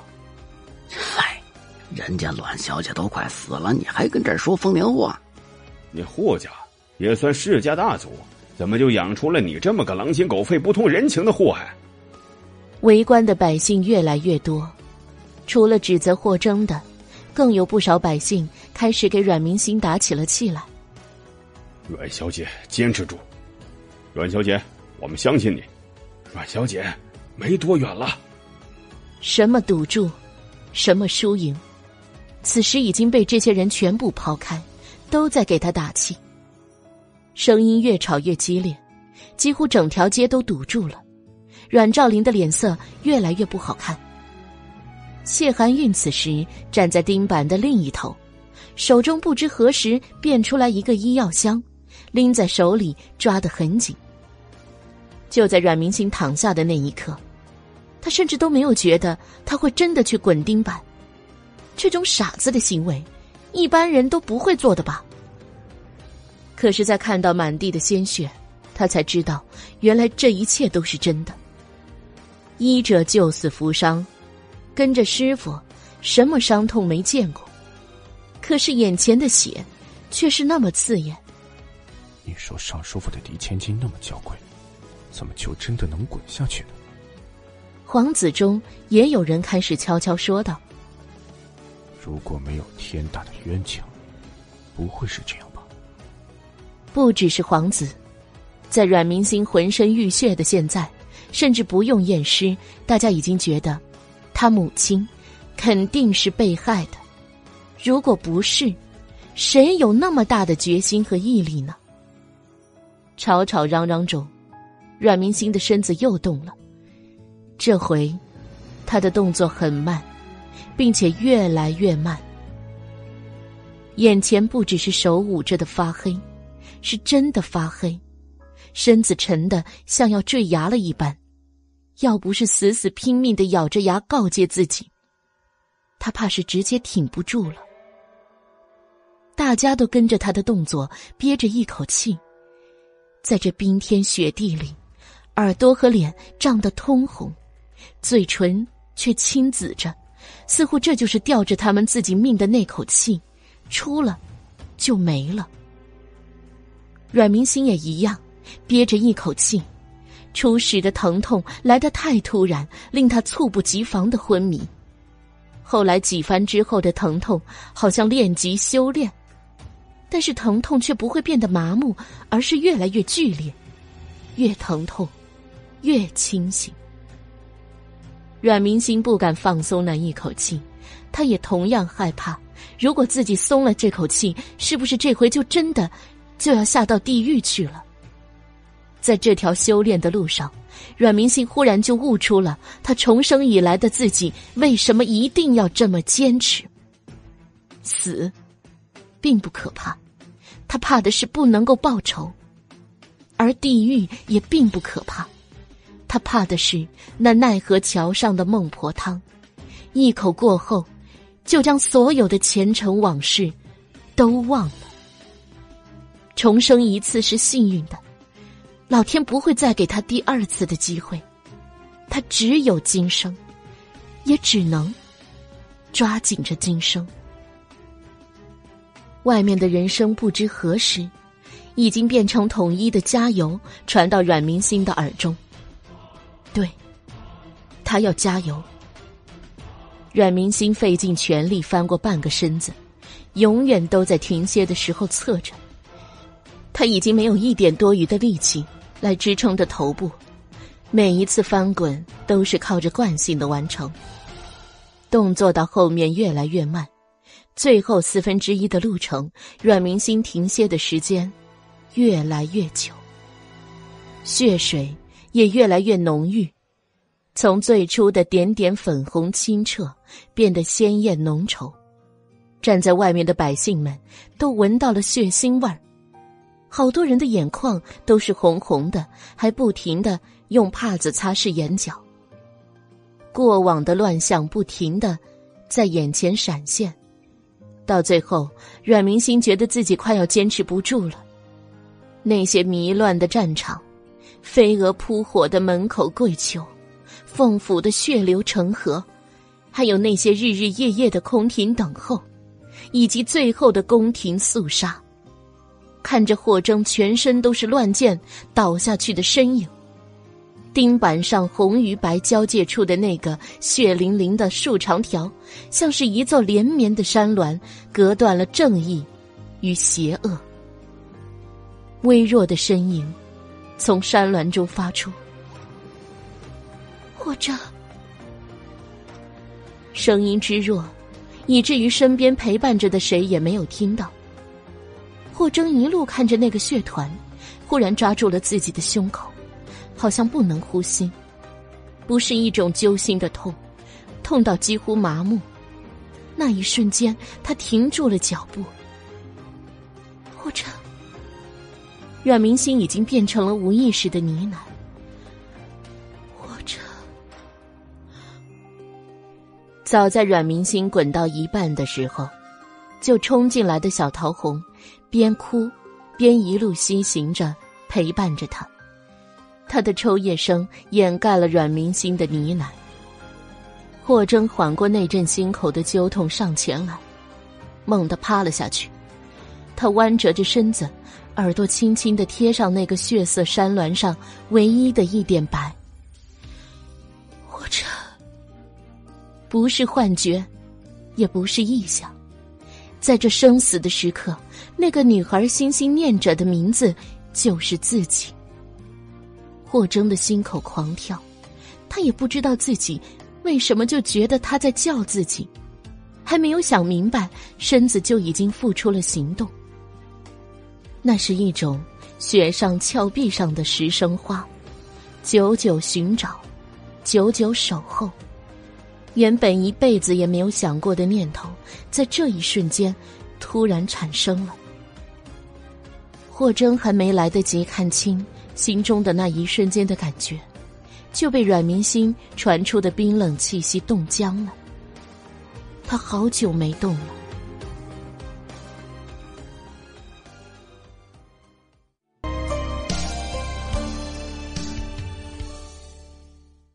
第五十一章，也没心。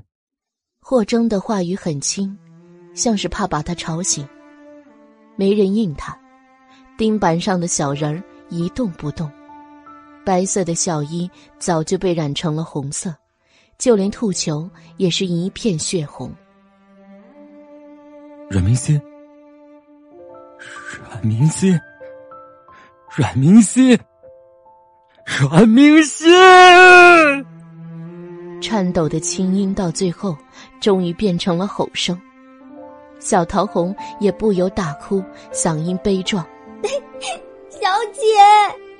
阮兆林看着女儿装模作样的抹抹眼泪：“明心。”凤追也是一副大受打击：“心儿。”霍征不敢相信自己的眼睛，他害怕心中所想，颤抖着手，小心翼翼的探进阮明星牢牢裹着的披风盖头，冰凉一片，久久没有感受到热气。他迅速的揭下他的帽子：“喂，你快醒醒啊！阮明星，你别死啊！我命令你，不准死！”这个纨绔不驯的少年。终于流露出他悲痛的情意，明心，心儿，小姐，皇子们都站了起来。大理寺内外痛哭的声音一片，外面的百姓也是纷纷落泪。这个年轻的生命，明明就差最后两步了，翻过那一下就过去了，他却再也没有坚持下去。阮明星侧躺着，面朝着大门。百姓们就看见那个清丽的小脸上苍白干净，与那一身的鲜红对比鲜明。台上的主审也站了起来。傅博等了许久，终于走下座位，看见阮明星的面貌，脸色也暗沉了下来。他深吸了一口气，弯下身子。手在他鼻息下面探了探，站起身来，沉痛的闭上眼，宣布：“丁刑不满。”然后，像是泄了力气般，往公堂内边走边挥了挥手：“将他抬下去吧。”谢寒韵站在钉板的尽头，看着近在咫尺的女孩，她身上的血像是流尽了，脸色比纸还白。官兵开始收拾阮明星已经滚过的钉板，由于阮明星是停在左后一块钉板上的，悬崖里的人开始从门口收起。钉板上都是触目惊心的红，一块一块收了起来。到了阮明星的位置时候，霍征却一下子急了：“给我住手！他还没死，他怎么会死？”谢寒韵，他还没死，你来看看，他还没死。霍征瞪着双眼看向谢寒韵，眸中带着乞求。谢寒韵何曾见过这样的霍征？尤其是两人向来经常互斗，还从未见他在自己面前低头。他僵着一张脸走了过去，连嘴边一向露给别人看的温和笑意都维持不住了，蹲下身。直接搭上了阮明星的后腕，白皙如上好羊脂玉的肌肤，此时都是被扎破的小洞，血肉模糊。就在他手搭上他手腕的时候，阮明星的手指突然动了动。谢寒韵直接点了阮明星几大穴道，又往他嘴里塞了一颗药丸。啊，他还没死，大人，人还没死。我就知道，他怎么可能这么短命？霍征紧绷的那根弦终于松了下来。傅伯走过来，看着钉板上的女孩，任明仙，任明心，小姐，心儿，小姐，种种声音吵得阮明心头昏脑胀。全身的疼痛由神经传入大脑，他都分不清今夕是何夕，只觉得又到了前世死的时候，那一瞬间。无穷无尽的血色是那么浓稠黏腻，像是要把他整个人淹没，直到快要窒息，他才醒了过来，一下子就听见了各种叫他的声音。小桃红满眼泪水的笑着给他鼓劲儿：“小姐，快，还有最后两下了，你一定要坚持啊！”阮兆林、凤追也是同样。就连一直冷漠的傅博都禁不住颤抖了身子，回过神来，紧看着他，为他提着一口气。霍征没有说话，但是看着阮明星已经力竭，却悄悄的像是在对他说话，手轻轻的推着他向前滚去。加油啊，努力啊！在这生死一刻，百姓们纷纷捏紧拳头，对他喊道。阮明星在霍征不着痕迹的推动下，终于翻了过来，一把被小桃红接住。法理不容人情，就算阮明星这一口气都快吸不进去了，公堂的审讯都一直持续着，一点也没有要送阮明星下去治疗的意思。一干人等又回到了自己的座位，傅伯依旧坐在衙门中前方的案桌之后。大理寺简清一样提着笔，时刻准备记录的样子，而阮明星也依旧在他之前跪着的位置。不同的是，他的跪变成了躺。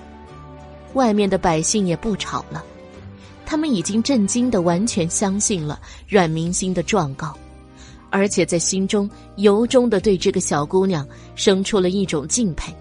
以及留下了阮明星坚贞与至纯至孝的印象。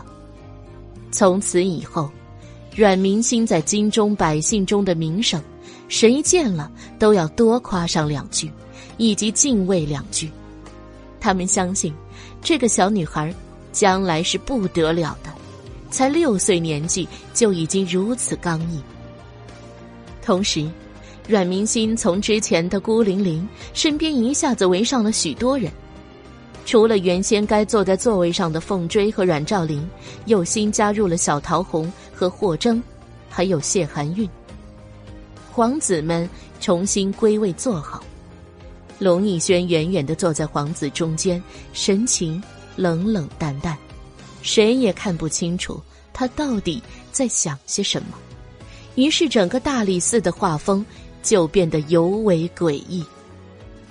主审官坐在上首，久久没有发话。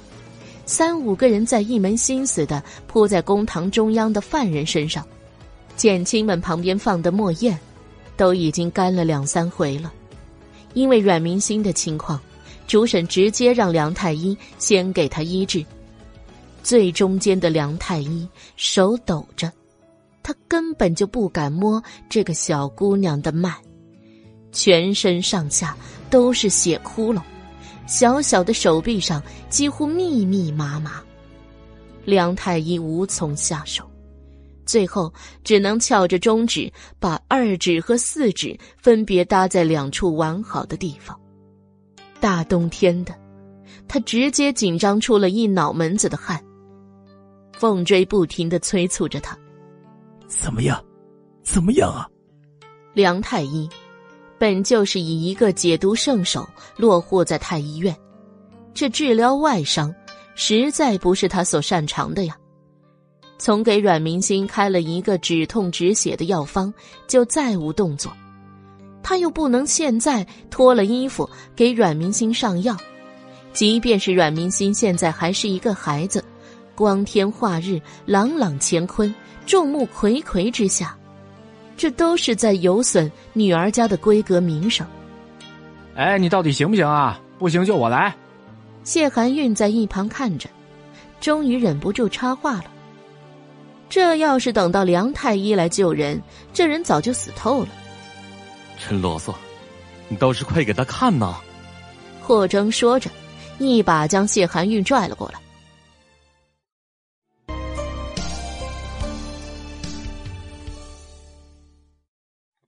第五十二章，谢寒韵这才像是反应过来，立刻上前，看了眼阮明心，竟然直接抱起了他。大人，他需要先止血上药啊！说完，他没等方胜、傅伯答应，就直接抱着阮明心去了后堂。上药这种事，你要看顾好小姐。凤追第一反应就是吩咐小桃红追过去。霍征没想到谢寒韵会把阮明心抱走，也抬脚跟了上去。梁太医长舒了一口气，他还真怕救不回来阮小姐。谢寒韵怀中的小女孩轻若无物，一身青色长衫更是被怀中的女孩染上了血渍，可是她面上却没有一丝嫌弃，直接到后堂找了间屋子，把阮明星放在了床上。梁太医开的药方还需要时间煎药，谢寒韵又丢了一颗药丸在阮明星的嘴里，接着从药箱中拿出了止血凝露，就要给阮明星上药。这位公子，还是让陶红给我上药吧。阮明星此时还有神智，让一个男子给他身体上药这种事，他还做不出来。谢寒韵看了眼此时双眼红红的小桃红，把怎么上药交给了他，这才起身出去。霍征和他一起守在门口，看着面前少年身上血渍狼狈的样子，本来想说的谢谢，却化为了疑问：“你不是有洁癖？要换地方，我抱着师妹就可以。”可是青山人如玉的谢寒韵，神情却好像有些恍。长夜，你那个小师妹，刚才竟然喊我这位公子。霍征看了谢寒韵一眼，这家伙该不会压根儿就没听到他说什么吧？他竟然不知道我名字。谢寒韵说着，收回看向远方的霍征。那这可不行，对吧？似乎他的关注点一直都在这个上面。等到小桃红给小姐上完药，整个人再度哭成了泪人。小姐手臂和双腿已经没有一块肌肤是完好的了。本来霍征已经让人准备了衣物过来，可是阮明星却根本没有穿新衣，依旧是把一身血衣穿上。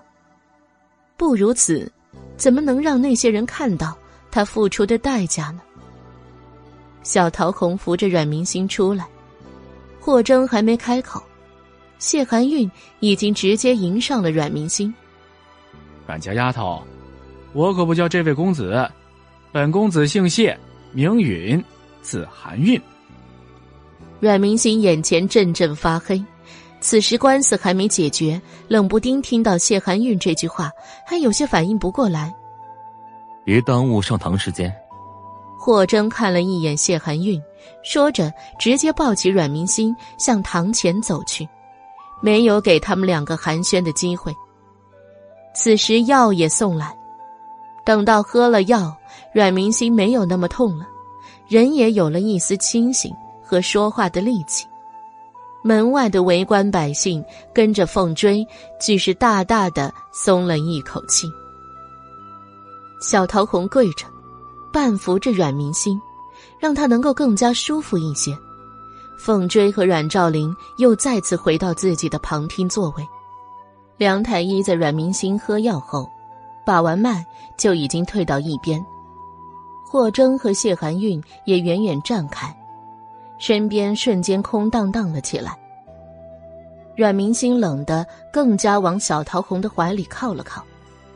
只是一个人的胸怀再大，也温暖不了他的全身。从晌午开始折腾到现在。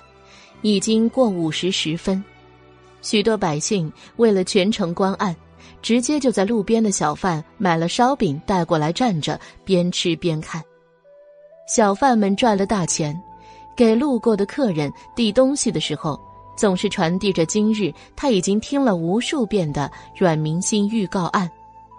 于是大理寺外面的人越来越多。就连京城里的那些达官贵人，也派出自家的小厮，时时关注着案情的最新进展。一波人接着一波人，就像接力赛一样。有些府上的小厮与别的府上的小厮撞上好几次了，然后跑着跑着就跑着一路去了交换着自己老爷、夫人、小姐、公子们听候的表现。交流完之后，刚好就到了分开的岔路口，相约等一会儿再撞上的时候接着来。八卦的因子不分贵贱，也不分时代，更是不分地点。跑腿的小厮们在雪路上交换着各自的情报，然后偷乐着别家小姐真是太没胆子了，居然吓得站都站不稳了。别个的小厮又偷乐着别人家的公子，居然听到丁琴，杯子都给摔了，这还要如何继承侯府呀？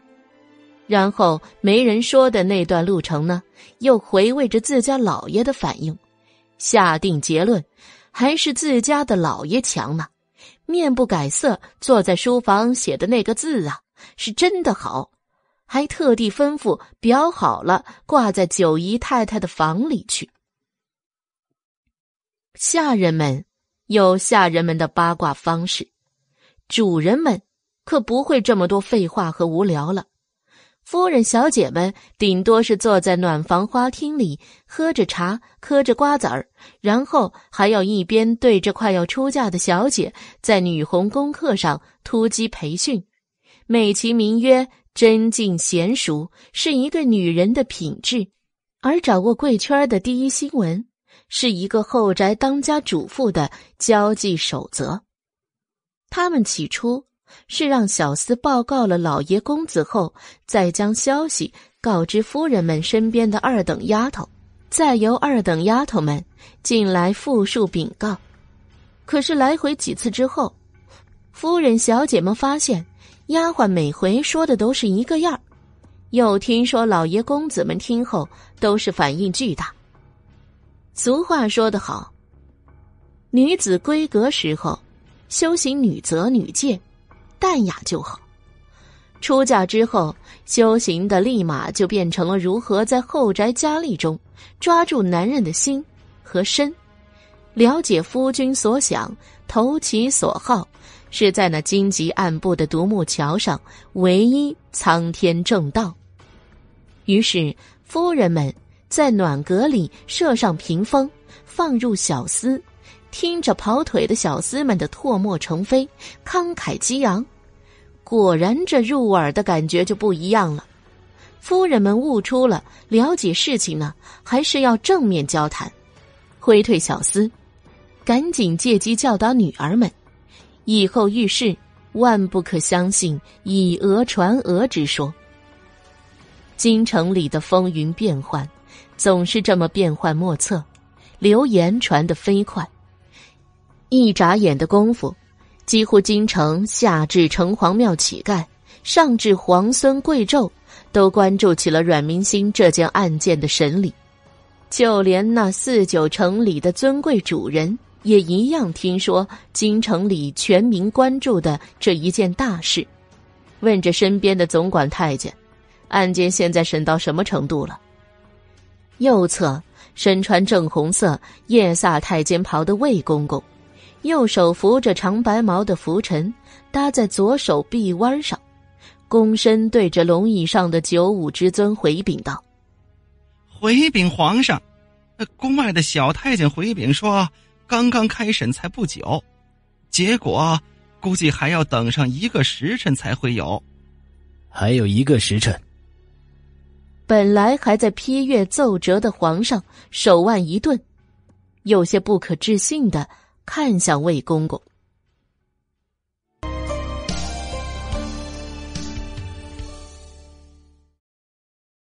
第五十三章，看了一眼外面水漏拍岸，说道：“大理寺都在做什么？这都已经未时两刻，整整三个时辰过去，大理寺的居然才开审。”魏公公刚才站直了的身子，立马又佝偻了下去。启禀皇上，下面的人传话进来说，案子晌午就已经开庭了，只是，只是阮小姐年纪幼小，滚了九丈长的钉板，几度欲丧命。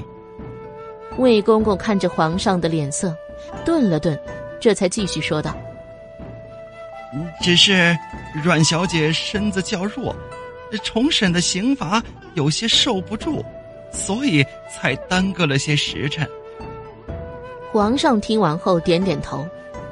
这案子从开始，他也只是注意到那个小女孩有些不凡。到后来一审无毒，下面禀告说阮明星诬告的时候，他并未在意。但是想想，小女孩子既然英勇不屈，敢于御前告状，说不定是真有冤屈。于是下午，傅伯进来递话说，阮明星想要开庭重审，他思考了一下就答应了。坐在天子之位上。其实很多时候是考虑不到细节的，就如同阮明星的钉刑，龙腾一点也没有注意到那长长的钉刑，对一个小女孩来说，说不定就是生死几个轮回。虽然准了折，走了一半钉板，但是对一个孩子来说，还是重刑了吧？魏公公说完后，观察皇上表情，一点没有变化。只是轻轻点了下头，表示知道了，就知道刚才的几经斟酌的话没有说错。皇上是成大事者，的确很多小事不会计较，不然昨日里傅伯听到皇上的谕旨后表现的惊讶，就足够引起龙腾的注意了。围观的百姓吃好之后，有些呢还去买了豆浆。大些胆子的热心百姓小声的问道：“门口拦着的官兵，请他们进去问问，阮小姐要不要也喝点豆浆暖暖身子？她都一上午滴水不进，还受了这么重的伤。即便是非亲非故，看着她那么可怜，也心生怜悯。他们听不到阮明星在说什么，只是看着他活着，就心中无比的震撼。”阮明星靠在小桃红的身上，血已经没有再流了。那个止疼药还真是奇效，谢寒韵果真是有真本事在身的。既然已经服刑，台下阮氏明星，可愿现在开棺？台上主审方慎问道。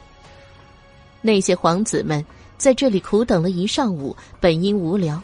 但是看着那个血人，此时却没有人多说什么。阮明心气息微弱的阴凝着声音，回答着方慎的问话：“我愿意，还请方大人开棺验尸。”方慎郑重点头，像是对他做出了一个承诺。一抬手，凤鸣香的棺木就被抬到公堂前面的扶廊下。雪越下越大了。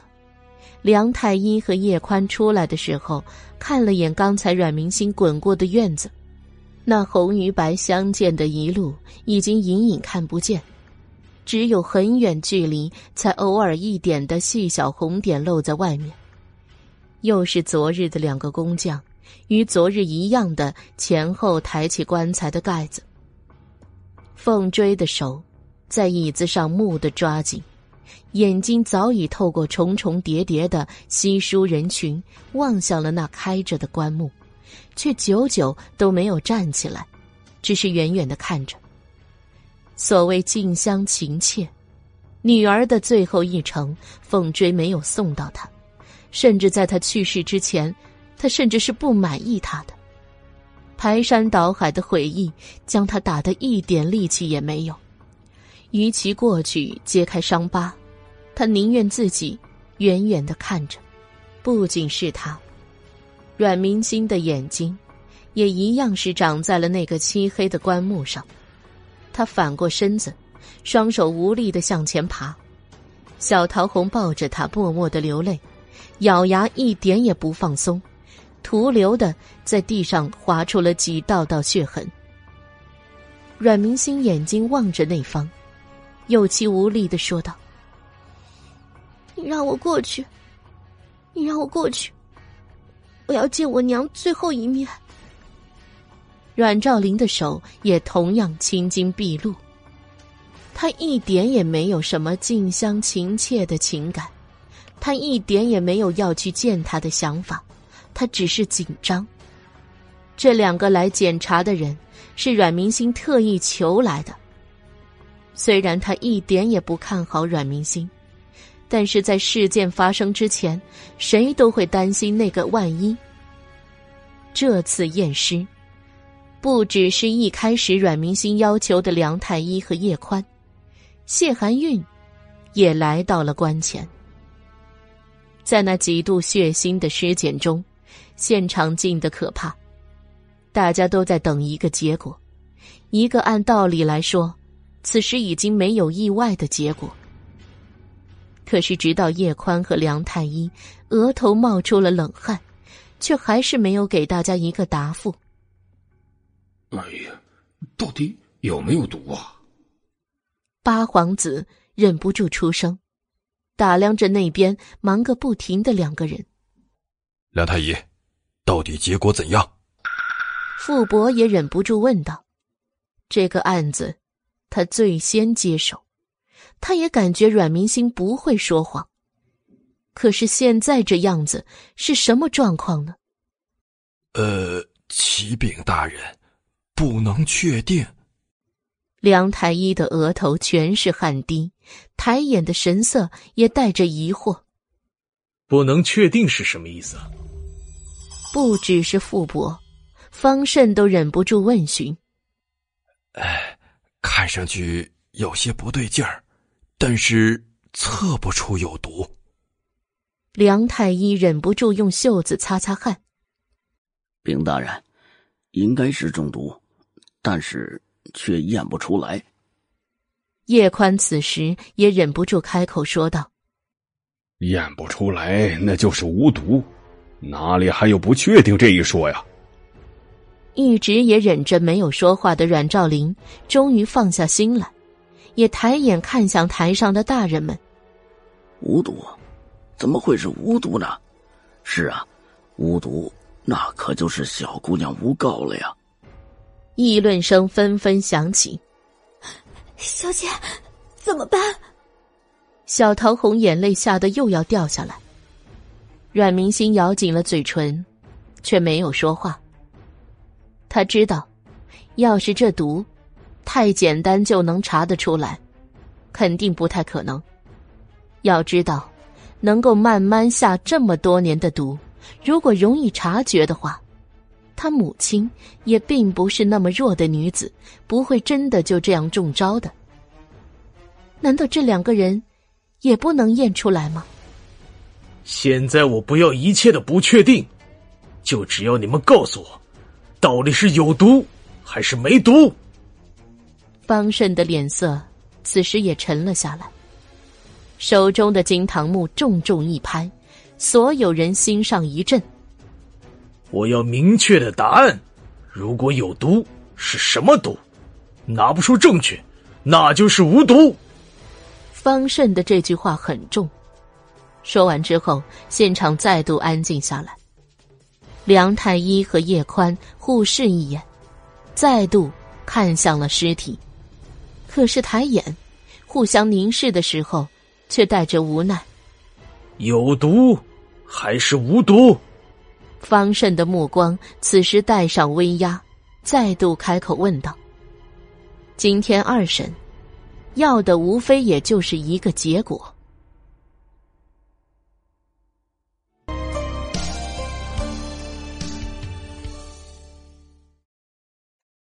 第五十四章，这梁太医和叶宽对视一眼。还是不能给出明确的答复。很多人心一沉，现在那个一身是血的女孩是人心所向。可是，如果连有毒的答案都说不出来，那不是中毒的可能性就是最大。风在院中呼啸，卷起了残雪和沙粒。方胜看向了台下。那个女孩脸色如血，身上的血渍触目惊心。那双眼眸更是带着浓浓的哀切，看上去并不像是说谎。可是现在，却没有验出有毒。阮氏明星，你母亲身上并没有验出。他狠心开口准备定案，一直没有说话，在端详尸体的谢寒韵却终于开口说道：“谁说无毒的？阮夫人就是中毒身亡。”青衣少年长身而立，站在棺木前，一脸肃然，那样子不像是在开玩笑。哦，谢公子可能确定？方胜开口说道：“能。”谢寒韵点了点头，又看了站在一旁的霍征一眼，见到霍征表情终于舒缓。傅伯闻言，疾步走下来，去到棺材边观看内里的情形。只见凤凝香被割开皮肉，内里的器官都已经萎缩，但是鲜血却是猩红猩红。嘿，梁太医和叶武作不能确定的原因是。穴位有变色，脏器也勘验无毒，只有明显的萎缩。谢寒韵淡淡说道，像是在谈着风花雪月，而不是人体器官。那谢公子如何确定？梁太医一脸的求教。其实，在直觉上，他和叶宽已经感觉是中毒，但是却找不到中毒的依据。谢寒韵看了一眼尸体，没有回答他的话，先是转回眸光，看着静静望向他的小女孩，轻轻叹息一声：“阮小姐，唉，请节哀顺变吧。”虽然他其实已经做好准备会验出有毒，但是没有想到会是这样蹊跷的毒素。说完，他这才看向梁太医：“梁太医。”这乃是西域的泛生毒。什么？梁太医不由睁大眼眸。范生毒，这不是传说中的毒物吗？谢寒韵对着梁太医微微一笑。梁太医倒是博闻强识，连范生毒都知晓。什么是范生毒？傅伯忍不住问道。他还是第一次听说。哼。范生毒是传说的一种毒，无色无味，必须在西域佛陀浮生梵谷内，当范生花开的那一瞬间摘下花蕊炼成，不可早也不可晚，否则就会毫无毒性。其这范生花呀，十年才开一次，极难遇见。谢寒韵开口解释，目光没有看着傅伯，反而是怜惜的看着阮明星。一字一句，像是在慢慢的对他解释。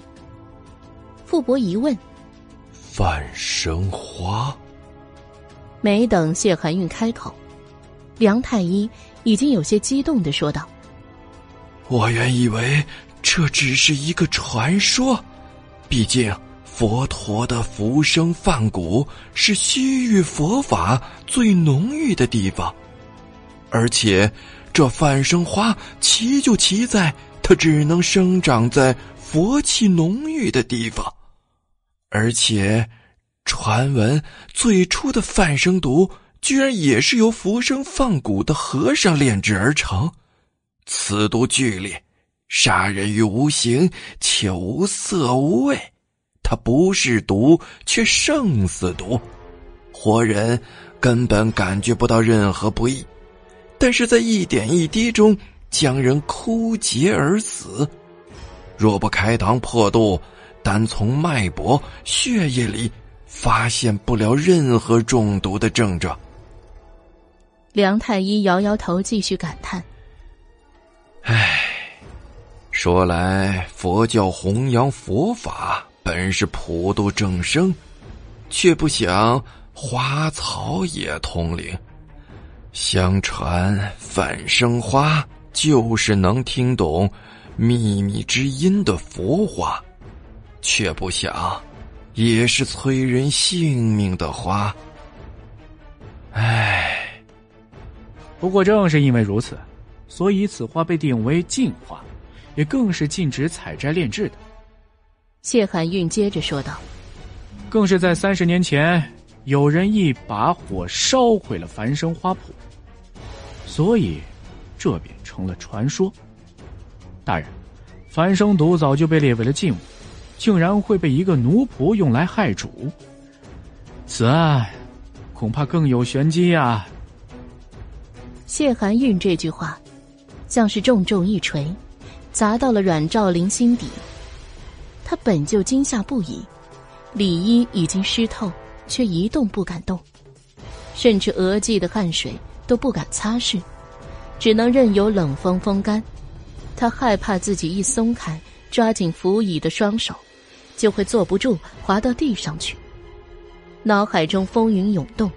一会儿是桂嬷嬷曾经对他说的话，一会儿是裴玉莲的脸，一会儿又闪到右丞相刻意对他温和的笑，却一点也没能掩盖住的那双阴旧的眼神。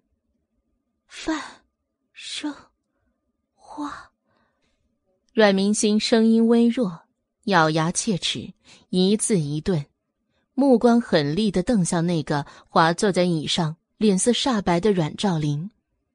早晚有一天，他会为母亲报仇。你们这些一个个害死他的人，谁也别想活。阮明星双目炽烈，几乎陷入魔怔。所有人都围绕在凤宁乡棺木那方，就连凤追在梁太医说出那番话后，都走了过去。四周空旷，阮明星就看着阮兆林惊吓、彷徨、挣扎。最后，在冷汗风干之际，缓缓冷静过来，又变成了吃惊、伤心、难过的表情。心底恨意涌动，他完全没有意识到自己受的伤，披风下的双手越握越紧。好恨，他好恨。小桃红刚开始感觉到阮明星的身子僵硬紧绷的时候，还不知道是怎么回事。然后他视线落下，那触目惊心的血迹顺着黑色披风的边沿缓缓流到那灰白的大理石地板上，刺激的他心跳都快停了，甚至惊吓的刚开始还没反应过来，他就那么看着那血一点一点的越扩越远，等血都已经一个拳头大的时候，才反应过来：“小姐，小姐，你怎么了？”小桃红惊呼。霍征此时本来也围到了棺木旁，小桃红的这一声惊呼，不仅叫醒了惶惶然中的阮兆林，更是将霍征等人迅速的引了过来。快快，梁太医，快给心儿救治啊！凤追孔武有力的手臂，一把提着梁太医的后衣领子，将他提了起来。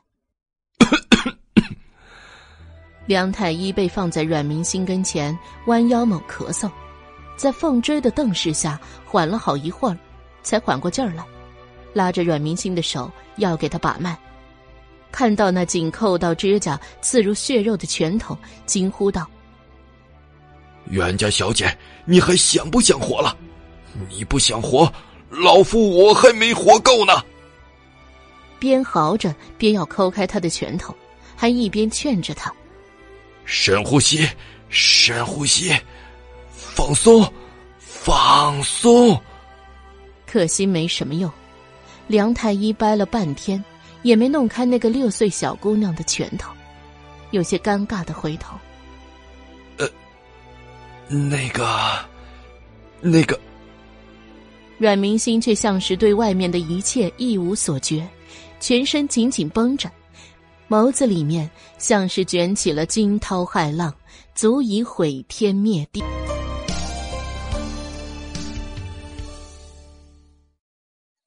第五十五章，小小女孩像是隔绝了外界所有的事情，紧绷的全身伤口再度崩开。梁太医到最后也不由发飙了，看向了阮明星的婢女，还愣着干什么？还不快点把他的手给我掰开！想不想活命了？小桃红先是和风细雨、温声暖语的劝说了好半天，却还是没什么动静。向凤追求助，凤追跟他采取一样的策略，也是一点动静也没有。阮兆林做出自己还没有缓过神来的样子，就压根没有上来。他此刻自己心中真乱，而且他总觉得阮明星看着前方的目光透着那股狠力劲儿，不管他如何逃避，那如影随形的目光总是能够七拐八拐的，像是融入空气一般的将他重重包围，压得透不过气。本来不该近身插手的谢寒韵，到最后忍不住上前了。再度封住阮明星的主要穴位，试图让他回过神来，但也是徒劳无功，甚至于他紧闭的嘴唇连药丸都喂不进去。最后，霍征看不下去，蹲下身子，半跪在阮明星面前。小小少年清冷的身子缓缓向前靠，与他面对面的几乎鼻尖贴上了鼻尖。明心，是我。霍征，少年的侠眸深邃藏锋，声音很轻，甚至说的漫不经心。你现在是在做什么？你若不想报仇，现在就去死了吧。声音轻轻的落在阮明星的耳里，冷酷又绝情，还透着一丝的气急败坏。似乎是没有想到他挺过了钉刑。却在这时候突然犯绝魔症了。他的话，却猛然将阮明心从茫然中拉醒。霍征，霍征，报仇！他蓦地又想起那个长枪怒马为他而来的身影。是的，怎么可以忘掉霍征呢？怎么能在雪恨的第一步就跨在这里呢？那双黑亮的眸子瞬时褪去了茫然，焕发了光彩。阮明星虚弱的躺在小桃红的怀里，静静的看着面前的面孔，他的眸中只有他。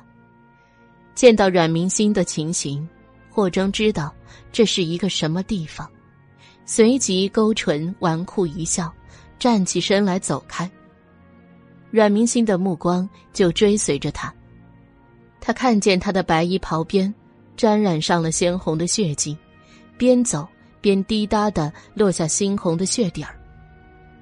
阮明星的目光就落在地上，顺着那一路的小红点一路挪动目光，血迹越来越小，站在了辅廊柱前。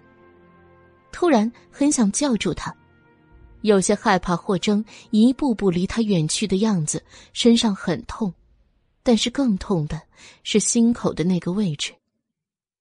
但是最终，阮明星也没有叫住霍征，他只是忍着疼痛，将手臂缓慢的伸到梁太医的面前，松开了拳头，说道：“梁太医，我有点痛，吃下这个吧。”谢寒韵并没有走开，直接把一个药丸递了过来。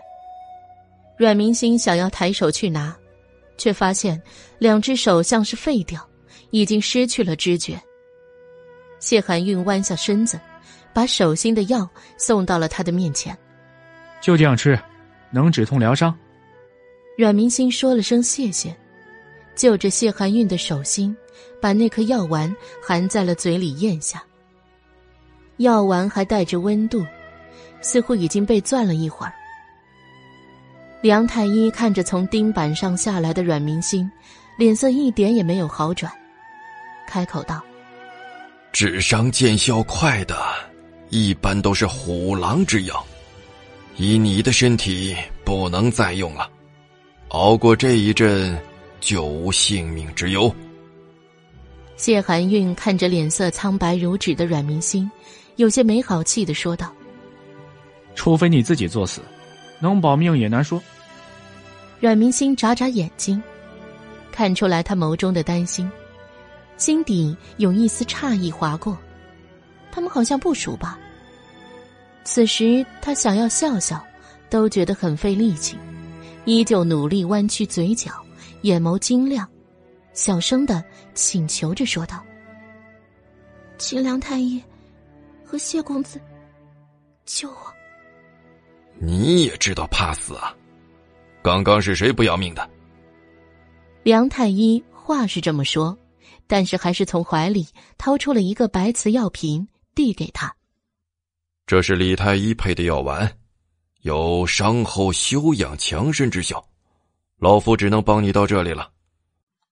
接着，他转身对着阮父说道：“去请李太医吧，他善治外伤，内伤调理他也颇为精通。”收起瓶子后，梁太医站起来，自嘲又自负的说道：“嘿，老夫就是个弄毒的，治不好你这小毛小病。”谢寒韵此时开口说道：“此处有我。”话语简单却又自信。案件的结果已经不言而喻。正好此时。傅伯坐上了按手后的大椅子上，梁太医背起药箱，对他和方大人拱手说道：“方大人、傅大人，应该不用老夫了吧？老夫今晚太医院还有当值，若是无事，就先告辞了。”傅伯立刻起身：“有劳梁太医了，请慢走。”方慎惊堂木一响。公堂再次恢复井然有序，其余人各就各位。小桃红始终跪着扶着阮明星。这场丁刑下来，案件还没有结束，阮明星就已经改变了许多人的看法。没人知道他穿了天蚕甲，但是手臂和腿脚上的伤口血渍，已经足够把他整个人浸泡。一个血人。能活下来，大家都认为这是上天庇佑。六岁的稚子，为母伸冤，算是名动京城。傅伯与两位减轻点头，然后公布道：“本堂案子已结清，雕铺桂嬷嬷谋害阮凤氏，证据确凿。现桂嬷嬷已经畏罪自杀，也算是罪在偿还。”本官在此宣布，阮明勋诬告罪名不成立。诸位可还有异议？大理寺门外的百姓纷纷欢呼：“大人英明，包青天在世。”就是凤追看阮明星的目光，都变得抑制不住的疼爱和欣慰。但恰恰在这热闹欢呼声中，那个虚弱的声音再次响起：“民女有异议。”阮兆林终于忍不住拍桌而起：“阮明心，你做什么？”凤追担忧：“星儿。”阮明心没有管他，让小桃红扶着自己再次跪地。他一跪，就将全身的重量压在窟窿遍布的膝盖上，就像是再次跪在长时间钉板上一动不动一样，鲜血长流，厚重的披风。挡也挡不住，阮明星的目色清明坚定的看着傅伯。大人，民女有异议。桂嬷嬷，她只是帮凶，她背后另有人主使。这句话石破天惊，刚刚随着阮明星说自己有异议而安静下来的百姓又沸腾了起来。阮兆林的脸色一下子变得惨白，藏在袖中的手也轻颤起来。霍征的眸光骤然一惊，担心的看向了那个跪在地上的血人。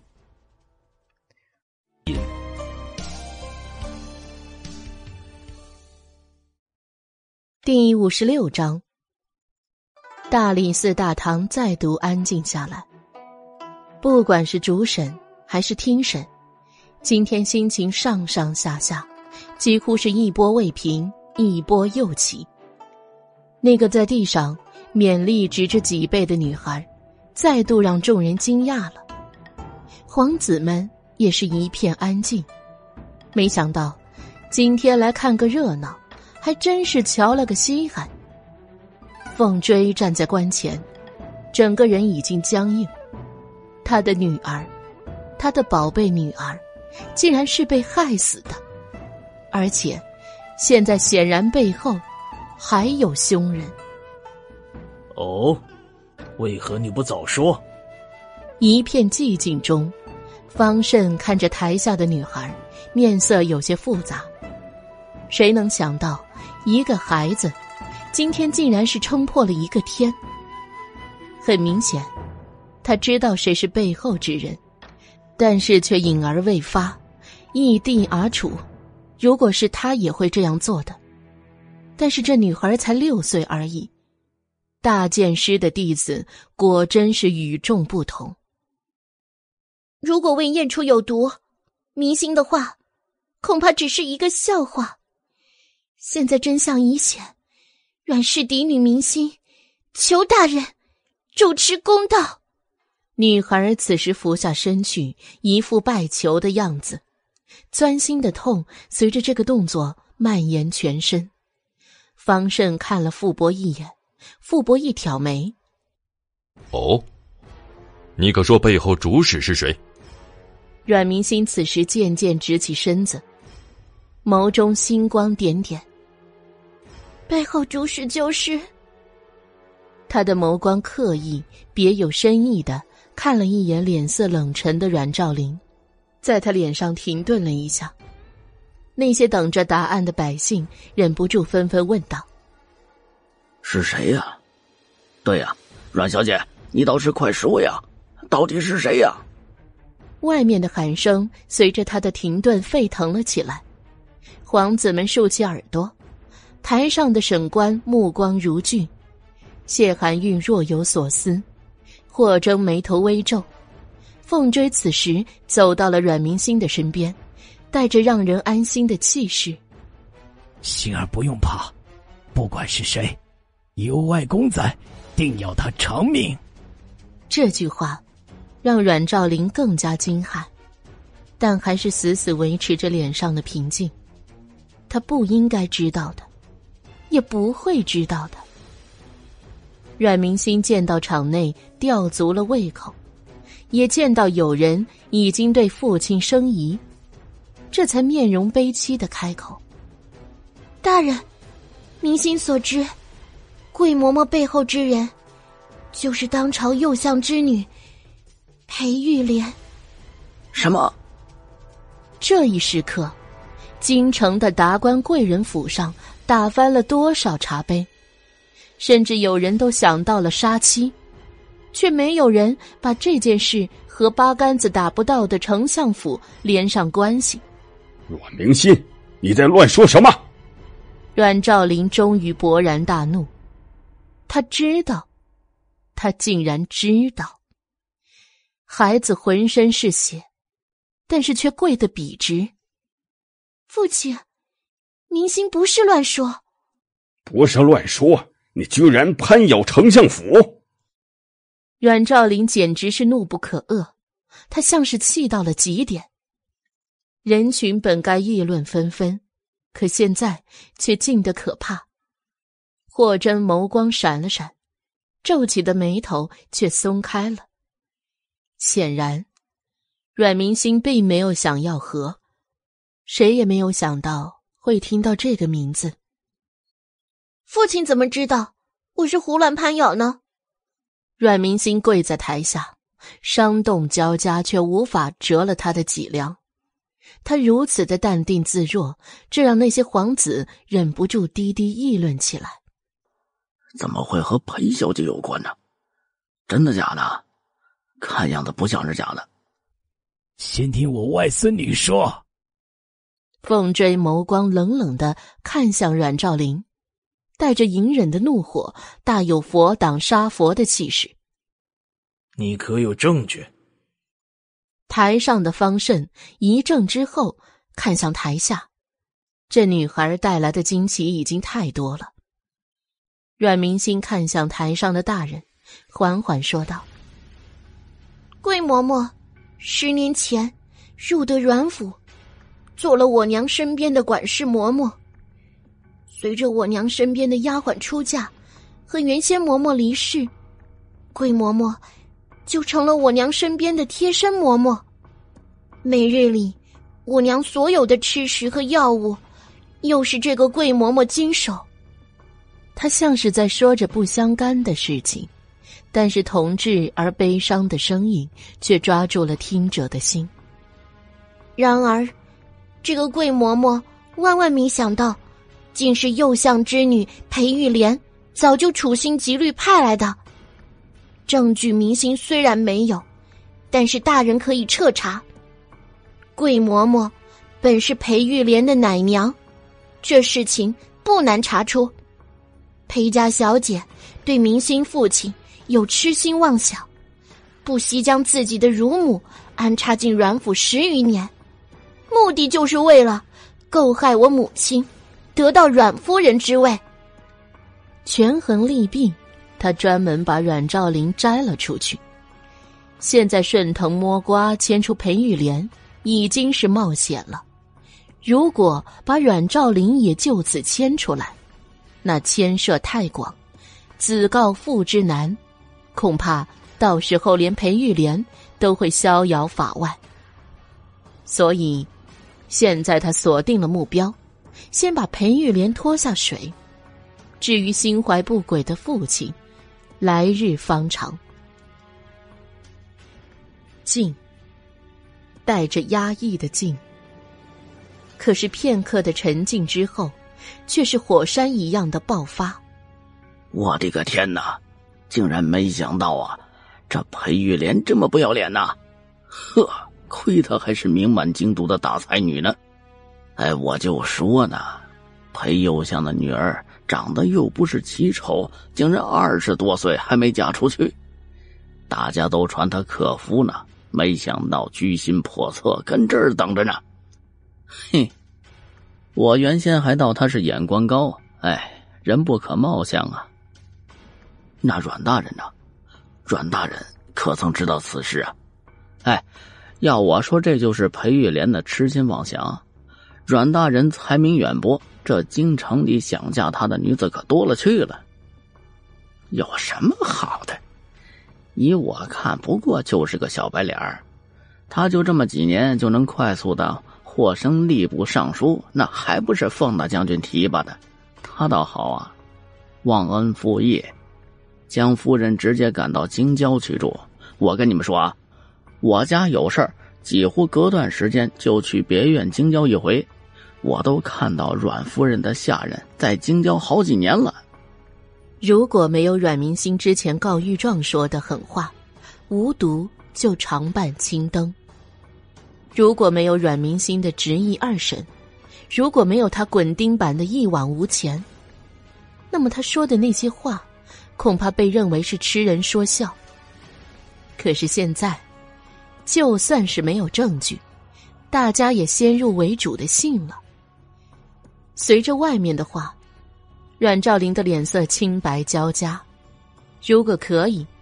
他也恨不得现在就把这个孽女利毙掌下。台上的方胜和傅博脸色也变得凝重，显然没有想到此案竟然牵涉到当朝右相。阮明星，你可知你在说什么？方胜看着台下已经博得在场所有人同情的女孩，他可知道这番话的后果。明星知晓。阮明星忍着痛继续说道：“他主仆二人，不仅是毒杀明星母亲，更心肠歹毒，在棺椁内请人画符，准备让母亲永世不得超生。”女孩凛冽的目光和铿锵的话语，再度引起轩然大波。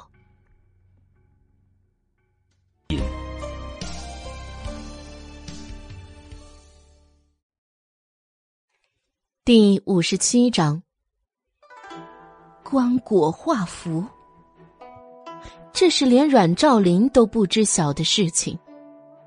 一派胡言！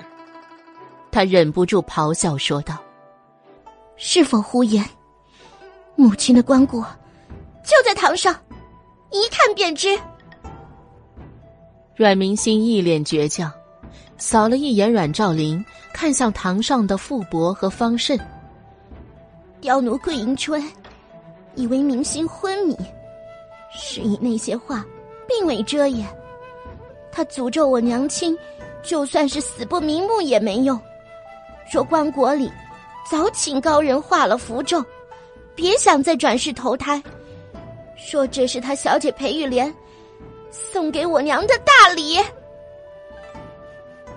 女孩悲言，字字泣血，耸人听闻。凤追此时已经走到了棺木旁，果真看到了棺木里侧的朱砂画符。他脚尖一踩棺盖一侧，用巧劲一踢，棺木盖子立刻被撩了起来。他伸手一按，一人高的棺盖被他按伏在身侧。棺内朱砂符咒映入堂上众人的视线，令人惊骇。这方胜看着那个棺盖，眉头不由一皱。如果这件事是真的，那裴家小姐之心何其歹毒！方大人，这符咒到底为何？去请懂行的人一看便知。凤追沉着脸开口说道：“大理寺就有懂这些符咒之术的人，前来一看，确定是一种厌胜诅咒之术，销魂。”无法投胎，永世不得超生。日头已经开始西斜了。这一天的审案，不知道换了多少看客，可是这一波不平，一波又起的案情，却让人热议不断。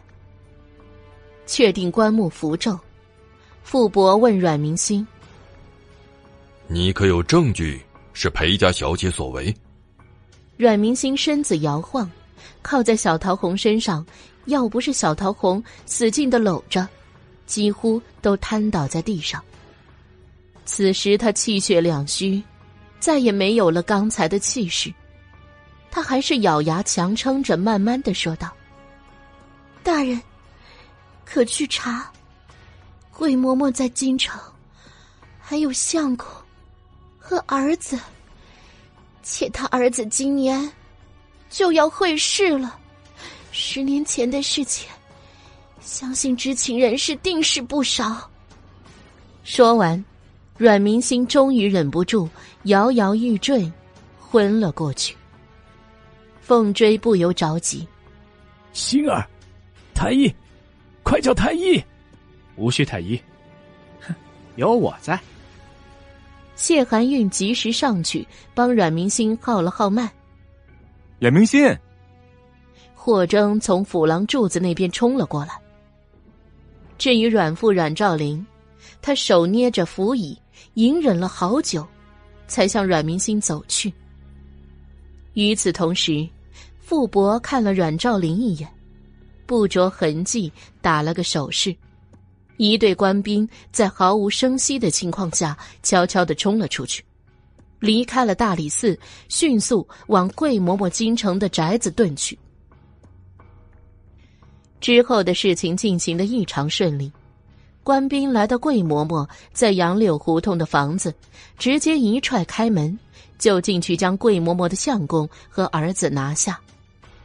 左右的街坊邻居很快围观上来，指指点点。哎呦喂，这天杀的！可算时候有人收拾他了啊！可不是嘛，老天还是有眼的，人在做天在看。以为自己家里出一个奶嬷嬷就宰相门前七品官了，哼！平日里狐假虎威也就算了，欺横霸道，现在吧，可算遭了殃了吧？你们干什么？你知不知道，我家婆娘是右相之女的奶妈？名满京城的裴玉莲知道吧？那个满京城最有名的才女，就是我家老婆子奶大的。现在我婆娘是户部尚书家的头等嬷嬷。告诉你，快点放开我，不然我要你们好看！听这话，押解他的官兵更是把他绑紧了。哟呵，桂嬷嬷是吧？官兵一脸嘲讽。拉着绳子一提，跟我到大理寺去说吧。桂嬷嬷的儿子不像他爹那么欺横霸市。但是在这杨柳胡同里，因着桂嬷嬷的身份，他们家也算是这杨柳胡同里的将军存在，无形之中有一种高人一等的感觉。此时，桂嬷嬷的儿子钱大业，虽然书生文弱，却依旧一身傲气、凌驾他人的样子，开口说道：“你们最好放开我和我爹，不然小心右丞相大人或户部尚书大人。”追究你们责任。有些底层的听命于人的人，他们一门心思向上爬，最见不得的就是本就该是对他们卑躬屈膝的人，却自以为是对他们呼来喝去的模样。哟哟哟，我当谁呢？不过是一个奶妈子的儿子，不过是一个奶妈的儿子，长大了脸也大了啊！抓着他的官兵。一边推搡着他出门，一边嘲讽：“你们还是管好你们自己吧！老子告诉你，就是天皇老子来了，今天老子还是照抓你不误。”说完，那个官兵一泄气，就将他推到了地上。我还忘了告诉你，你们的救命符已经没有了。几个官兵。就像是看死狗一样的看着他们，哈哈哈的笑了起来。钱大业因为手被反绑着，很是困难的自己挣扎着站起来。你什么意思？哼！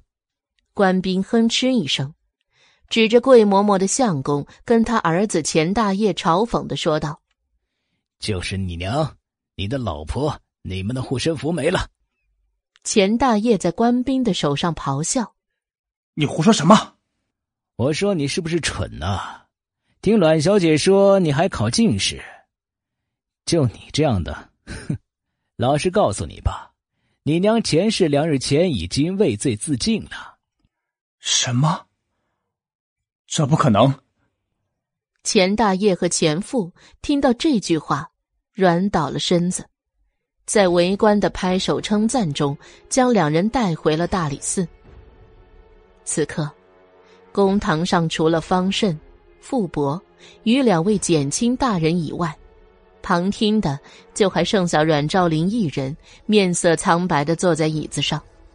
皇子们坐了这么久，也纷纷散了。阮兆林美其名曰，这是他的家务事，也是朝廷命案。一定要为自己的妻子和女儿都讨回一个公道。其余人等全部都已经随着重伤的阮明心与谢寒韵去到后院厢房医治去了。负责的头头上前拱手说道：“禀告大人，我们去捉拿钱氏父子的时候，已经了解到那钱氏却是十年前从右丞相府上出来的。”这几年，他们父子俩在钱氏不在家的时候，在外面假借钱氏和右丞相已经户部尚书大人之名横行霸道，周围的街坊邻居都能作证。此话一出，虽然傅伯和外面的百姓们都是早有准备，但是还是听到了不少不可置信的惊呼声。方慎与傅伯商议之后，已经让人再度入宫请示。得到了宫内传出的指示，他这才再一次拍响了金堂木，里里外外一片肃静。传案犯裴玉莲。此时，夕阳西下，这声传唤，却意味着这案子终于进行到关键时刻，足足耗了一天。可是大理寺门口的人头却依然密密麻麻。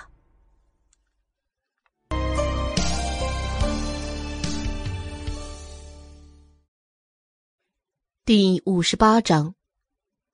今天，因为阮明星的案子，京城雷动。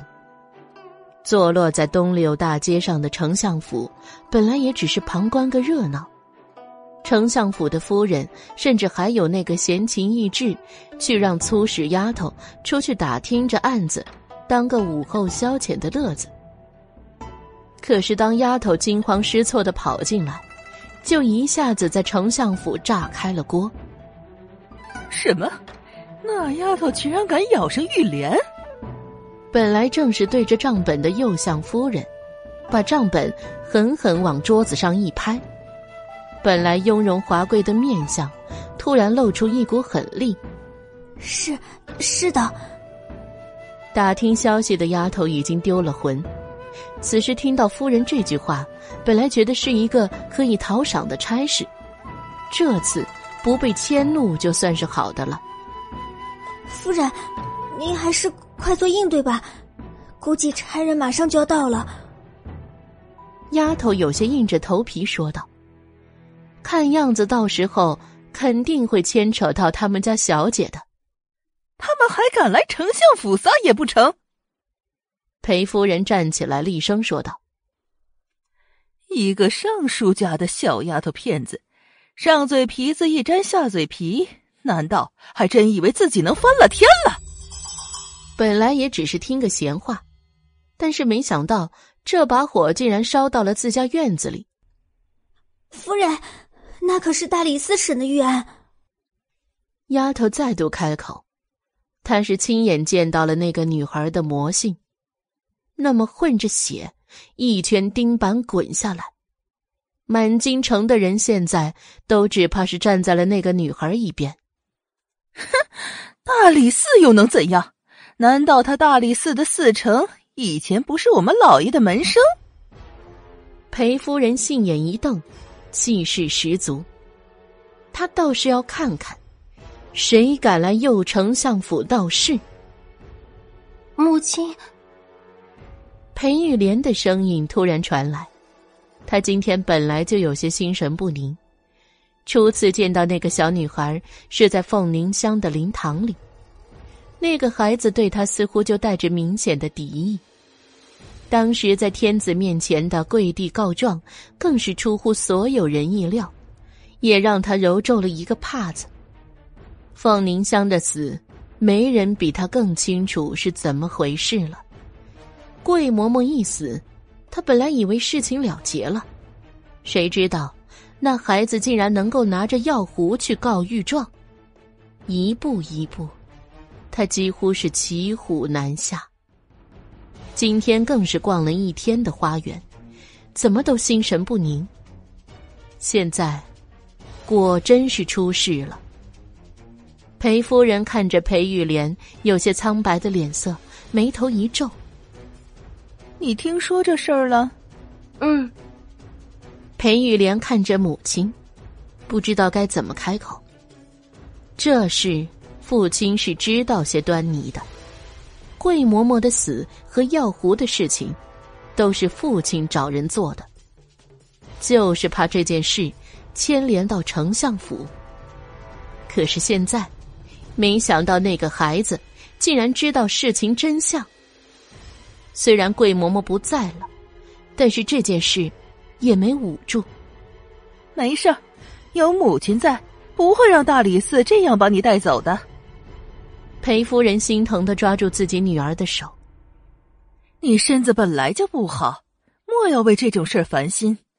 等下母亲让人叫你父亲回来，他大理寺还敢翻天不成？”可是听说已经派人去追了桂嬷嬷家眷。裴玉莲有些欲言又止，母亲不知道事情到底怎样，所以这些话说的理直气壮。可是那桂嬷嬷和他的关系，怎么可能一下子撇清呢？不管是于情于理，他肯定会被叫去问话的。现在就看大理寺能查到何种地步了。他凤宁乡自己身边的嬷嬷出事，关你什么事儿啊？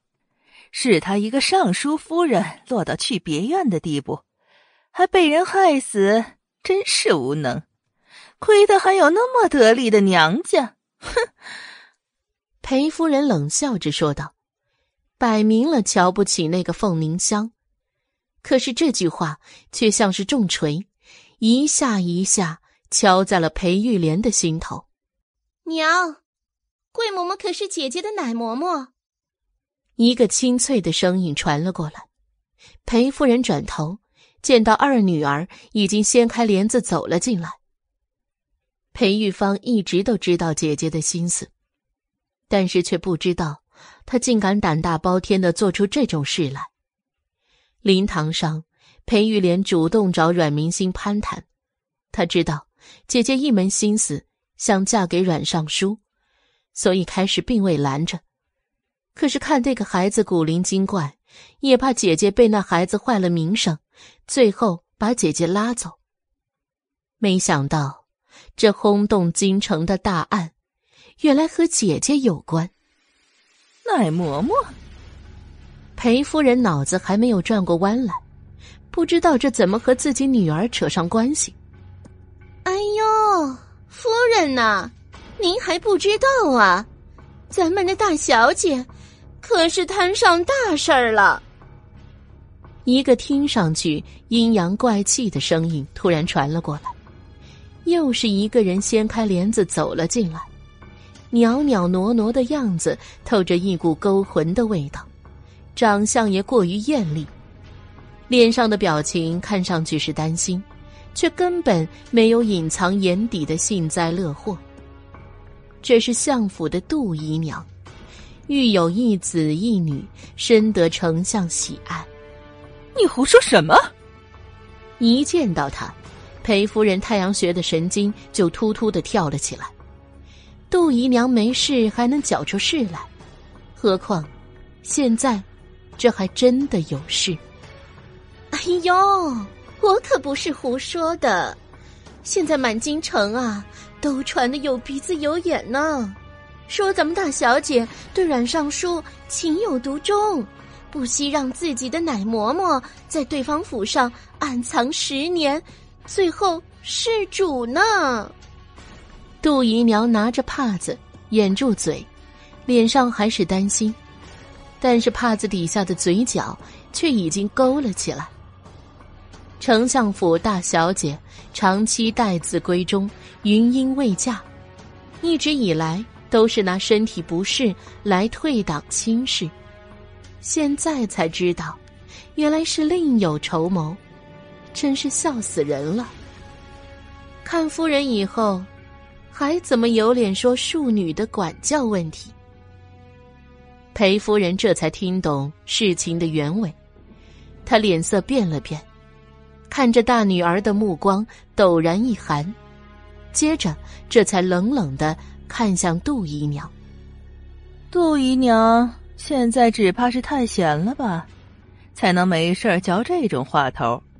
四小姐的教养还真是让人堪忧啊！我看以后玉兰这孩子还是跟我吧。听到夫人要把自己孩子从身边带开，杜姨娘知道这次裴夫人是真的动怒了，立刻变了表情，眨眨眼，委屈的说道：“哎呀，夫人，我也是担心咱们家大小姐呀，看样子今天就要来府上拿人了。”夫人可是要早做谋划呀，这就不劳你担心了。小姐的教养事宜，还轮不到你一个姨娘操心。裴夫人高高在上的说道：“碧云送姨娘回院子，顺便请四小姐去斋堂抄经静心。”这话一出，杜姨娘立刻变了脸色。她不过就是来说了几句气话。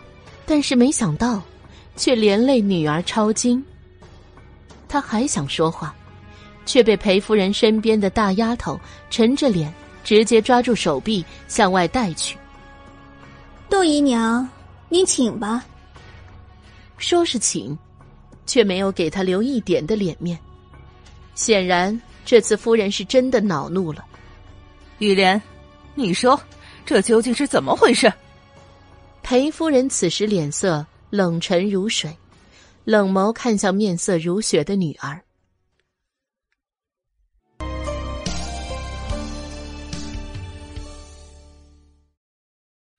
第五十九章。是呀，姐姐，现在这件事情已经容不得你遮掩了，不说清楚，我们不好谋划呀。就连一向云淡风轻。在外很有贤名的裴玉芳，对于此事都已经不知该如何应对了。现在这已经不只是裴玉莲的事情了。要知道，一旦裴玉莲坐实了这件事，不只是丞相府恐受牵连，最主要的是裴家的女儿恐怕就无人敢求娶了。这一败，败的是整个裴家的名声。娘，裴玉莲的声音颤了颤，却不知道从何说起。这里面的阿扎谋划，就算是对着亲娘嫡妹，也有些难以启齿。难道传言是真的？裴夫人的嘴唇抖了抖，指着面前她最喜爱的女儿，也突然有些语不成音。她最最规矩，而且才气斐然的女儿，虽然到现在还未嫁人，却一直都是他心底淑女的典范。而现在，却竟然做出这种事来，并且还让这满京城都知道了。裴玉莲咬唇没有说话，可是这沉默却已经验证了裴夫人的猜测，心像是一下子坠入了无底洞，惊骇的几乎说不出话来。放奴仆出府这种事并不算大事，当年桂嬷嬷告老离去。他也没有多想，左右不过是一个老奴罢了。可没成想，原来这里面还有这般的安排。凤凝香是什么人？别说她是个尚书夫人，但就是奉老将军独女这件事，就绝对不会善了。更何况，如果谋划却只是为了这样一个男人。就算阮兆林是个天仙，难道就值得搭进去自己这样一个女儿吗？啪！狠狠的巴掌音在屋子里响起，连裴玉芳都不由吸了一口凉气。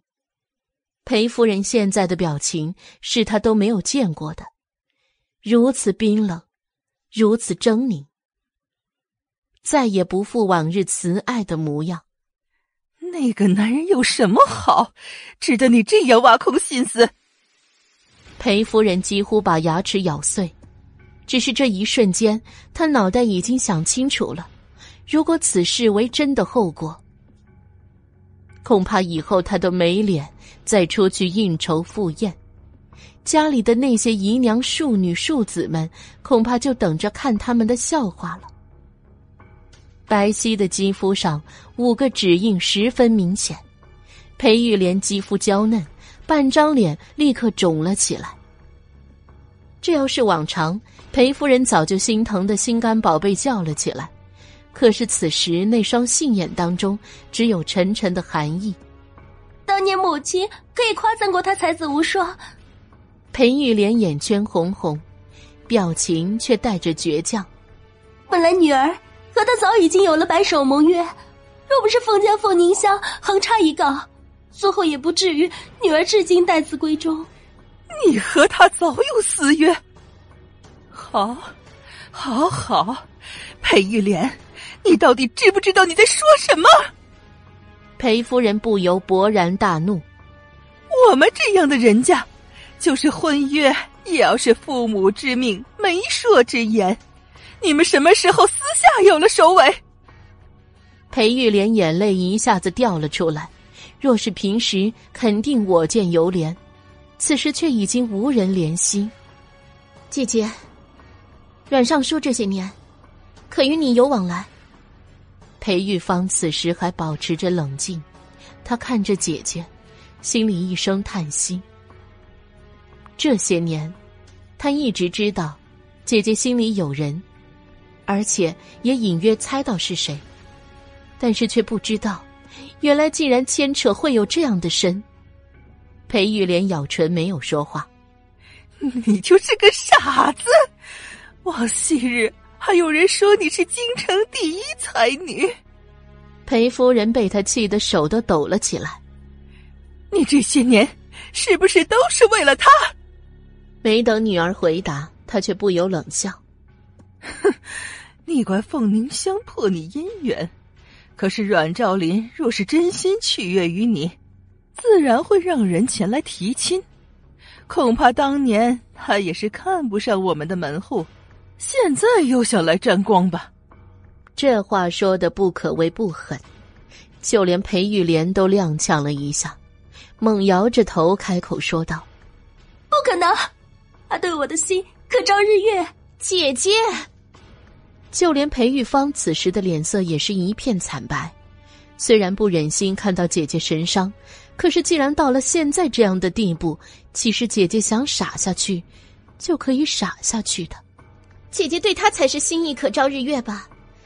可是阮尚书这些年纳入府上的，可不止一人。这是满京城其实都心照不宣的事，不然阮夫人也不会避居别院。如果真的喜欢，又怎么会一个又一个的姨娘抬进府内？这尚书府的子女可比整个淮阴侯府都多。他那是没办法。裴玉莲为阮兆林辩解道，可是话还没有说完，门帘子就再度被人掀起，一阵冷风瞬间吹了进来。老爷，您来了。裴夫人看着阴沉着脸进来的裴相。立刻走到裴玉莲面前，把他护到了身后。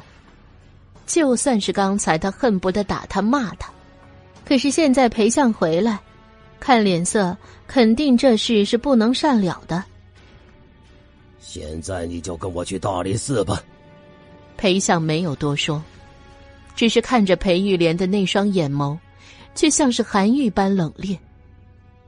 大理寺，那是什么地方？那可不是咱们相府小姐该去的地方啊！裴夫人立刻急了，难道相爷也要让女儿去吗？哼，他若还记得自己是相府的女儿，就不会做出这种事情来。裴相脸色铁青，今天大理寺的事情几乎是万众瞩目，而他更是早早的就去让人打探消息。当知道那个小女孩熬过了丁刑，现场又验出了有毒，他的眼角就开始乱跳。果真，最后还是咬出了相府。爹爹，难道这些年不是你？裴玉莲看着裴相，一脸的震惊和心伤。十年时间，他本来抗不过的，但是父亲却在暗自支持。所以他才会等了这么多年，因为阮夫人这个位置，阮兆林和裴相都说过，必然是非他莫属。可是现在，父亲竟然说是他做出这种事来。当初桂嬷嬷能够混进阮府，没有父亲可是不可能的。就算是现在桂嬷嬷的死，也和父亲。脱不了关系。你在胡说什么，裴玉莲？现在大理寺已经是证据确凿，你主动认罪，为父还能为你请罪容情。但要是你还这样冥顽不灵，就算是天王老子都救不了你。裴相看着裴玉莲的眸光带着威压，似乎在警告他。还是想想后果，有的话该说，而有的话不能说。父亲，裴玉莲不由泪如雨下。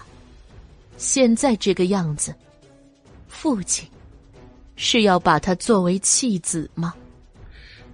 老爷，老爷，大理寺的官差上门了。门外突然传来长随黄吉的声音。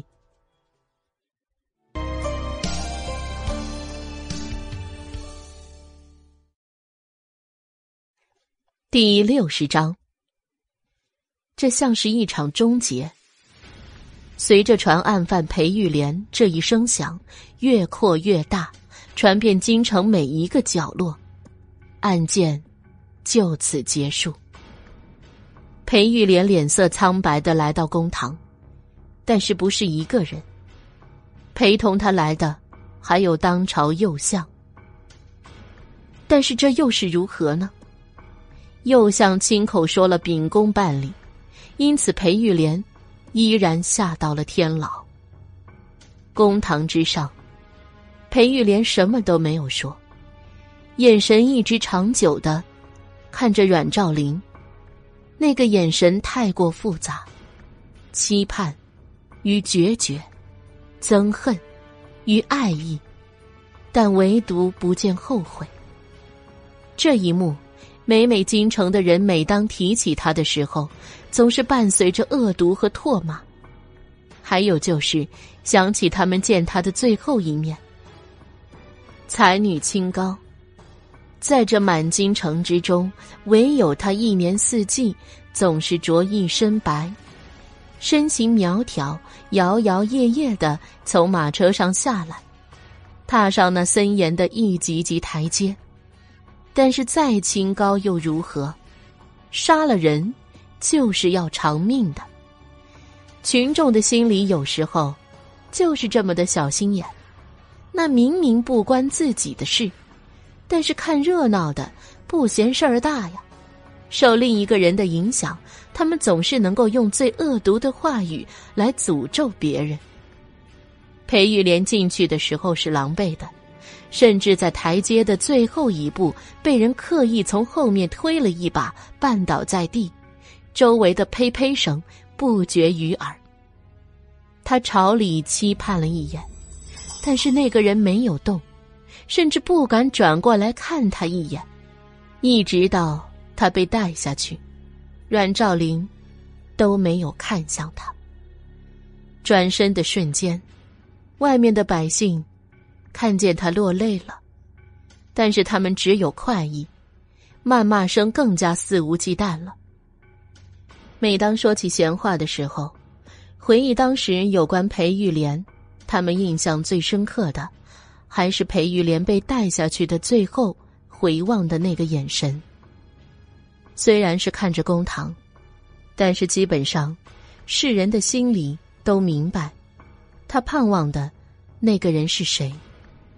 然后说话止住，话锋一转，立马又感叹：“其阮尚书。”真是一个有福之人呢。前有大将军府提拔，后面娶的田房又是内阁大学士嫡次女，可谓这一生又是贵人相助，顺风顺水呀。另一边，阮明星昏迷躺在床上，谢寒韵给他搭着脉，一屋子的人围绕。小桃红担忧的小心翼翼给阮明星擦着额头的冷汗。凤追和凤泽天再站在谢寒韵身后，担忧的看着。凤泽天沉不住气，时不时的要在屋子里来回走动，转上两圈。谢寒韵脸上温和的表情早已经褪去，只剩一脸严肃。他们连呼吸都放轻了。生怕打扰到他的判断。在屋子外面的府廊下，小牙陪着霍征背对房门，静静的站着。小牙担忧的看着他，少爷，这注定不是一个平静的天。狂风之下，大雪被风吹到了走廊下。霍征没有着球衣，一身白色单衣随着狂风呼啸。身形瘦弱又单薄，小牙居然有种害怕，害怕他的少爷就此随风直上九万里，就此羽化飞仙去了。小牙往他的身边靠近了两步，低声的请求道：“少爷，咱们就先回去吧。